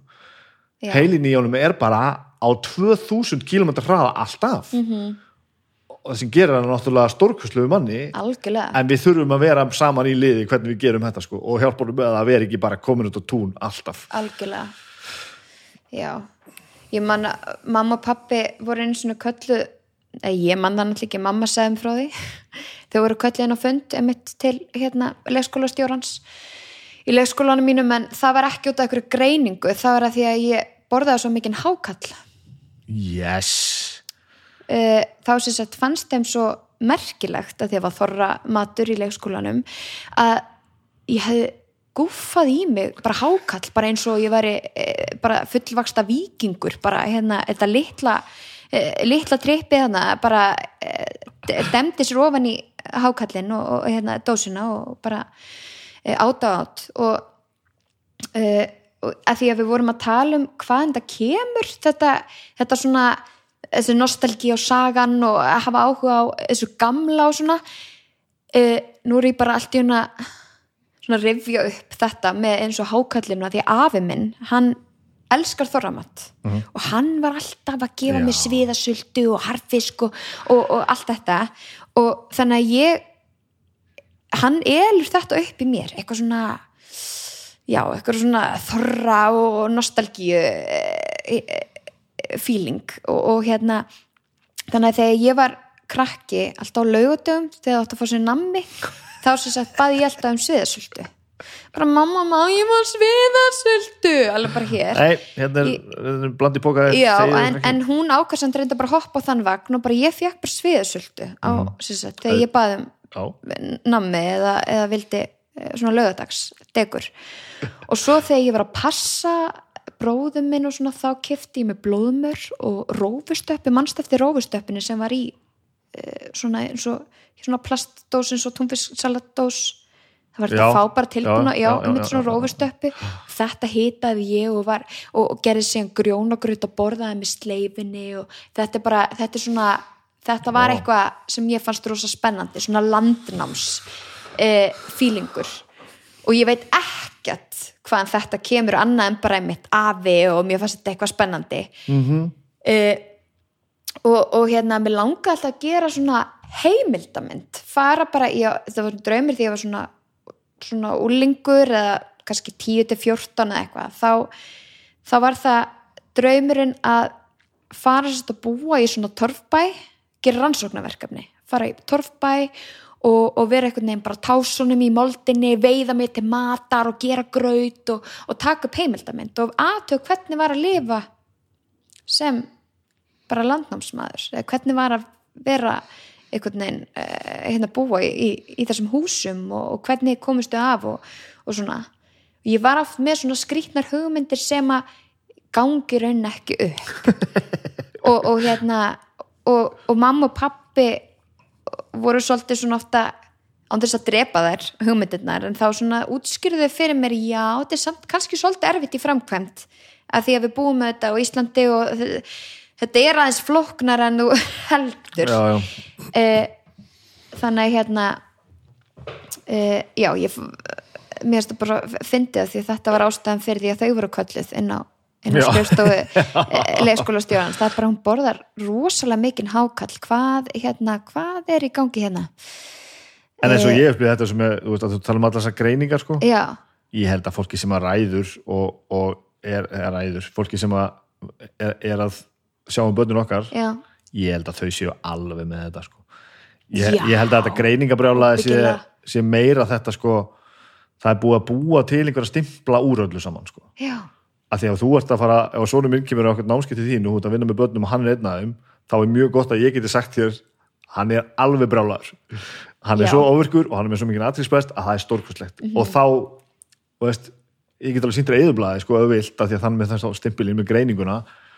En ég vil ekki samt gera lítið úr því hvað það er gott að vera búin að greina, sko. Auðvitað. En þegar það er búið að hefta eðublaðið á ennið á badninu og það er fyrst hann er strákurinn sem er sem er með aðtilsprestinn þá er þetta orðið skakt já, sko. þegar hann er farin að skilgreina sjálfan sig það, út frá greiningu. það er náttúrulega bara rugl og vilsa já, já, já, það er, það er eiginlega svona það sem ég er að tala um, þegar við erum að fara inn að bara hver, veginn, hver er ég og við erum farin að skilgrun okkur út frá því eh, já, ég er sagt er ég er kvíðu og aðteklisbrestur að ég Já, já, skilur en- svona, að, að hérna e, já, þar, þar svona finnst mér finnst við svona stundum næstu því vera komin bara þangað. E, að því við þurfum líka að minna okkur á því á, það einmitt að við megum bara vera einhvern veginn alls konar og það má upplifa ímislegt uh, og, og gangi í gegnum tímabil og þetta er alltaf eins og með eins og vertu úlfur sýninguna, Mhm. þessi spurning bara ok uh, einhver verður geðveikur eða lendir í einhver eða eitthvað mm svoleiðis og það, hann svona missi tökin á sjálfum sér í eitthvað tímabil. En er maður þá er maður þá bara geðveik ah, þetta er frábær pæling nefnilega, uh, eða er þetta eitthvað róf kannski sem að, hvað er þetta? Mér finnst þetta, ég hugsa þetta meira sem eitthvað róf, þú, að því mér finnst rammin okkar um hvað telst eðlilegt verður hann svo þröngur, það er kannski þetta sem ég er Já, að já, já. pæli að bara hvað við, við þurfum svo lítið til þess að það sé eitthvað sé eitthvað svona greiningum að sé eitthvað að okkur. Uh, þannig að hérna uh, já, það er svona ég er ofta að velta þessu fyrir mér. Bara, er maður geðveikur? Nei, veistu, þetta er bara, maður er bara ég held að maður sé alls konar. Og þó maður, þó maður eigi hérna, erfið tímabil eða einhver lendi hérna, í því að ráða ekki alveg við sig en það þýðir ekki að maður get ekki komið tilbaka kannski sum tilfellum vissulega en þetta er samt eitthvað svona sem ég held við þurfum að hafa bak við eirað að við erum ekki bara emitt, við erum ekki bara stimpluð geðveik af því að Nei, nei, eitthvað gerist í líf okkar og við, við missum aðeins tökin eða. Er, erum við ekki líka orðin pínu uh, upptekin að því að halda einhverju feysi og vera fullkomin? Jú, svo er það af því að þú veist, ég, ég held að sé engin það er engin sem er ánæði með allt hjá sjálfum sér. Nei, veist, og, og sumt náðu að skilgjörna og sumt ekki, ég hef búin að með þennan þátt í sko, heilt árið eitthvað og tala um eitthvað hvernig mér lí- líður eitthvað svona. Þegar að ég fekk bara post frá manni sem sagði, ég veit hvað að það er sko. Og hann bara, Og hvað er að þér? ég, ég er með sérst, ég er með kvíða. Það er, það- ég var að, var að fara að segja nákvæmlega Eins og að allir. já, eins og allir, en ég með það er að þetta er allstað sko. Já. nema þú veist og hann bara bendi mér á hérna talaði við hérna, hérna hann Magnús Blöndal, sálfræðing og, og hann hérna hann, hann hjálpaði með þetta. Og ég bara geðvitt og ég fór búin að vera hjá honum í meira en ár sko og þetta er bara það skemmtilega sem ég hef gert á fucking æfinni, það er að fara alltaf til hans Já, að díla við þetta sem er að plaga mig sko. Og hann, sérst, óviss óþól heitir þetta. Ég er alltaf, alltaf bara með nagandi stressi við því sem að ég hérna, ef ég veit ekki hvað er að gerast. Og en ég einmitt líti ekki á þetta þannig að ég sé veikur eða ég sé sé þessi gaur heldur er þetta bara þetta er Helgi Seljan saði hérna allir dagar í honum snýrist eða um það að vera sem minnstur skítall sem er frábær skilgjörni Já. en ég kannski horfi allavega þessa dagana meira á það sko að að láta mig líða einhvern veginn sem best sko en að áttaði mig á því hvað það er þó það sé mjög lítið sko, allavega í stóra samminginu hvaða er sem er að hamla mér mest og þegar ég hef búin að fara nokkur sem til sálfræði eins og sem bara svo sagði mér að svo er þetta svona, svona, svona, þetta er svona veist, það er engi vasaklútar og ekki neitt þetta er bara svona, bara svona hérna, straight forward facts og pælingar. Já, að þá bara, ef þú gerir þetta svona í svolítinn tíma, og veist, heilinni er að hérna, fókt upp hérna, þú veist, þá hérna verður þetta auðveldara, sko, og ég bara ok, og svo bara finnum maður þetta virka og bara, ok. Og þá bara svona fer maður aktist í að pæla bara, þetta er að trubla mig fullt alla daga, djúvel er þetta eitthvað erfitt? Og svo bara með einhverjum veist, aðferðum, ekkert eitthvað vúdú og ekkert eitthvað, veist það, þetta er ekkert vúdú og ekkert jóka sko. þetta er bara einhver rökhugsun og, og, og þú veist, vel gefið lært fólk sem er búið að búið að stúdera hvernig maðurinn virkar. Já, þá í nú bara svona hluti sem maður vissi ekki einu sinni var vandamál bara þetta er horfið, já.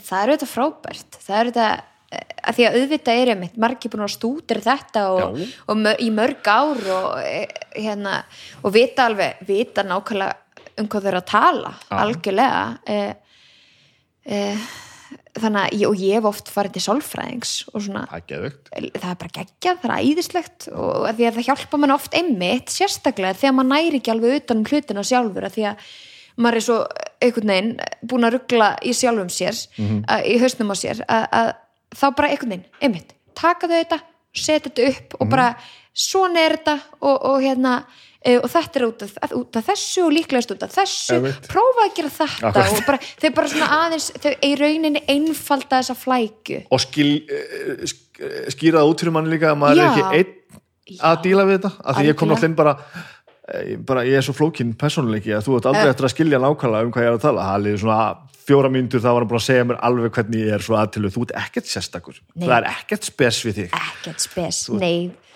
erum er við eitthvað spes? Nei, nei ekkert okkar. ekki, nei en svo á móti kemur já, að, svo ég láta það að snúa aðeins meira um mig Já. að, hérna, að fólki sér að vinna með og fjölskylda mín veit þetta allt saman og vita, þú veist ég, það hefur alveg komið tímar sem ég kemst ekki vinnuna já, sjaldan og það er, það er ekkert mjög langt síðan síðast sko. Um, og þá, þá veit fólk bara hvað er að gerast sko. og ég segi fólki bara mjög opinskátt þetta er bara staðan ég bara misti tökin að þessu hvernig, hérna, hvernig dagarnir eru og ég ætla að kvíla með þessu og, og svo kemur ég tilbaka. Já, í staðan fyrir að ringja inn og segja að maður sé með höfverk eins og allir gera. Að ég er eitthvað veikur í dag. Og, en það gerir það ekki að verkum að ég, mér líði eins og ég sé að stimpla sjálfa mig sem kvíðasjúkling skatt, fattaru nei, mér líður nei. ekki, að því ég er það heldur ekki. Veist, ég ætla ekki að gera lítið úr alveg kvíða. Þa, það er ekki það sem ég er að díla við. Þetta er öðruvísi, uh, kannski öðruvísi pælingar. Já, en einmitt það sem þú ert að segja, þessi greining sko. mér líður ekki eins og að sé búið að tattúra á mig. Nei og þú ert heldur ekki að nota það sem Nei, tæki nei, já, eða já, afsökun einmitt. eða láta þetta stoppa þig. Auðvitað, hérna e, það er líka bara flott. Þegar þetta kemur upp að þá bregstu við því Mhm. og, og stíðu tilbaka og svona. En, en, en þú heldur bara, þú lætur ekki þetta stoppa því í að ve- vera á vinnumarkaði og, einhvern veginn halda áfram með lífið. Því þetta er bara, þetta er bara partur af þér sem að þú þarft síðan að díla við þegar kvíðin kemur upp eða svoleiðis. Uh, en auðvitað ertu miklu meira en, en það. Já. Já, já, Er það ekki? jú, jú, jú, jú. já, Um, jú, og ég er ekki veikt að Nei. netta því. nei, en til dæmis egnaðist í börn já, og ég gæti ekki séð um þau. Já það. Og veist, þetta dröllaðist já, ég er bara held ég ágætlega gefin og konu mín er besta mannskja í heiminum og við tölum mikið saman og svona. Já, en og sérstaklega eftir á þá bara sé ég þetta núna. Ég var ekki hæfur til þess að hugsa um börnum mín sko. það kom bara moment þar sem að ég var ekki að gera það sem þurfti að gera sko. Ég hafði nátt, lá- látið þetta drullast fram á því, ég var bara einn með sjálfum mér bara, veist, alltaf fullur aðstæðar og bara í góðum fíling og svo ég var eitthvað ómölu þá sá ég bara í sólurring og mætti svo. Þú sefur ekkert í sólurring þú átt börn. Þú verður bara að sinna börnunum og sem, einhvern veginn sem betur fyrir þá kom þetta upp að ég fór í þessa sálfræðivinnu núna sko, Mhm. af því það var eiginlega ekki beint út frá þessu barnasýtti sko. en ég fattaði bara eftir þetta að koma að stað bara, já, já, emitt en mér leið samt aldrei eins og ég væri á einhverjum óyfirstígalegum stað. Nei, ég bara fattaði ekki að ég gæti þetta ekki. Ég fattaði ekki að ég þurfti ekki að ströggla svona sko. Mhm. ég held bara að, ég er bara svona.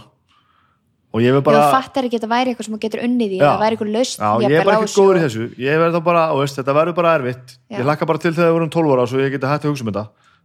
Alveg bara þessi fílingur sko. Og svo bara kemur ykkur sálfræði menta sem snýrði bara örfáum vikum og mánuðum bara, nei, sko, sko, nei, nei, nei, nei. Mhm. og maður bara ah, ok, Já. það er ekkert það er ekkert merkilegt um mig, ég er bara eins og allir hinnir. Eins og allir hinnir, allir, allir hafa hérna, sinn djöful að draga og, og allt þetta. Já. Og, og svo, er með þetta, svo erum við alltaf að reyna að vera eitthvað fullkomin og, og, og búið til einhverja glansmynd en ég held við séum bara öll einhvern veginn með alls konar á bakinu og díla við hitt og þetta og, og, og, og það er einmitt kannski svo gott þegar maður loksins gerir sér grein fyrir því. Já, að, og, og lífið er bara uh, er er mitt alls konar og, og hérna ég rak mitt aldrei á þetta. Ég, með, ég er mjög oft með svona svolítið barnarlega heimsmynd held að öll dýrin í skóginu séu vinir og, og einhvern veginn að ég sé allir hjálpa öllum allir hjálpa öllum og já, ég er svona uh, ég fer stund, stundum eitthvað svona být aldrei til í kringum það sem er í, í hausnum á mér og einmitt bara, bara allir, eru- allir eru vinir og ég skil ekki hérna akkur allir eru ekki vinir eða svona þegar ég loksins fatta það en, en hérna og ég treysti fólki rosa bara, þetta er eitthvað sem ég er svona auðvitað gott að treysta og, og hérna allt þetta og ég þarf að gera það í minni vinnu og svona.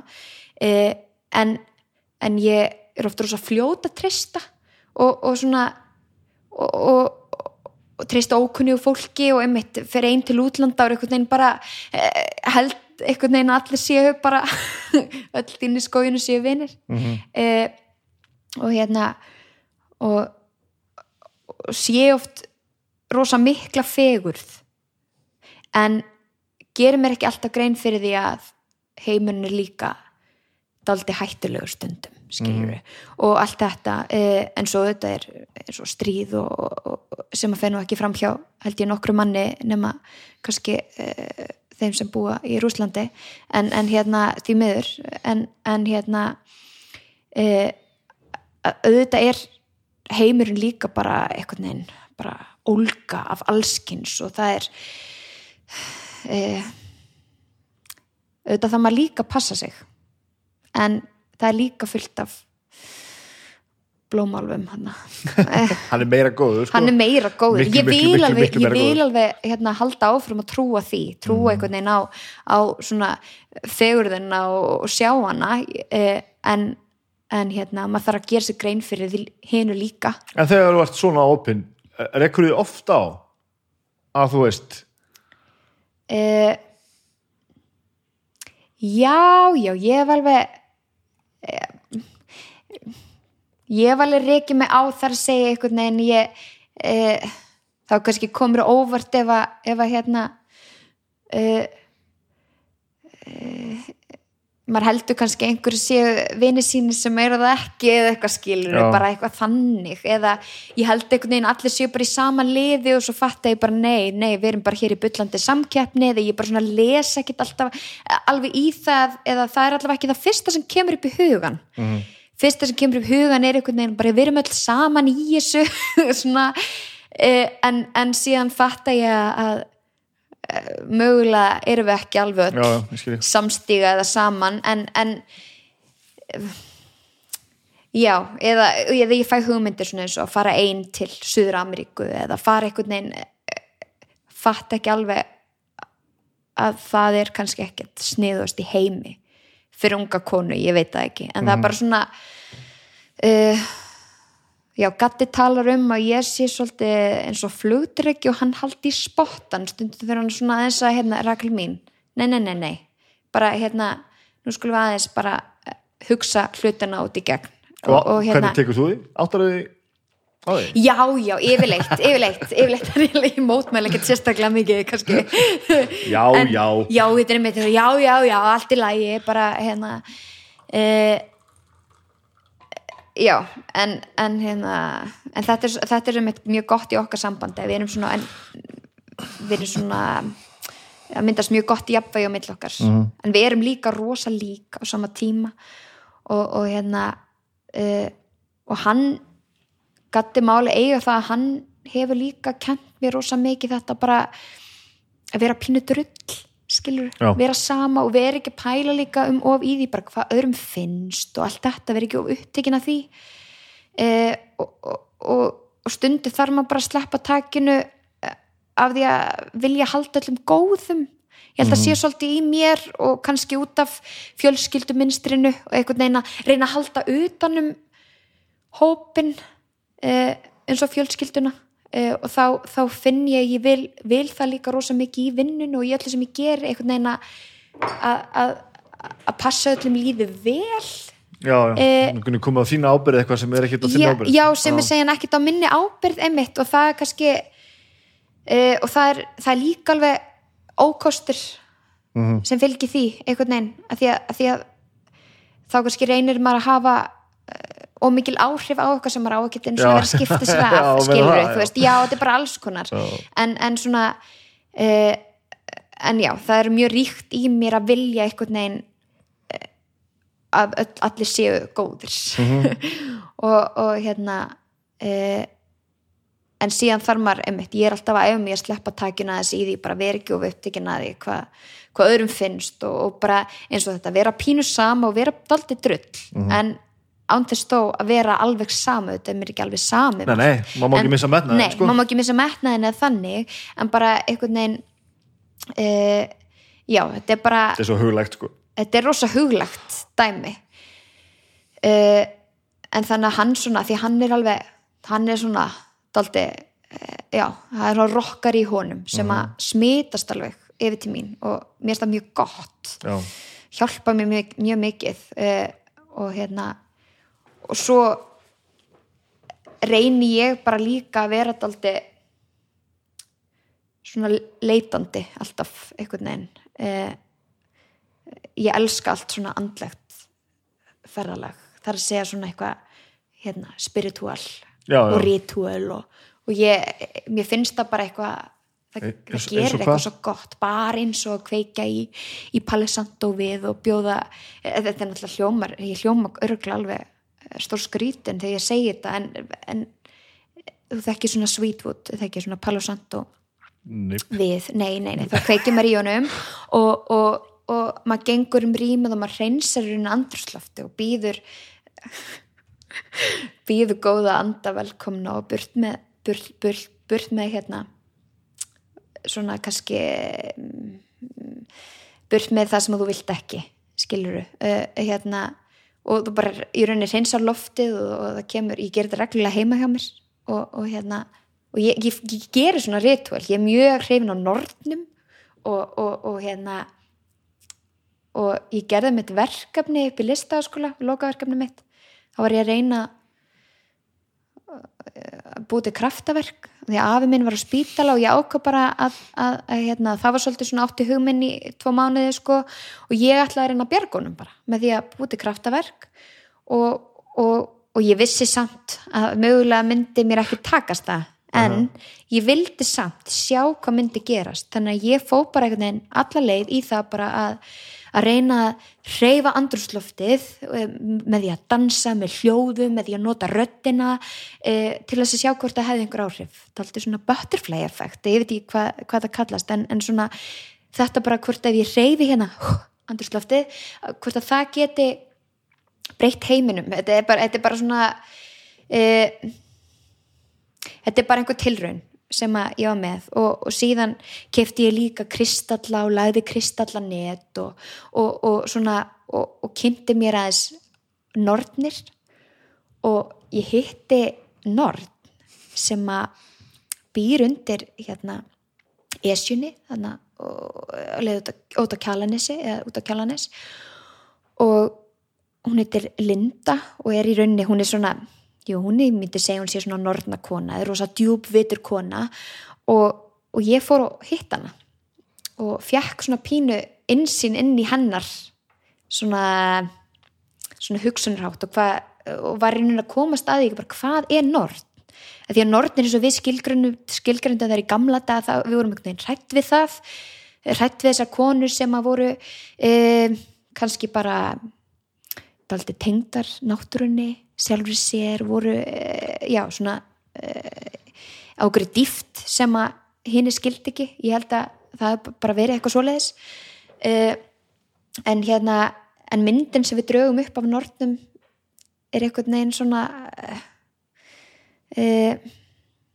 svona ekki alveg eins og ég komst að því hvað þeir eru, erunni eða ég, ég komst eila að því að fyrir mér og fyrir hérna eh, mörgum öðrum sem eru svona tengja við nortnina eh, er að þetta er bara svona innri kraftur sem býr innra með manni. Nortnin, þetta er, þetta er kven, kven kraftur sem kemur einhvern veginn úr kjarnanum og þetta þýðir bara að þú ert í tengingu við náttúruna, jörðina, moldina e, kærleiksljósið skiluru e, hérna og, og, og, og þú ert í tengingu við innsæðið við dýrin, við einhvern stærri anda, þetta er bara ég held að það búi norn innra með okkur öllum sko. þannig að þetta er, þetta er norna krafturinn, er alveg kraftur sem að ég reyna að vinna með bara eins og í leikúsinu sem leikona og ég leiti þetta endalaust bara eitthvað svona, eh, svona innri, innri kraft. Uh, og þetta var svo áhugaverð kona og hún til dæmis hérna að því að ég sé rosa mikið ljós í kringum fólk það er svona ljós og ég, ég skinnja í ljósum sko.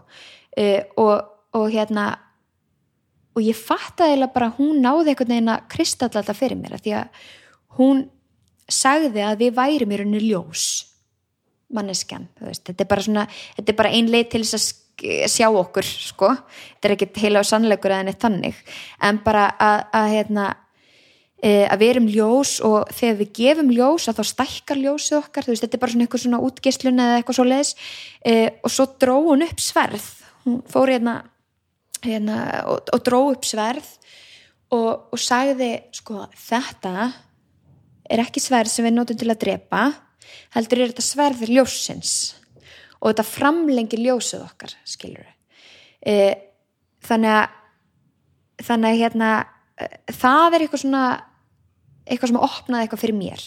Bara að sjá okkur sem ljós. Og þetta ljós getur stækkað og það mingar ekki þó þú gefur af þér. Það er nefnilega við, það, við erum ekki að taka af okkar ljósi með því að hérna, með því að gera eitthvað fyrir aðra eða, eða lifta öðrum upp. Það bara, það bara stækkur okkur ennþá meira skilur uh, um, þetta er eins og þetta er eins og þegar sagt er að dásta þegur annara dregur ekki úr þinni eigin. Þetta er svolítið, svolítið það. Mm -hmm. uh, en, en já sagt, þannig að ég er rosa mikið í mitt svona uh, svona, svona rítúlum og gerir það heima og legg, legg svona hérna, kristallanett og bara þetta er eiginlega bara, bara leikur þetta er eiginlega bara leikhús eða, eða svoleiðis. En mér finnst þetta bara að gera eitthvað fyrir mig þetta kveikir eitthvað nesta í mér og þetta bara hjálpa mér. Og, og ég hef stundu farið sér í svona prófa alls konar svona kakoseremonjur og svona villikellingakvöld og, og þar hittir maður einmitt bara fullt af konum sem er aldrei séð áður. Því maður heldur ofta að Ísland sé svo lítið sem það er eh, en, en þú ferðar og hittir eitthvað fólk sem að bara sem að bara aldrei rekist á æfinni bara fullt af einhverjum konum sem er sjúklega áhugaverðar og allar einhvern veginn mættar þarna til þess að búa til einhver orku og eitthvað, mér finnst þetta alveg geggja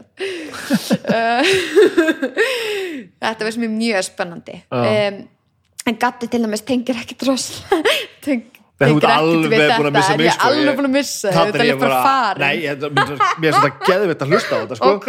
sérstaklega hennan áhuga og bara þú ljómar þegar þú talar um þetta Já, ok. að þegar ég er í alveg bara wow, er tala?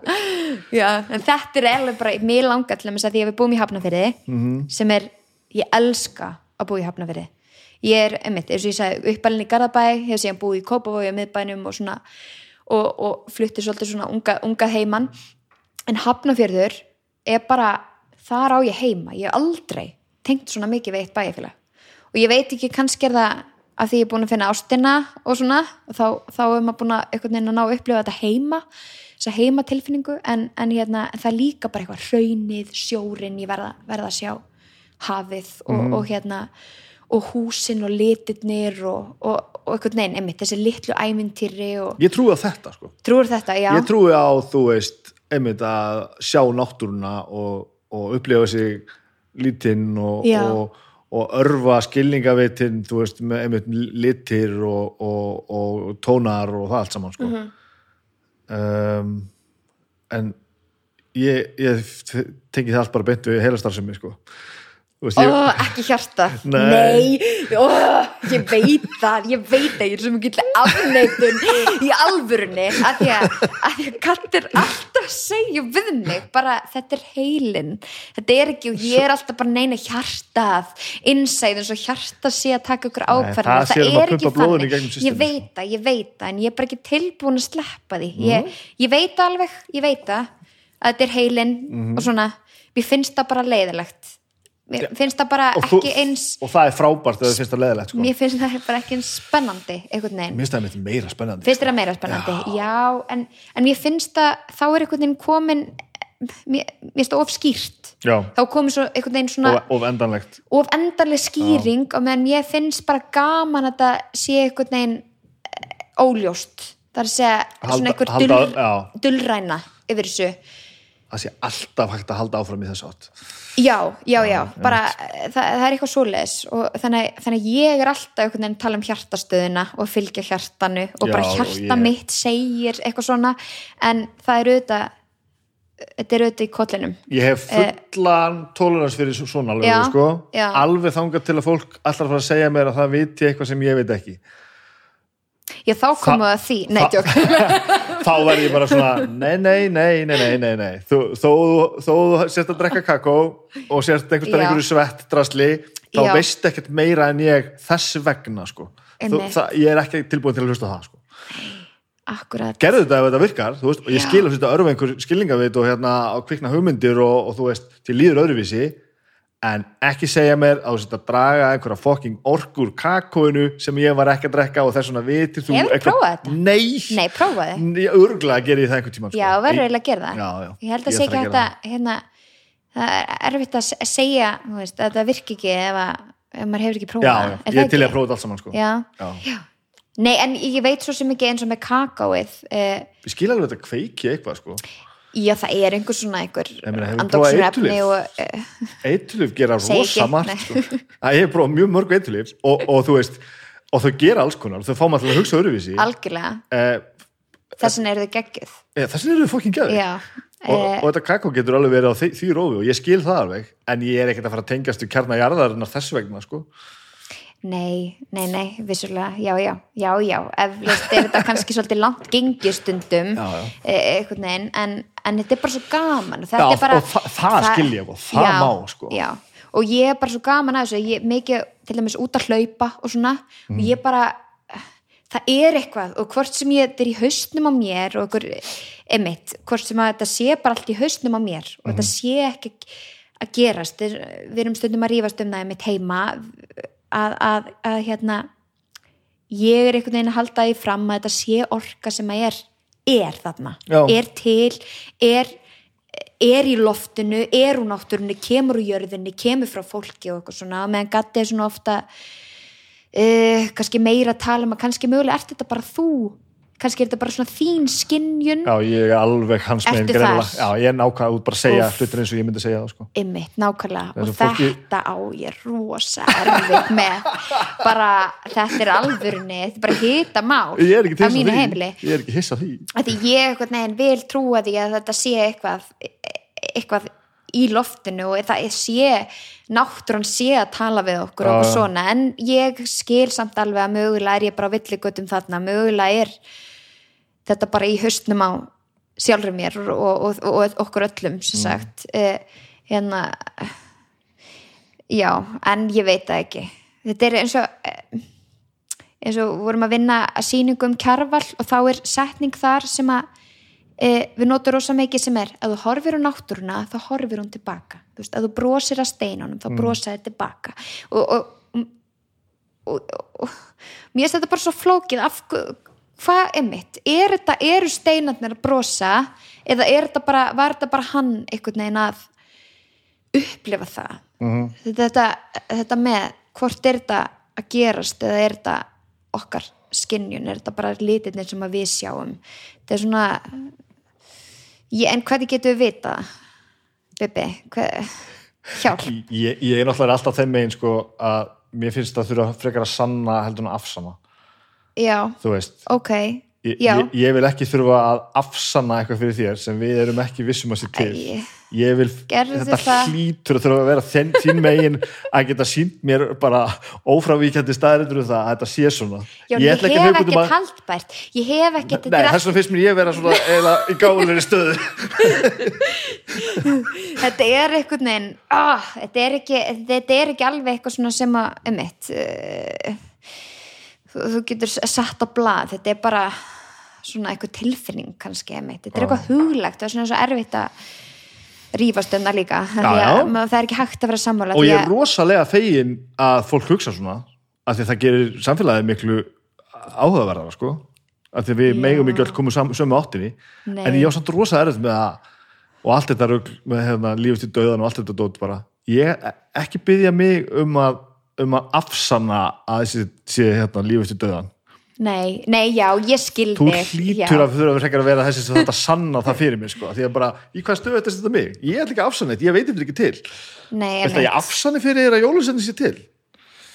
uh, þannig að þú trúir ekki á líf eftir döðan Nei, nei, nei, nei, nei, nei. ég er enda líka er ekki þar. Ég held, ég, ég held að verði bara að við verðum bara mold og, og, og, og hérna og svo er það bara Já, þetta er ekkert svona merkilegt. Erum, er bara það er engin tilgangu með þessu.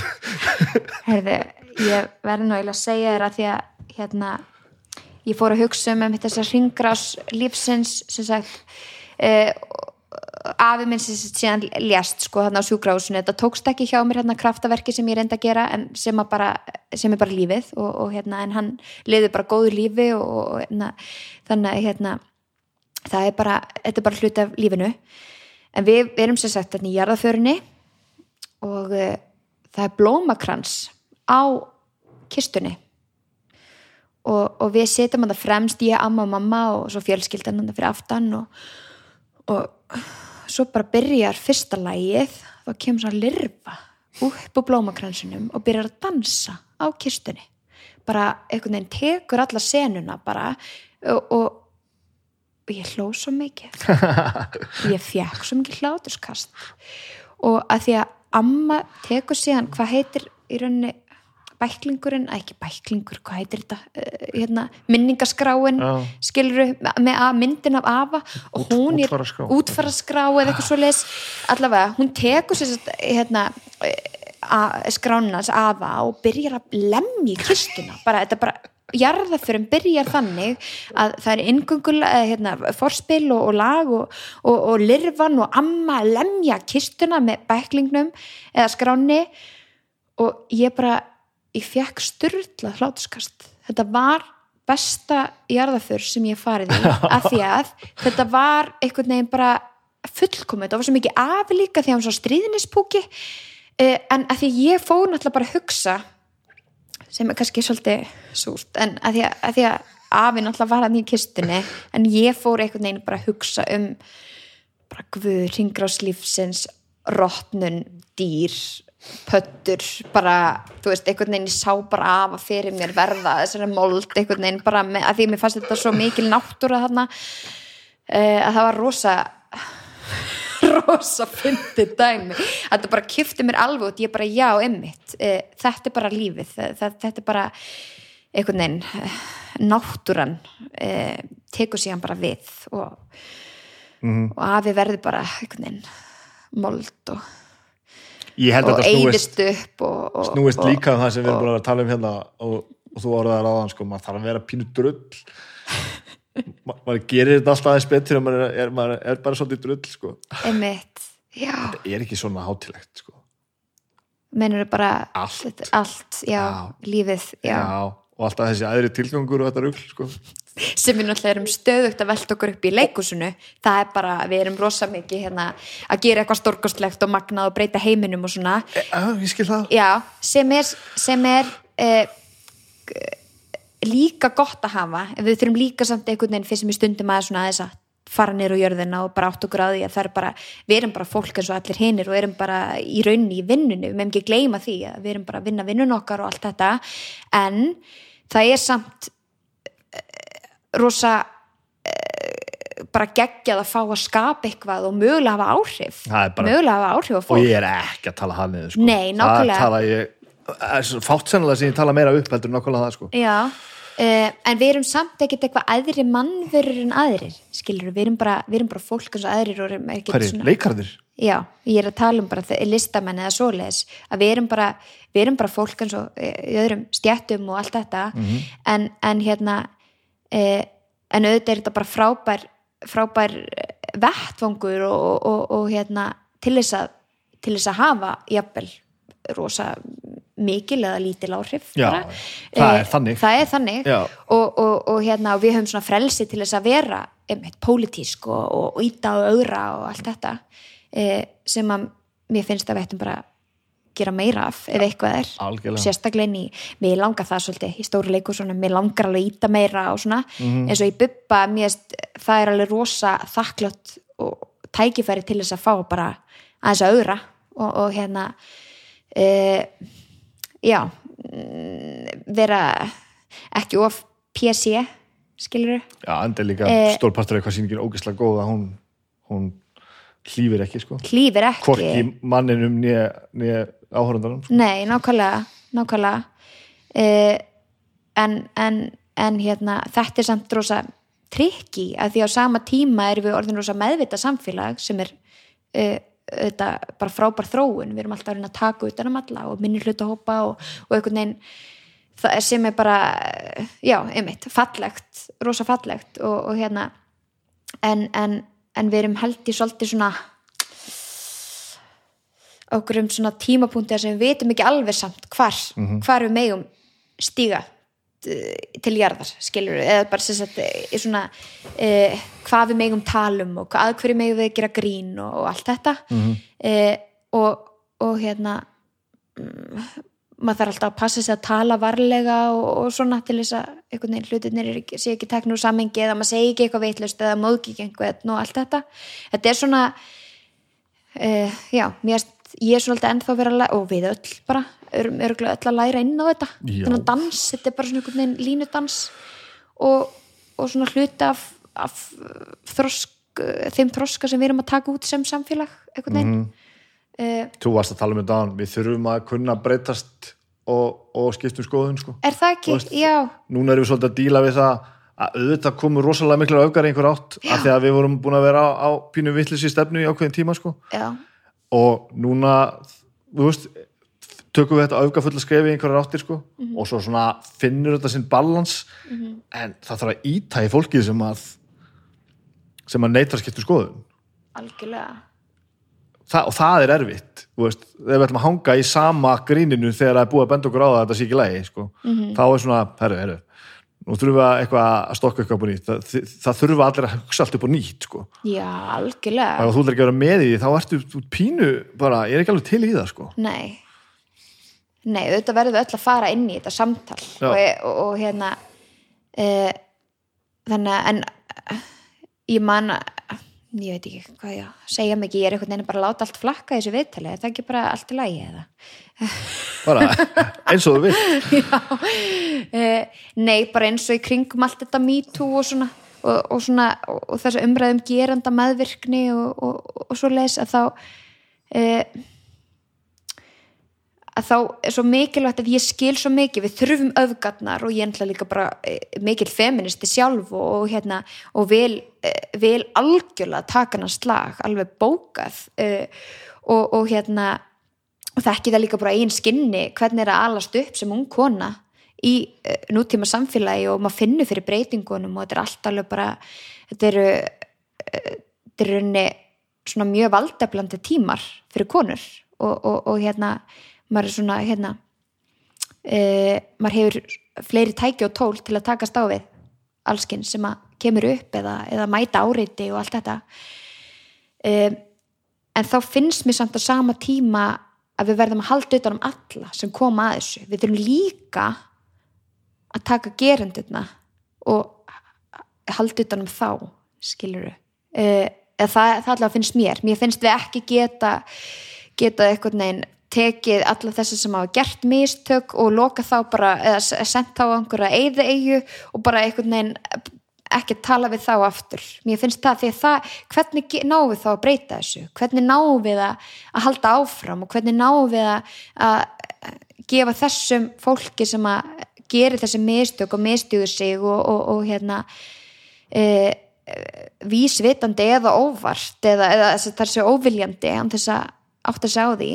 Hvernig hvernig hvernig höldum við síðan áfram Er það ekki bara næst, erum við ekki bara að byrja á því? jú, kannski mér finnst- jú, Finnst þú veist umræðan vera öll einhvern veginn á, á ótrúlega góðri leið, sko. já Um, og ég er alveg sammálaðir.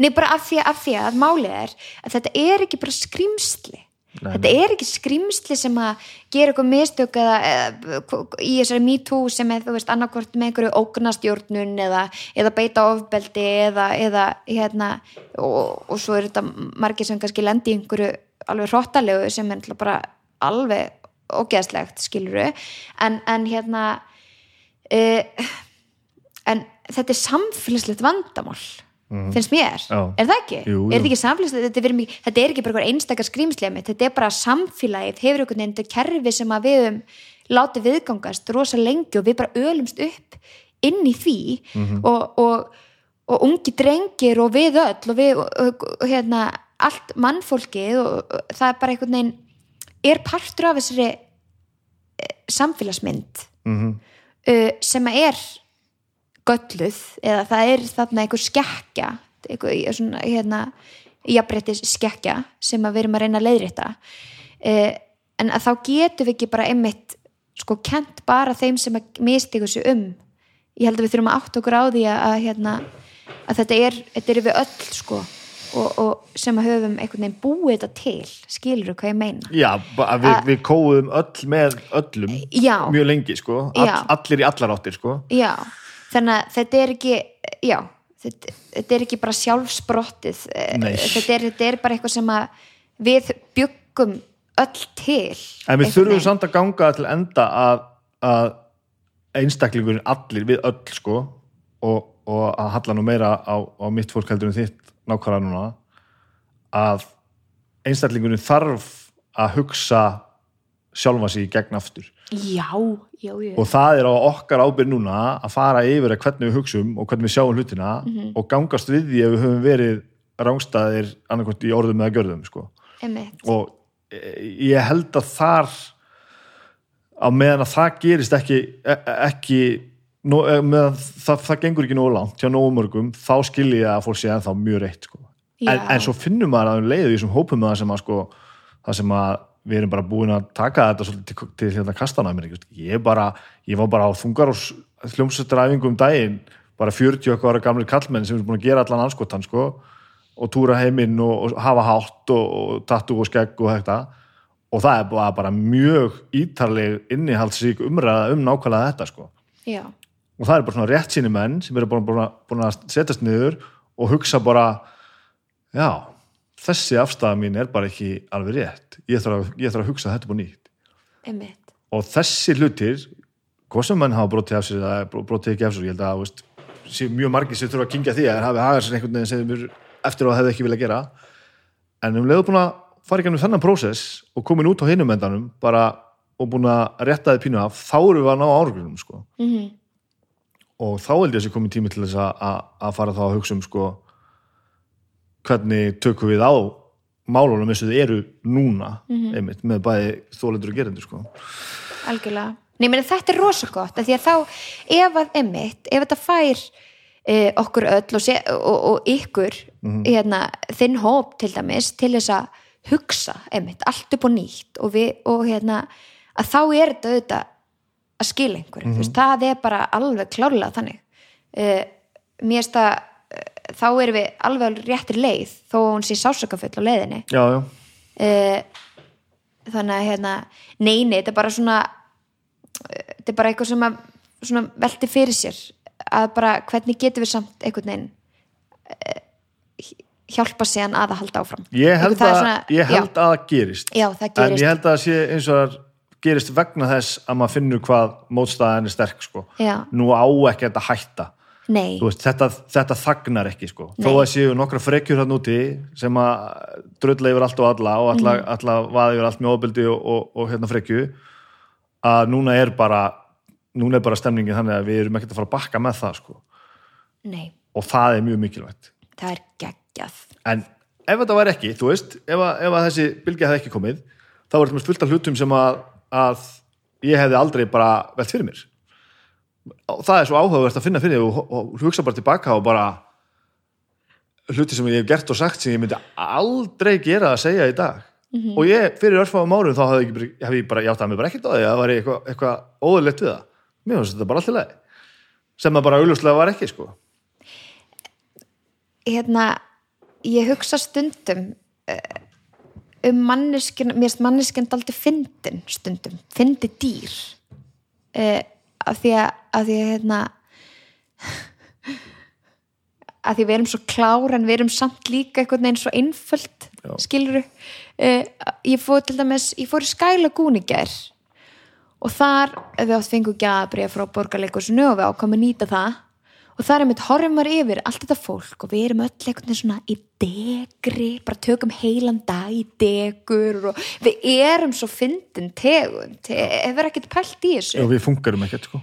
Nei, og bara og, og, mér finnst þetta bara svo ótrúlega merkilegt hvað við erum uh, við, við erum einhvern veginn við erum svo einföld en samt svo flókin og veginn og bara með allan heiminn og herðunum en erum samt bara pínu litli maurar uh, sem að vitum ekki neitt. Vitum við eitthvað? Nei, logandi hrætta að reyna að finna einhver tilgang sem Er er ekki? staðar sko. Já, nákvæmlega, svo erum við öll bara einmitt að reyna að vera besta útgáfana sjálfum að reyna að vera einmitt svona læra af lífinu og þroskast og ok, einu sinni var ég einmitt þarna og sagði alls konar sem að bara alls ekki við í dag og, og líti eigin barm og allt þetta. Mhm. en, en síðan erum við bara einhver svona maurar út í Já. heimi skilur Það er alveg satt.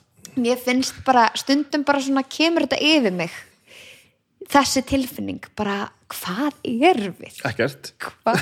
Það skiptir einhver móli við erum alltaf að velta okkur upp úr alls konar. Já, en, en hvað hvað er hvað er að vera manneskir, hvað erum við og eitthvað hvað Það er að gera það er hérna? allavega gaman. Það er allavega gaman. Það er ógeðslega gaman. Hvað, sem, hvað svo sem það er, ég veit ekki alveg hvað það er. Já. nei, en ég veit það ekki maður. Nei, ég veit bara að ég vakna á, á mótnana og ég er ennþá með ekki maðurum sko. og að því mér langar að fara að gera eitthvað sem ég er að fara að gera. Já, stundur langar mér alls ekki að fara að gera eitthvað sem ég er að fara að gera. Nei. En ég er samt einhvern veginn metna fyrir því sko. Mhm. Og svo bara sé ég alltaf að börni mín verða einhvern veginn, kemur nú gamla klísjan sko, bara, "Ö, eignast börn þá bú." og þá maður kemst að því, já ok, það er allt satt ok, allar þær klísjur eru sannar, allt í nú aftur gaman á jólunum bara, þú veist, ekkert að hafa verið leiðilt á jólunum en svo bara endur uppkvæmtur á jóluna þegar þú fyrir að lifa þau genið börniðin sko. já, og, en ég með þetta er ekkert meira Nei, svo er þetta mjög þannig að ég finna svo stert hjá mér til dæmis að að, e, e, að því að auðvitað langar mann eiga starfsferil og við konur erum að berjast fyrir því og, og svona svo, svo finn ég svo stert fyrir því hvað mér langar samt bara mest í heimi að verða mamma. Já, þetta er bara svona hristu þetta þetta eru mistök sko. eða? Nei, að ég bara tappa þessu. við erum bara söngleikjum sem eftir er og þetta er eitthvað genetist mál sko, eitthvað svona ég, ég hérna ég alveg helt lengi, ég, kannski að ég bara myndi ekki tegna spött sko. Já það, þetta var, eh, sk- nenni sig ekki alveg sko. Ég er svo helvíti sjálfselskur og, og, og sjálfum mig nógur sko. Og ég, get, ég var svo öðvöld með að vera einn að spila Playstation sko. Og allt þetta. Og bara fullt áhuga málum og alls konar dót. Og ég hafði ekki tíma og ekki veist, ég er í grunninn ekkert góður með börn sko. Og mér finnst það ekkert skemmtileg. Ég þegar, þegar kem, koma nýbakaði fóreldra bara vildi ekki halda á henni? Nei, eiginlega langar mér það ekki sko. Ég, þetta er ekkert, mér finnst það ekkert gaman sko. Og svo bara varði ég allt í einu 30 eitthvað ára, ég man ekki alveg hvernig það var þá allt í einu fór ég bara að hugsa um sjálf mér leiðandi barn út á gangstétt sko á leiðin í skólan, að því mér langaði það bara. Og reynda að hrista Æði. af mér alveg geðið lengi en maður á ekki að sleppa það í eignar spöld sko. nei, það er eitthvað. Þetta er eitthvað. Já, þetta er, þetta er prentað í heilan á okkur alveg sko. já, það, en það er, það er samt svo, einmitt, svo fallegt að því einmitt e, e, flottasta hlutverkið sem að ég myndi taka að mér væri bara móður hlutverkið það er bara, það er einhvern veginn bara það bara toppar allt hitt og, og og ég veit ekki, það er einmitt er bara þessi náttúra í okkur eða bara eitthvað í okkur sem að hérna, á mínu viti þá í stað fyrir þetta ég myndi ekki setja topp í allt hitt Jú, að Nei, það ég veit það ekki. en þetta er eins og að stækkar allt hitt sko. kannski, já það er einhvern veginn allt hitt verður einhvern veginn enn meira af því að hérna, þetta er mjög huglegt Þetta er samt svo mikið eh, mér finnst þetta svo mikið kraftaverk þetta er bara, Börn, bara börn og bara þe- þetta hvernig bara hvernig verða til þar að segja inn í Já. inn í bumbunni þetta, það ke er bara, þetta kemur aftur að praktiska göðum með mér sko. ég, ég, það er bara það er bara einhver lífræði sko. já en er þetta ekki mögnu Jú, þetta er geðveikt, þetta er frábært. þetta er svo mikil líffræði þetta er bara en ég meina, þetta er ekkert mikið magnara heldur en, heldur en hérna snjálfsýmiðin hann er sturla Æ, tæki sko. ég, ég veit, kannski en ég er bara í vísindamátróa ég er í, ég er í hérna nei, vís, ekki vísindamátróa ég er í tækni mátróa Já, ég skil þig. sem að pappi reyndar hérna hann er náttúrulega í tölvubransanum eins og ég kom aðeins inn á þann hérna, og, og uh, ég er ekki mikið eins og að setja eitthvað inn í eitthvað Google kalender eða, eða svona setja eitthvað inn í síman minn. Ég er bara með gömlu góð bókina. Ég er með risa bók þar sem ég skrifa og þá get ég með skrifa listana og haft það alveg eins og ég vil og, og eitthvað neginn uh, að því að síðan finn ég aldrei síman þannig að þá er ég náttúrulega í vonleysu stöðu ef að í símanum. Skilur uh, en ég ætlaði einmitt að fá mér ég ætlaði að fá mér svona gulan Nokia síma fyrir nokkrum árum síðan Mhm. bara svona takka síma að ég var í einmitt tæknum átróa eða eitthvað Já. og, og mér fannst bara gulur uppáhalds litur minn og ég bara verða að fá gulan og, og hérna þannig að uh, pappi, ég segi pappa frá því já ég ætla bara að kaupa mér svona gulan uh, síma og, og, og, og hann var svona að reyna að sannfæra með mig eitthvað annað og það enda á því að hann kom bara með snjallsíma heim úr vinnunni og bara gjör svo vel þú fara bara að eiga þannan snjallsíma. Hann bara gaf mér síma því hann gat ekkit hugsa sér það að, að dótti sín væri bara með hérna rauðu risa bókina hérna alltaf að sk- skrifa eitthvað skrifa eitthvað í bókina sinna og, og, og með gulan lítinn takkasíma. E, það var bara einhvern veginn ekki alveg að passa við við svona það sem hann var að gera. Hún fannst ég þyrfti aðeins að vera með puttan á púlsunum, bara pínu, come on, vera með. Uh, og ég mun eflaust gera það einn daginn en það er, ég er ekki tilbúin ég, mér finnst eitthvað, þetta er, þetta er aftur ég er alltaf, ég held ég sé bara ég vil bara leika mér, búa til leikrit Já. mér finnst þetta bara vera eitthvað svona aðtöfna, að vera með bókina og opna hana og blaði gegnum hana og stróka yfir og æ, skilur En þarna er ég með þér. er það ekki? þannig er ég alveg með þér sko. þetta verður bara þetta verður bara miklu skemmtilegra Já. þetta er, ég vil bara hafa skemmtilegt, bara búa til einhverja, einhvern leik í- hérna í, í kringum mig. Ha, og, og og ég málaði heima hjá mér í hafnafyrðinum, við flyttum á Söðuvang sem sagt í Norðubæin mm í COVID og þá var einmitt leikus og lokað og ég var alveg bara með njálk í rassinum að því að ég, mér vantaði svo listræna útrás. Og bara eh, útrás fyrir eldin og hungrið og allt þetta. Þannig að ég fekk bara listræna útrás inn á heimilinu. Þannig að það eru allir veggir málaðir í einhverjum lit. Okay. kemur inn og, og ég og Gatti, ég veit ekki hvort það var því að hann var svona hrikalega skutin í mér og ástfangin af mér eða eitthvað, en hann bara leiði mér. Hann bara leiði mér að fara í þetta ferðalag.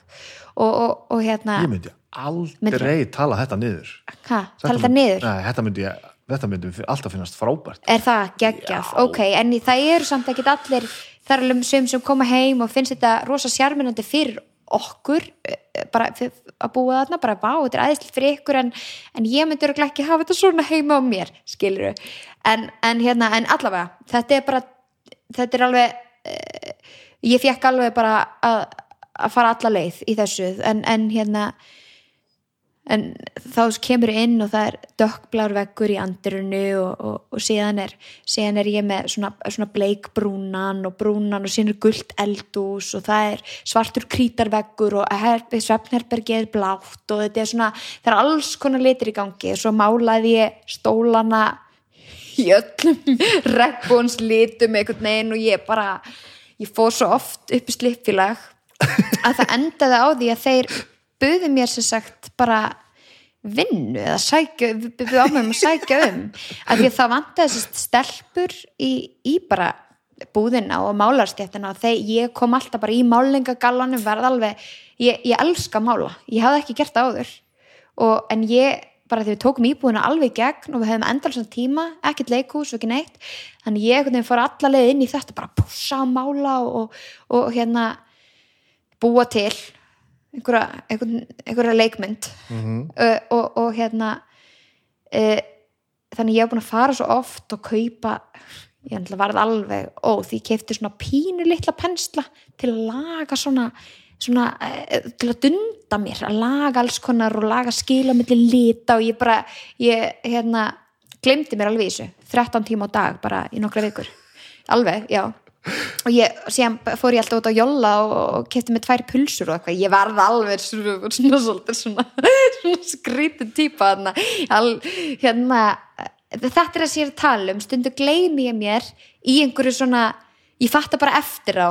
Uh, já uh, þetta var sérstak tímabill heitir þetta ekki mann, já, já Æi, er það? Ég veit það ekki, kannski ekki. Kannski ekki, ég veit ekki. Kannski, ég sagði á þenni mitt að ég væri svona svolítið svona, svona ég færi upp og niður eitthvað eitthva róf, sko. Já, við talaðum líka um róf, manja lítur ekki að verið misharkaleg.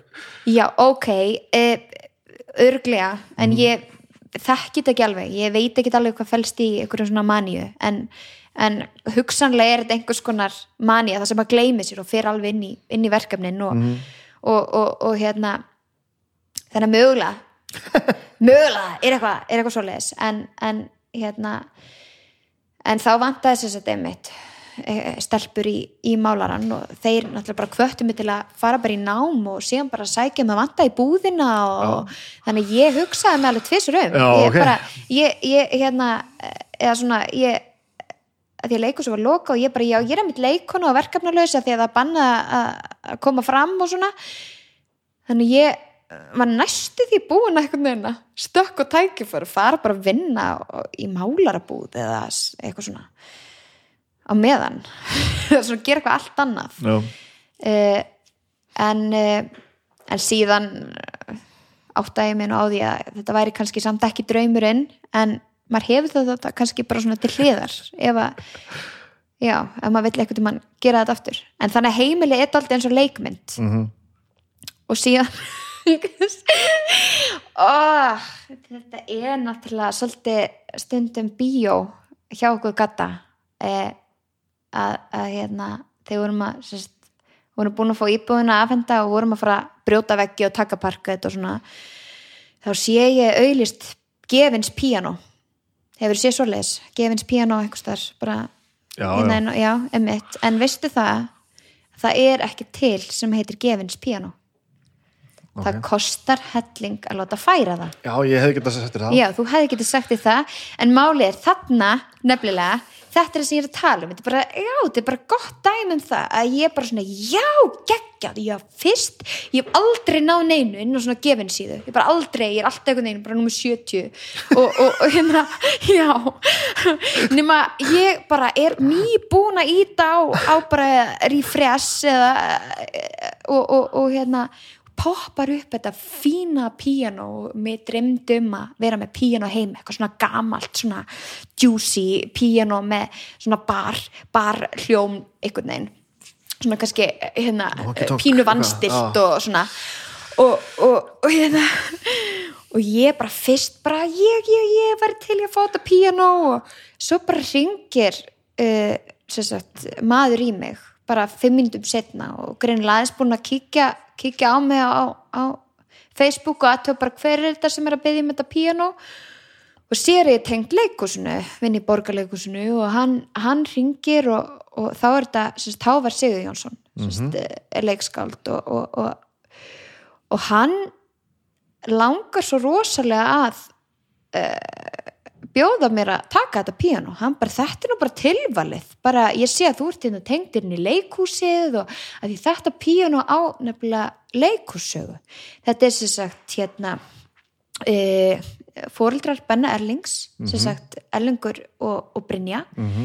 E, þau áttu þetta píano þetta er 100 ára gamalt, danst píano og þetta var rosa mikið nota í leikúsunum og allir heimir, hann spilaði á þetta píano þannig að þetta einhvern veginn var allt í hennu bara átt að gerast. Ok, sem að hérna æ, svo getum við alveg farið út í það hvort eitthvað er tilviljun eða örlög eða bla bla bla þú veist, en allavega þetta var einhvern veginn rosa fallegt fallegt tilviljun að minnstakosti og, og, og hérna að, að, að það skildi halda áfram og, og fá svona framhaldslíf inn í eh, með, hjá fólki sem að tengdist líka leikúsinu svo kemur hann bara í ljós að hann og að Gatti höfðu áður unni saman í leikúsi og, og þannig að þetta bara einhvern veginn átt að gerast.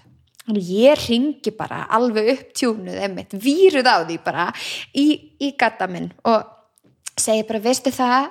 Við erum búin að fá píano bara ég fekk hérna gefins píano og bara sagði hann um alla sóla söguna. Herðu, ringdi viniðina og, og þið kom já, skilur þetta er alveg og ég bara ringdi viniðina og, og við bara, við bara tökum þetta píano við þurfum að sækja það á morgun í hátinu og og hann alltaf bara, nei Rakel. Nei, nei, nei, nei, nei, nei, nei. Það er bara, veistu það þú getur bara glimt því, ég er ekki að fara að bera píano, manni það þarf bara aðtunum inn í það. Bara, þú þarf að aðtuga það það þarf bara, það þarf að vera með sérstakar ólar, það bara, það þarf píanoflutninga menn í það. Þá er ég náttúrulega bara, oh, hvað getur ekki borið eitt pían, pínu svona fóileg nema að hérna síðan náttúrulega bara rettu við atvinnumennum í þetta. Mm. og það kostaði nú alveg eitthvað en þetta var nú ekki gefins. Eh, nema nýja íbúðin sem að við þurftum að fara að láta sækja það til hávars og síðan eh, þurftum við að láta bera það upp á þriðju hæð á nýja heimilið. það er svo leðilegt sko. herðu, þröngur stegagangur og þetta gamla píano risa og bara, ég veit ekki hvað það er þungt þetta er bara eins og hald á hestið eitthvað, þetta er bara alveg fáranlega þungt. Og þeir voru þarna fjórir að bera þetta upp. Og ég vorkendi þeim svo mikið ég bara, ég fó næstu því að gráta einhvern veginn yfir þessu af því ég bara, ég trúði ekki, ég væri að láta og gera þetta. Mm. það var svo þungt og þeir voru að mér fannst næri dauða en lífi á tímabili. Það bara þeir stoppuði þannig miðjum tröppunum bara og ég sá bara einhvern veginn þau voru rauðir í framann og komust alla fyrir á stegaganginum og ó, hvað mér leiði illa. Mér leiði svo illa og ég hérna stóð þarna hjá bara eitthvað að reyna að vera eitthvað jákvæð eitthvað, skilur, bara svona áfram, ó nei. Og síðan komist þér upp með þetta píano og ég allt í hennu var bara með miklu minna af peningun en mér langaði. Þú veist, ég var búin að ákveða hvað ég ætti að borga fyrir þetta en ég var bara til í að borga bara helmingi meira og bara ég átti að taka miklu fleiri meiri peninga út af bankanum og, og bara eitthvað svona. Og, og hérna uh, já, þannig að þetta var alveg heil mikið mál, ég lærði það að það er ekki til sem heitir ókipis piano og það er bara er daldi mál að bera piano eða færa, færa það milli húsa. Þannig ég held að þetta piano við þurfum bara að sjá til hvort að það fylgir bara íbúðinu þegar við seljum. Uh, en síðan það finna var að þetta við vorum ekki vorum alltaf byrjuð að, að rústa íbúðinni. Þannig að þetta piano var einhvern veginn fyrir allan tíma þetta fyrsta sem komin í íbúðina var risa piano sem við þurftum alltaf að vera að færa til á milli herbergja með. Við vorum að mála og rífa parkett og gera og græja. Þetta var bara svona eins og okkur fíll í herberginu en notið noti píanóið?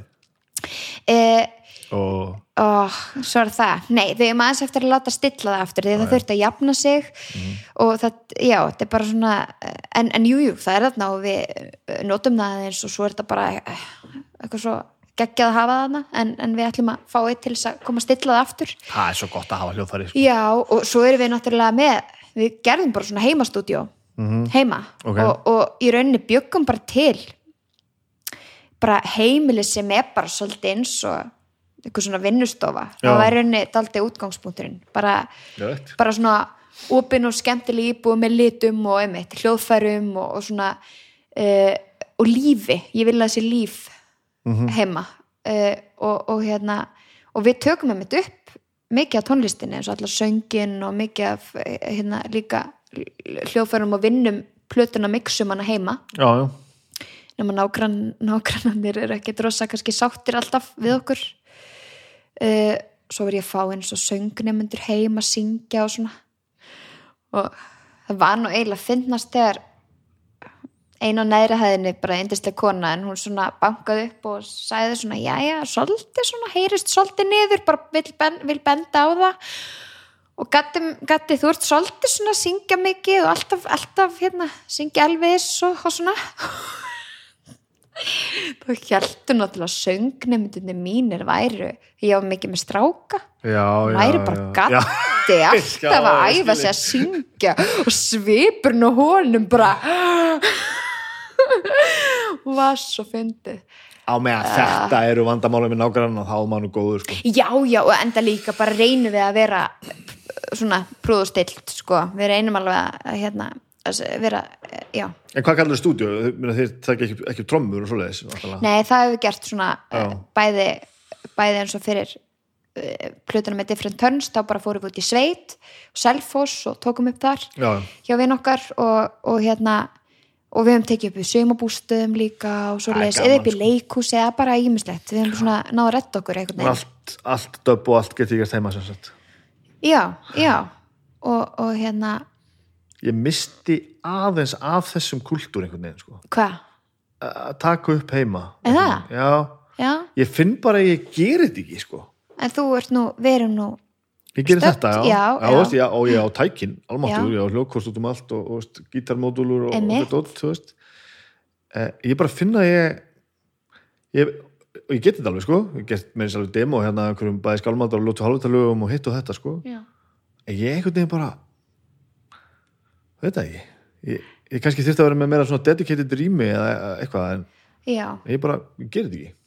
En finnst þið líka kannski bara gott að fara eitthvað mér og vinna? það, mér finnst það gott sko. Já, já, já, af því að það er alveg þetta hefur náttúrulega sína kost og galla því að maður er einhvern veginn alltaf með vinnuna heima á sér. já, einmitt. það er líka alveg getur verið eh, einhvern veginn óþægilegt líka. Þannig að draumurinn er bara að opna stúdíó einmitt, Já. bara kaupa atvinnuhúsnæði og gera það einhverju og, og sem að var hægt að leiði út líka og svona. Mhm. eh, svo er annar draumur náttúrulega bara að flytja á Eirabakka eða eitthvað út í sveit. Og bara, og bara vera með alveg sér stúdjó uh, þannig að hérna þetta er eins og við keftum íbúð alveg á besta tíma. Þannig að 2020 kringum oktober og, og svona mánuð síðar þá bara ríkur fastegna verði upp. Og núna náttúrulega bara í dag ég held að við séum búin að ávaksta fyrir 15 miljónir eða eitthvað bara á þessu Já, þetta er ári, skilur þetta er algjört rugg þannig að og svo sér maður svona einbilshús og hús í, hérna e, svona aðeins fyrir utan Reykjavík og, þau eru Já. alveg töluvert öðru ver, í öðrum verðflokki þannig að það er líka alveg svona hugmynd einhvern tímann kannski. Fara bara í sveitina. Gera þetta alvöru einhvern veginn tala um stúdíó, stúdíómálin, stúdíóið, já, bara komið sér upp bara, bara geggjaðir í vinnaðastöðu og svona. Uh, já, en Ertu, ertu, ertu góð í teknímálunum?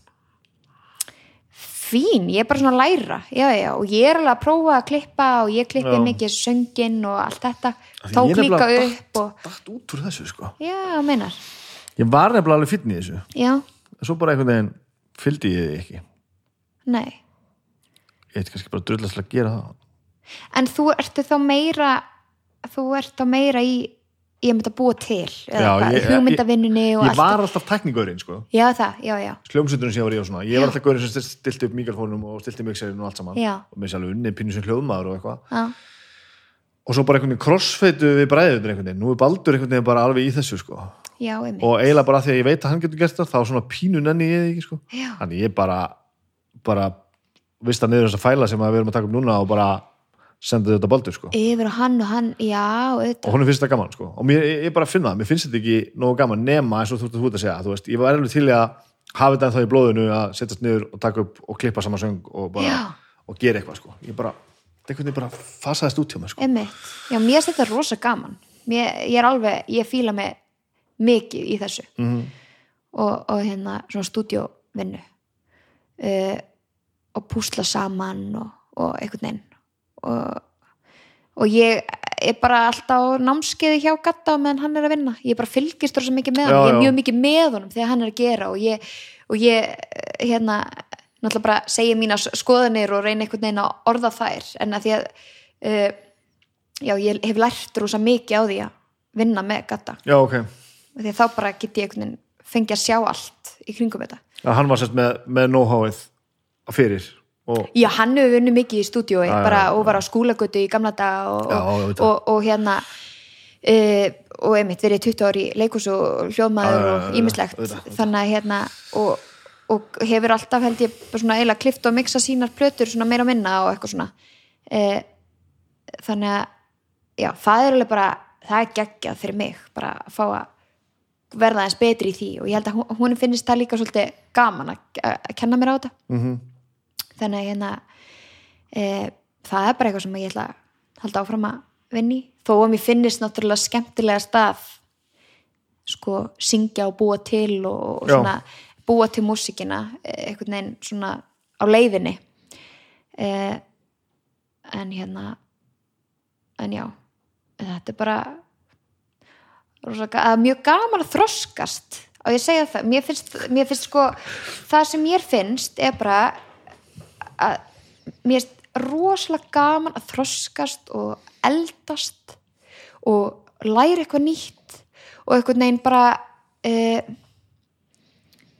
já, bara læra smám saman að hvíla í sér og bara lifa lífinu og bara uh, ég veit ekki vera svona þakkláttur og fyrir að bara fá að vera í þessu ferðalagi, á þessu ferðalagi -hmm.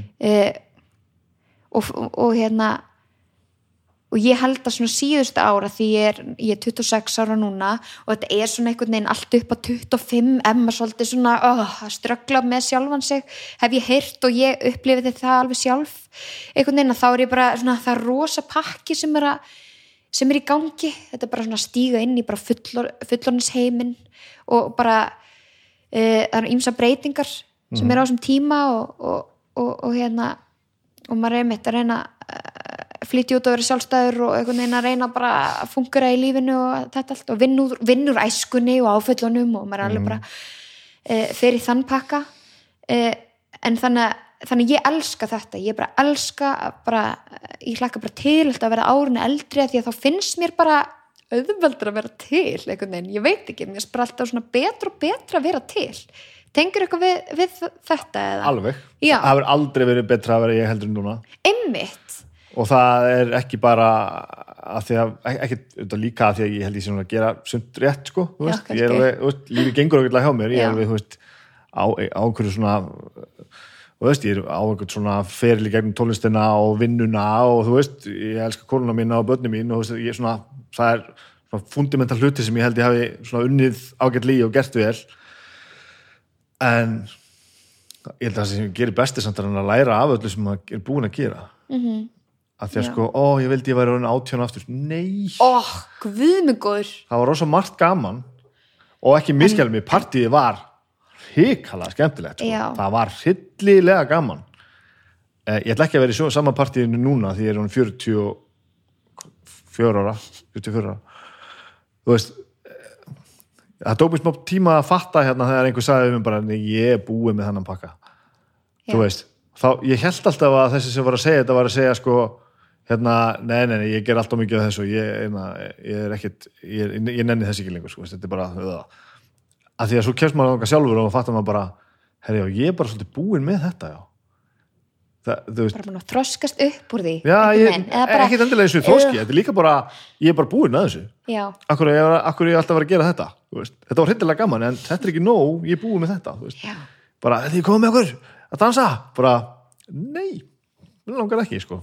nei, ég er búinn að gera það búin að gera já, á, það var gaman en á, ég ætla frekar að vakna morgun og gera þetta hér í staðinn sko. það já. að já, og því að síðan líka verður maður held ég að vera að því að, æ, það er bara þannig maður hefur náttúrulega gert ímislegt og oft séð eftir einhverju eða einmitt, bara reykið sig á og allt þetta að, að það sem ég er líka daldi að reyna að læra núna það er að, fyrirgefa sko svolítið svona fyrirgefa líka sjálfum sér bara fyrir mistökin og, og bara svona uh, ægi bara festast ekki í því að, að, að, að gráta fortíðina eða ægi einhvern veginn vera með að mögulegt að gera betur já, eða gera öðruvísi eða, eða ef maður hefur svikið einhvern eða ægi skilur bara gert mistök og verið mannlegur og breyskur og eða bara einmitt verið að sull of mikið og drekka of mikið og, og maður gerir eitthvað heimskulegt og, og svona. Og að, eða er ekki á góðum stað eða eitthvað svona. Að, að maður þarf líka síðan bara að reyna að fyrirgefa sér það einhvern veginn. Og, bara, og, og halda síðan bara áfram og læra því. Og mér, þetta og að ég, ég kom inn á þann ég var svona reið og svona. Og, og þannig að ég var ekkert já það, það var ekkert allt fullkomið sem ég gerði skilur Ma, maður gerir ímislegt sem maður einmitt sér eftir eða, eða hérna, ég var ekkert alltaf á svakalega góðum stað að því ég bara var svona að læra inn á mig og, og, og, og einmitt þessi svona kannski áfengisnisla og svona hjálpaði mér ekki. Eh, en þá er það bara einhvern veginn að eh, að ég bara sjá eitthvað fallegt, hvað kemur fallegt út úr því? Að maður allavega, maður fær einhverjar gjafir, það er lærdómur og þroski og allt þetta. Og síðan bara áttar maður sér betur á því hvernig manneskja maður vill vera og bara Svo áttum maður að sjá því hvernig maður vill ekki vera. Já, na, já, með því að einmitt, stundum með því að vera bara einhvern veginn eins og vilt ekki vera með því að prófa það, þá veistu allavega uh, hvað þú vilt uh, og, og hérna og, og, og eins með þetta bara að láta vaða, prófa bara og í vestafalli fariðu nei eða vestafalli það er ekkit, er ekkit træðilegt sem gerist hérna uh, þú gerir mistök og að þú gerir mistök að þú stígur á einhverja tær eða, eða gerir eitthvað sem þú áttir ekki að gera og bara e, rekur þið eitthvað á eða hérna, miskilur aðstæður eða eitthvað svo leis að þá bara að þá finnst mér eiginlega bara best að, að hérna byggjast þá bara afsökunar því bara, og bara vá og hérna læra af því. Maður þarf að leifa sér að vera fíbl og fáviti stundum eða þarf að segja maður þarf að e,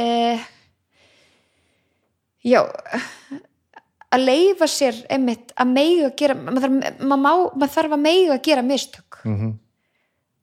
að því annað er svo heftandi og hræðilegt ef maður, maður fer inn í allt og, og maður þorir ekki að mistiga sig ef maður hrættur við það og hrættur við mitt bara, ma maður þá fyrir maður ofhugsa mitt, hvað finnst þessum og, og hvernig get ég haldið utan um alla og hvernig get, maður verður bara að prófa og, og, og hérna og reyna síðan bara uh, reyna sitt besta einhvern veginn.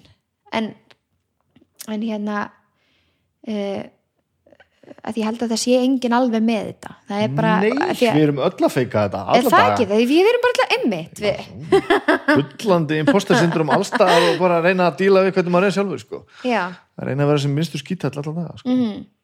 Eitt með þetta með reyðina já, hvað hérna veit maður að maður er reyður að því að þú veist ég er aðeins að leggja þetta hérna ofan á þetta sem að ég, ég er búin að tala um samt við kvíðan hjá mér sko. Já, að ég einhvern veginn sko þurfti alveg svolítið aðdragan til að koma staði að, að, að þetta var ekki eðlilegt sko. Mhm. Veist, hvaða ferill var þetta svona eftir að þetta byggir svona mikið upp í þér og, og hvernig áttar þið á því og hvaða leið fyrir þetta svo? Það ég held að ég hafi eiginlega ekki átt að má því fyrir en bara löngu setna skilur þau fyrir en að bara ég er að því að meðan á þessu stóð þá bara, þá var þetta bara svona einhver stór tilfinning sem ég náði ekki utanum já, þá var, þá var þetta bara og, og þetta, þetta er ekki eins og ég sagði áðan, þetta er ekki eins og ég hafi bara verið reið, en það var bara þessi undirliggjandi svona einhver svona ólga í mér og einhver reiði bara yfir því að, að, að lífið væri ósangjant eða mér fannst bara eins og einhvern veginn lífið hefði brúðist mér á hvern nátt uh, og, og hérna þannig að þetta var pínu svona uh, já, það kannski sneri svolítið um það einmitt að, að, að, að ég skildi ekki alveg tilgangin með þessu öllu og bara, var bara svona ég, já ég, þetta er alltaf erfið spurning að ég held samt að ég, hef, ég, ég held í alveg en ég hafa ekki alveg gert mig grein fyrir því að því ég var bara inn í einhverju svona inn í einhverju tilfinninga bublu, bara ólgu inn í mér. Eh, og, og hérna sem að kom síðan bara svona upp og niður. Þetta er einhvern veginn bara eh, ég var rosa reið fyrst og síðan einhvern veginn kemur svona lægð og maður svona aðeins hérna nær eh, nær að gleyma sér einhverju öðru og held áfram og síðan bara einhvern veginn blossar þetta aftur upp setna og, og að því maður nær ekki að vinna úr því mitt. uh, þannig að hérna þannig að þetta er bara já þetta er bara eitthvað sem ég bara fattaði lungu setna og eftir ég fekk bara aðstof bara eins og ég sálfræðingi líka og svoleiðis. Einmitt eins og þú sagðir bara á þann að ma maður þarf stundum eitthvað svona annan til þess að benda sér á hlutina. Maður er svo samdöðuna sjálfur. maður verður svo samtíma Ég, ég fatta þetta í- og og eiginlega bara þannig síðasta árið sko. það sem ég er alltaf átt að með það betur og betur bara hvað hva, veist, hva, hvað, hvað þetta hafði mikil áhrif á allt sko. að því ég hafði lenga samaburð þetta bara svona smátt og smátt var ég bara eitthvað svona, svona kvíðabolti. Þú veist og svo bara svona þegar það er búið að taka þetta í sundur og mann er svona, þú veist, mann er bara fjarlæðist þetta aðeins þá bara svona horfi ég á fullt af hlutum sem að, maður er bara að gera ekki um tíðin og bara þetta litar allt þetta var alltaf þessi tilfinningu undir öllu sko. og ég er alveg pínu enn skilur, þetta hverfur held ég aldrei alveg Nei. sem er bara allt í lagi já sem að maður verður líka einmitt bara taka utan um það bara ok, þetta var bara svona og hvernig ætla ég síðan að halda áfram með alla þessa með bara eh, þessa fortíð og, og, og, hérna þetta er bara, við, við getum ekki stjórnað lífinu. En fórstu markvist í það að þú veist, losaði við eitthvað sem var skilgrænt sem reyði? mm, um, nei, nei, ég held að með árunum að þá þetta bara róaðist þessi tilfinning. Svona svolítið að sjálfu sér bara með því að, bara að eh, það er talað um ykkur svona ykkur skref í, í sorginni, það er reyði og það er alls konar tilfinningar svona eh, hérna sem ég mann nú ekki alveg eh, hver skrefin eru en, en hérna en þessi svona reyði svona jafnaðis alveg. Það var svona uh,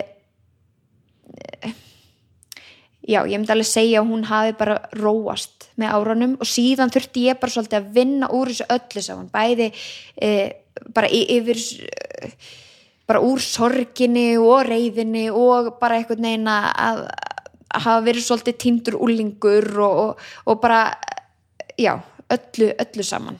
E, og síðan að sætta mig við það að lífið er bara eins og það er. Og, og hérna ég get ekki það er ekki að ég get ekki styrti og stundum er það ósangjant en síðan er það líka bara þannig að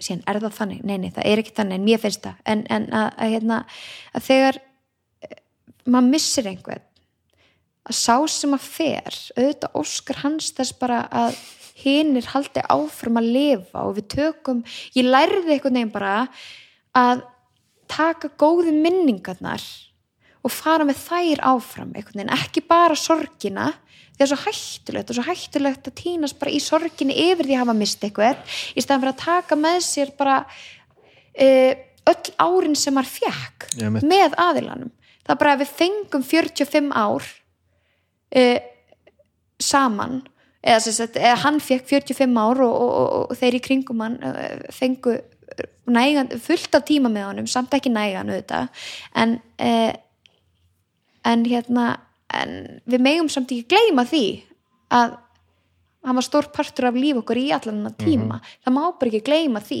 Gleyma minningunum hann og, og minningum fólki okkar og, og þannig að ég er svona ég held ég að bara þurfti svolítið að sætta mig við það að lífið er alls konar og Já, það er þessi aðeins, og já. já og, og við erum bara við einhvern veginn fæðumst og það mun allir degja á endanum.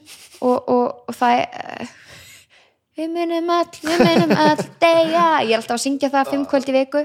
En það er bara þannig að að við munum öll degja og, og, og, og vonandi bara, maður bara heldur í voninu um að maður fái nú að lifa góðu lífi og, sem lengst og sé heilbrigður og allt þetta. Mhm. eh, en ég veit ekki, ég held að maður bara læri þetta smám saman veginn. Með, já, með því ég- bara eh, þetta er svo erfitt að því að svo höfum við mist sko eh, hérna aðra mannesku sem að og nokkrar í kringum okkur sem að eru mjög mikilvægar fjölskyldunni.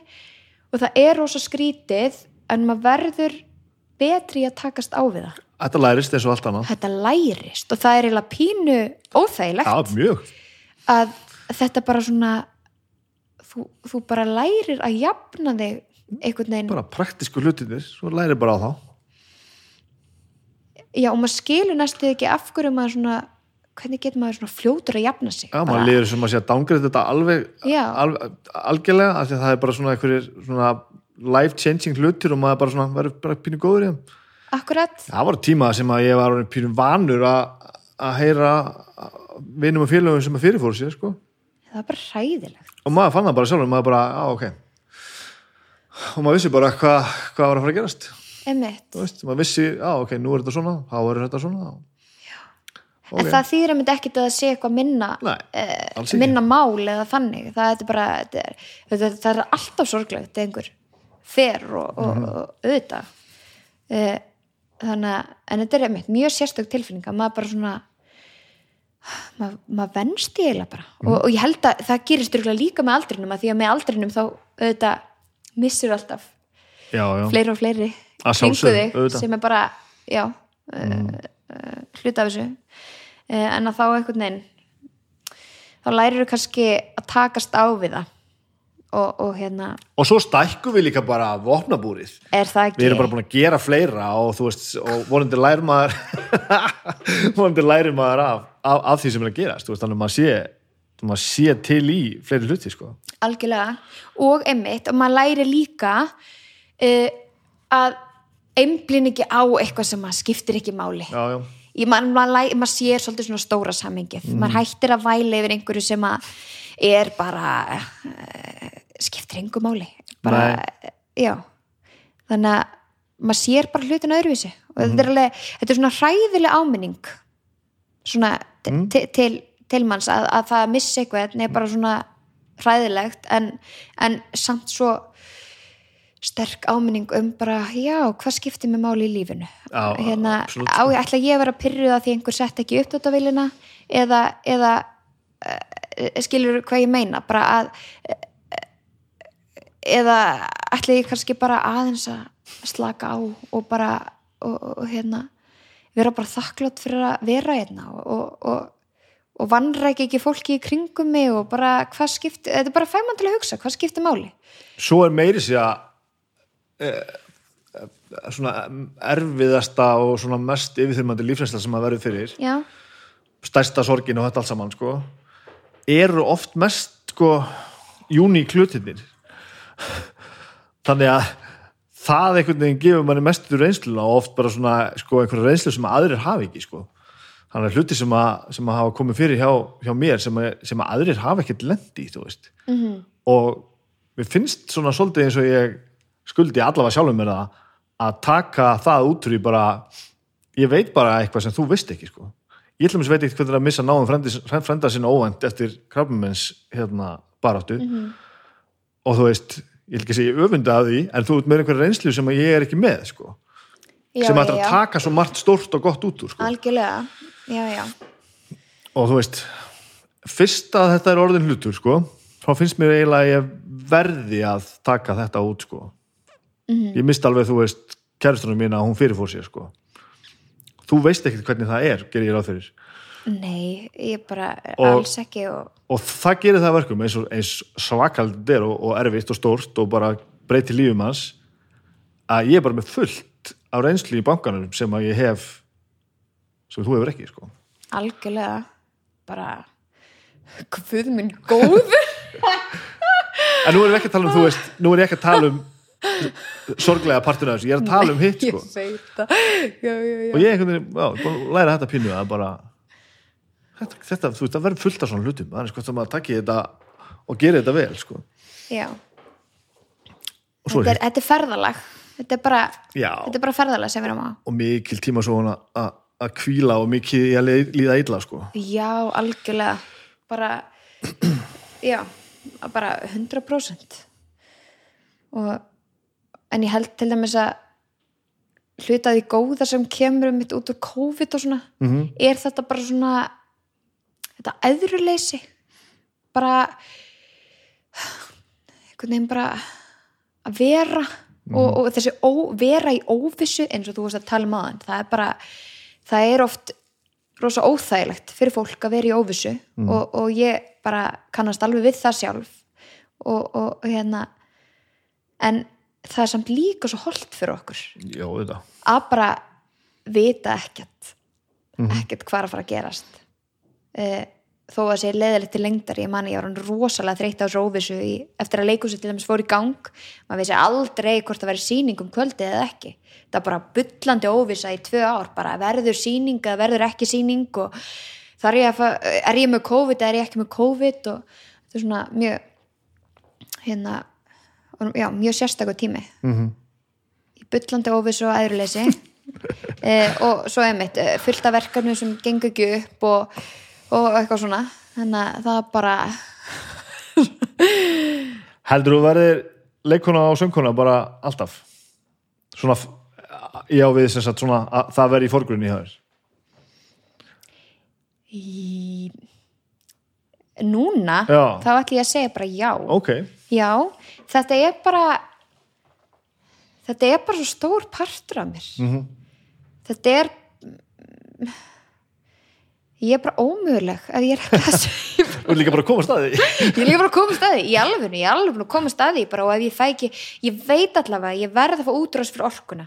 Og meðan ég hef eldin uh, að því að meðan maður er all- allavega ennþá ungur ég veit ekki hvernig ég verð eftir 20 ár kannski hef ég ekki þennan eld þá eða eitthvað svoleiðis en, en, en allavega núna þá bara, þá bara verð ég að nota nota orkuna mína í eitthvað, í eitthvað skapandi og, og hugsa og, og, og búa til og, vera eitthvað inn í líkam nota líkamann eh, og, hérna og mér finnst líka bara svo ótrúlega gaman að segja sögur af fólki. Mér finnst það bara, það er eitthvað og segja sögur með öðru fólki eh, bara það er það er bara svo gefandi og áhugavert, ég bara elska það. Veist, ég elska rannsóknarvinnuna og ég elska hvað þetta er hættulegt. Það er svona eitthvað í manni, en þetta er bara ég, ég þetta er svona eitthvað, líka eitthvað spenna og þetta er eitthvað orka og, og, og, og, hérna og, og, og maður er að fara inn í alls konar tilfinningar og mér mér finnst þetta bara eh, rosalega gaman. Eh, það er eiginlega bara þannig. Þetta, mér finnst þetta eh, ég fæ rosalega mikið útrússu og, og mér finnst líka eh, ennþá meira gaman ef að, ef að hérna, maður getur haft áhrif ef þetta, þetta næri allavega einum eða einum þá einhvern veginn er markmiðinu náð að bara þetta snerti einhvern. Eh, en þá verður það líka að snerta mig.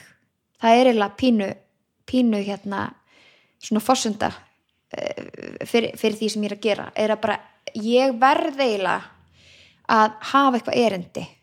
Mér finnst rosa erfitt að vera í verkefnum þar sem ég finn ekki einhvern veginn uh, hvert erindið er. Bara gerist það oft?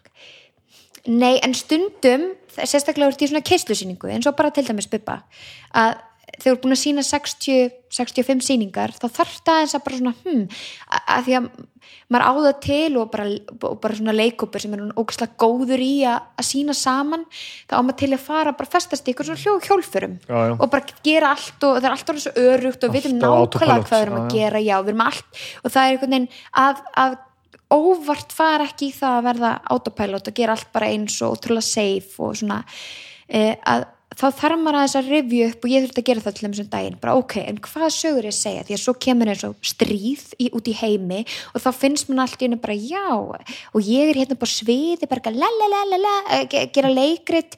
Uh, hvað er það? Er það, er það bara í lægi eða það, er, skiptir það einhverju máli í stóra saminginu mann man einhvern veginn finnst það allt í hennu vera bara ekkert eh, já, ekkert rosalega einhvern veginn merkilegt í samanbyrðu við allt bara sem er að gerast í heiminum. Uh, og, og hérna þá þarf maður að finna finna líka erindið, bara ok, ég er líka ekki bara að segja sög af Bubba Mortens. Af því að þegar Bubbi Mortens er svona hverstastlegur fyrir manni, maður er alltaf með honum þá, þá þá, þá hérna, við hafa bara eða mjög miklum tíma með, með þessum hérna, stórkostlega uh, karakter uh, að þá er hann orðin venjulegur fyrir manni já, já. þetta er svo spe- spes að því að hann fyrst var þannig bara svona eitthvað íkon og, og svona ósnertanlegur daldi og svo erum við bara orðin e- einhvern veginn fjölskylda þarna, hann með okkur og, og þá er það orðið svo að, þannig að þá þarf maður að e, búa til einhvern veginn að minna sig á fyrringin líka bara. Að bu, bu, búa til hérna aftur e, eitthvað svona Bubba Mortens e, spennu e, eld e, kveiki honum. Og, og þetta að við erum ekki bara að segja sögu Bubba Mortens. Mhm. við erum að segja sögu sem að aðri geta spekla sig í, við erum að segja sögu þjóðarinnar, við erum að segja sögu fyrir öll börnin. Ég er að leika unga reyðabubba eh, ég er ekki bara að segja söguna bubba, fyrir mér þá er ég að segja sögu fyrir öll börnin sem að voru uh, sem sagt, uh, lendi í ofbeldi og, og hérna áttu erfiða æsku og bara þetta verður að vera einhvern veginn um, eitthvað eitthvað eitthvað stærra, þú, mér, finnst mér eh, allavega þessum tímapunkti eftir svona langan tíma þá verð ég bara svona, heyrðu, bara við erum að segja sögu fyrir fólkið og, og, við, og, og sagan verður að skipta við verðum að segja söguna saman. Við getum ekki, ég get ekki fyrir að gleyma mér í því að bara, vá, ég ætla að vera bara æðislegi kvöld og, og ég, ég, ég ætla bara að vera frábær ungi bubbi og ynga og þetta bara, þetta þetta bara máilega ekkert fara að snúast um það. Eh, að því að þá gleymi maður daldi einhvern veginn erindinu og tilganginum sem er að segja segja söguna af Bubba Mortens en líka segja sögu eh, þessara barna sem að lendi í svona og segja sögu af, af listamanni sem fer í gegnum þennan, þennan spíral og, og, og, og hérna eh, og, já og bara og rifja upp alla þessa tíma sem að fólk upplifið og þessi tímabil og mér finnst þetta bara svona ég er allavega ennþá rosa svona heilluð af leikúsforminu sem að hjálpar. Eh, sérstaklega þú ert í svona kistlu eins og þessari, þú ert að leggja einhvern veginn bara, það fyrir allt í þetta og maður er alveg búin á því daginn eftir og, og stundir það maður að sofa 13 tíma á eftir og þetta er alveg svona þetta er, þetta er rosa vinna og átök og þá finnst mér ég bara þurfa að hafa eitthvað ég þarf að hafa eitthvað að segja og ég þarf að hafa drifkraftin til þess að gera þetta og ég þarf að vilja segja þessu sögu, ég fer ekkert bara hálf inn í þetta, þetta maður þarf að fara alla leið. Það er bara ekkert annað, eða í þessar sýningur að minnst að ekkert annað í bóði svo er ég auðvitað bara með landsliði með mér þarna, Mhm. þetta er bara frábæri leikarar og rópur náttúrulega. Smakalegur hópur og fyrir mig ég er bara þetta er þetta bara stórkostlegt að fá að vera með þessum flottu leikurum og sviði og svo mikið lærdómur og, og, og hérna ég mani mitt þegar ég fór inn til eh, hérna Kristínar Eistens á sínum tíma og þegar þessi hugmynd kom upp með Bubba þá er ég bara nýbyrjuð að vinna þarna en en ég svona labbaði eins fram hjá skrifstofunni og sagði svona hæ, hérna ég vildi bara láta að vita ég er aldrei Bubba fan. Svona bara. Spilaði svo þetta ég er svona, ég er svona hérna blikkana og bara já, ég ég er svona Bubba fan vildi bara segja þér frá því? Ok bye. Bless bless, takk fyrir. Bara. Og, og hérna en, en svo kom nú ljósa að það var nú alveg eh, var nú alveg eh, hún var nú byrjuð að hugsa inn í það. Já. þannig að það var bara geggjað. Þannig að við vorum einhvern veginn uh, já hún var með mér í því hún, hún skinjaði að þetta væri kannski eitthvað Ok. eitthvað sem ég væri til í.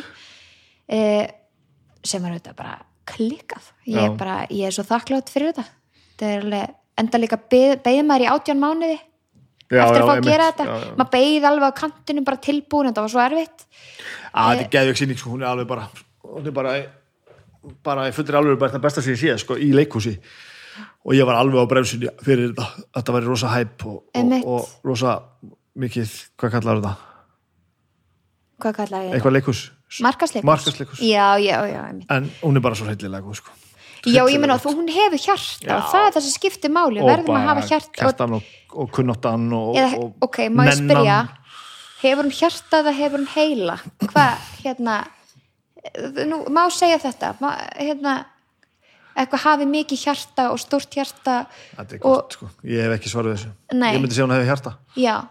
Ég, ég nefnilega, þarna er ég alveg bara í hjartastöðinni. A, eh, en þó svo að kannski líffræðilega sé þetta held svona að sé, heila það er bara, íslensku maðurinn í mér bara svona, já, ég held að þetta lýsir þessu vel að segja þetta af hjarta sko.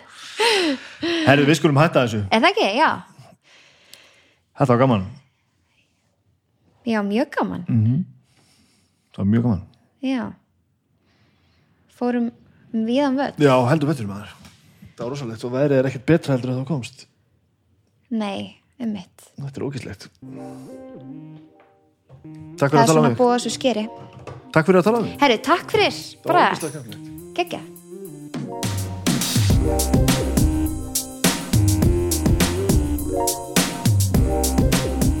Hann var það, komin út á hinum endanum með þetta mál sko. Þarna var nú margt kröfið til mergjar og við þurfum ekkert að fara með held ég dýpra í þetta mál.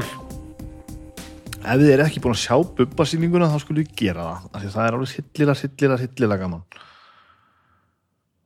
Já, það er mjög, mjög, mjög flott sýning. Það er alveg snildalegt dót sko. Já, Og og óvænt styrluð sýning. Ég Já, ég væri að fara hún- svona, ok, þetta er örgulega góð nefnilega en hún alveg er alveg sko. ofbúðslega góð. eins og mér fannst Ellie sýningin góð og hún var frábær, ekki minnskilum mig, hún var frábær. Þá fannst mér hún samt bara svo, svo og svo góð. Hún bara varð svona fín. Og svo, hún var mjög Já, góð sko. já, já. Hún er svona áferðar feguri. Já, Þetta er svona meira að gerast. kannski er það það kannski er það að það er minna verið að taka tillit sko. Já. Rakkali mig talaði um þetta hérna. Þetta er svolítið in your face sýning, já, sko. bæði er ekki verið að hlýfa gamla kallinum, bubba sjálfum Nei, nei. og alls ekki áhörundum sko. Að Nei, bara snertir á rosalega mörgu. Bara eins og. Bubi Mortens er. Þetta er alls konar. það er alls konar sko. svo minni ég bara á að fara í uh, bæjabíó 7. april og sjá þau spila þar, Rakel og Garðar og já, það er 7. april og miðasala á tix.is takk fyrir uh, sjóvá, takk fyrir Simin Pay takk fyrir Flægur Æsland fyrir að vera með með í þessu hérna öllu saman takk fyrir Agnes fyrir að tala Já, fyrir að tala illa það er góð. og ég held að þessi komið sko Kannski tala eitthvað betur í því næst. já, gerða það endilega takk fyrir þetta, Bara kannski. Bless. bye